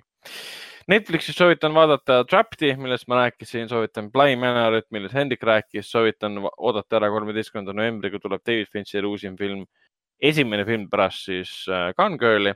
oota, juba november või? jah, nüüd juba november. püha jumal küll. ja Netflixi jõudis vahepeal äh, Saoirse Ronani ja siis äh, Margot Robbie. Margot Robbie, Mary Queen of Scots, mis jäi mul endal nägemata. muidugi soovitame vaadata Queen's Gambitit, äh, mis vahepeal tõusis, ma vaatasin IMDB parimate seriaalide edetabelis vist neljakümnendal, neljandal kohal või midagi laadset. täitsa usun, nii et oli terve aeg minu arust number üks Eestis ka, alates eelmisest saatest kuni tänaseni välja, ta on ikka number üks, nii et äh, üldse, üldse ei imesta. ja, ja tuli välja, et ka eestlane mängib või? jah, eestlane mängib seal ka, kes Tema- see eestlane seal oli? Tema nimi Tiit oli, Lilleorg jah, Tiit Lilleorg. mängib reaalselt Queen's Gambitis. ja ta mängib Vene, Vene, vale, Vene, Vene, oota, Vene male vanameest mängib ta. tal on paar rida teksti isegi ja tal on võimalus ka suruda kätte Anja Taylor-Joy'l on screen. ma vaatan praegu Tõnu Lilleorgu seda pilti ja ma tunnen ta kohe ära. ta on jah tuntud näitleja. jah, ta on igas, igas, igas, igas kohtades olnud. vot ähm,, PÖFF, mitte PÖFF, vaid Netflixis saab veel näha siis Blood of Zeus'i, mida Hendrik kiitis, the Lake'i, mida Hendrik kiitis ja muidugi jõudis see aasta oodatav film äh, SpongeBob movie Sponge on the Run. Yay! mis jõud- pidi jõudma kevadel kinodesse, me kõik Two seda filmi weeks later. Two weeks later. Me ei oota seda filmi mitte sellepärast, et äh, seal on Käsna Kalle, me ootame seda filmi sellepärast, et siin on Keanu Reaves. mida meil on elus rohkem vaja, on Keanu Reaves. kas te mina nägite ootan ikka, Käsna-Kalle pärast, me ikka lapsepõlves vaatame seda ka palju, et Keanu Reaves lasi ennast kiileks vahepeal, et paparatsod teevad pilti sellest, kuidas ta abiga, mida, mida abikaasa elukaaslane viib teda siis äh, filmivõtetele, et ühel, ühel pildil oli ta siis juustega, teisel pildil oli kiilakas jälle, et ja siis Oota, oli, aga- pildid olid Neo is back, näeb kas see täpselt on siis mille jaoks Matrix, selle Matrix, Matrix. Matrixi jah. illusioonist aa, no muidugi, ta ju tõenäoliselt, mina ei tea, tuleb kapslist jälle välja, whatever, okei okay,, lähme edasi. vot äh, Telia HBO-s nüüd kohe peaks jõudma Nicole Kidmani, Hugh Granti uus äh, seriaal The Undoing. endiselt soovitame vaadata Raised by Wolves'i, Watchmeni. ja see on juba olemas, Undoing. Country't, The Dirt Days ja um, I know this much is true. Amazon Prime videos on olemas Borat kaks, pluss siis jõudis ka siis Nick Frosti Truth Seekers, mis räägib Lõpuks. siis ähm, kummituse küttidest, pidi hästi naljakas ja tore olema. siis on olemas ka ähm, The Report Annette Beningu ja hiiglasliku ähm, merealaväelasega, kelleks äh,, kelle nimeks on äh, Kylo Ren, noh, näitleja nimi, issand, aju ei tööta enam. On Adam Adam midagi. Adam Driver, jah. on kuule, kuule, aga kas, kas Jaa,, oot-oot, kas Utoopia esimene osa on juba väljas või? Amazon Prime videos. ongi nii?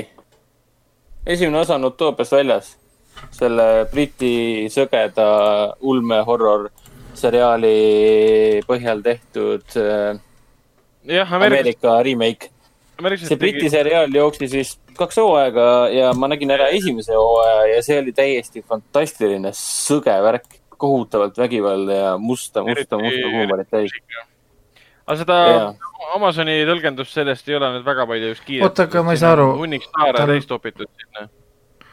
Utoopia on ju septembri saadeks siin olnud, millest me ei saa aru praegu. kakskümmend viis september on kõik kaheksa episoodi tulnud. Aga kõik kaheksa või? VPN-iga minu arust oli, aga Ei. muidu ei olnud. aa ei, praegu on kõik olemas. aa, ma isegi ei pannud tähele, et ta tuli. ei, ma vahepeal ise, vahepeal ise kontrollisin ja ma ei näinud teda seal. okei okay., no ma enne seda vaatama ei hakka, kui ma ei ole esialgset Utoopiat läbi vaadanud. esialgselt ma soovitan väga vaadata. sest see on tõesti, see on sõge. ma ei usu, et nad elu sees ameeriklased ei, ei, ei julge, neil pole nii sellist paksu nahka ja paksu verd. see oli tõeline. Seal esimeses äh, hooajas äh, Utoopias seal tapeti lapsi gaasidega ja ma ei tea, mida veel. kohutav. mis mõttes esimene hooaeg, sest see näitab, et see ongi esimene hooaeg.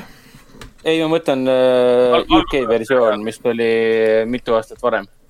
et algupärast oli lihtsalt üks seriaal, mida äh, BBC vist tootis või oli UK mingi kanal, mis jooksis kaks hooaega, see oli mitu-mitu aastat tagasi. ja nüüd ameeriklased tegid sellest äh, Amazoni kaudu lihtsalt remake'i, see jooksis, Channel 4-is jooksis see, Channel 4-is seal oli kaks hooaega, me vaatasime ära esimese, see oli kaks tuhat kolmteist, kaks tuhat neliteist.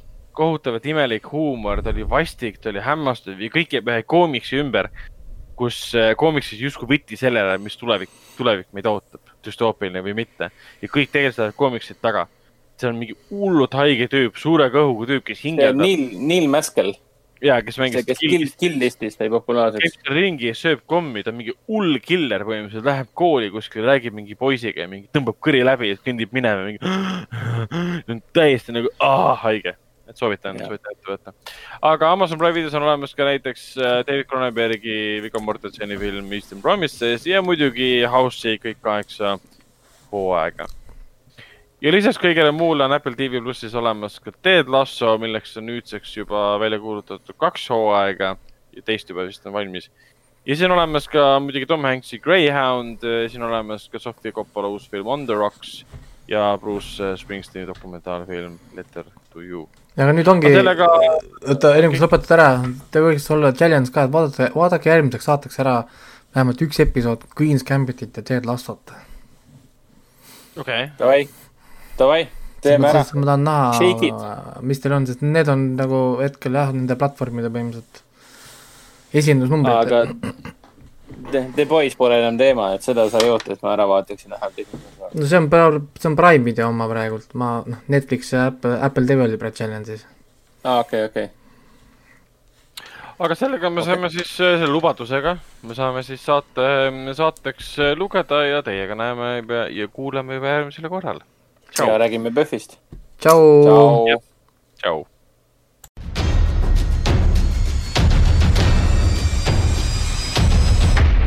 kinoveebi Jututuba podcasti toob teieni Foorum Cinemas.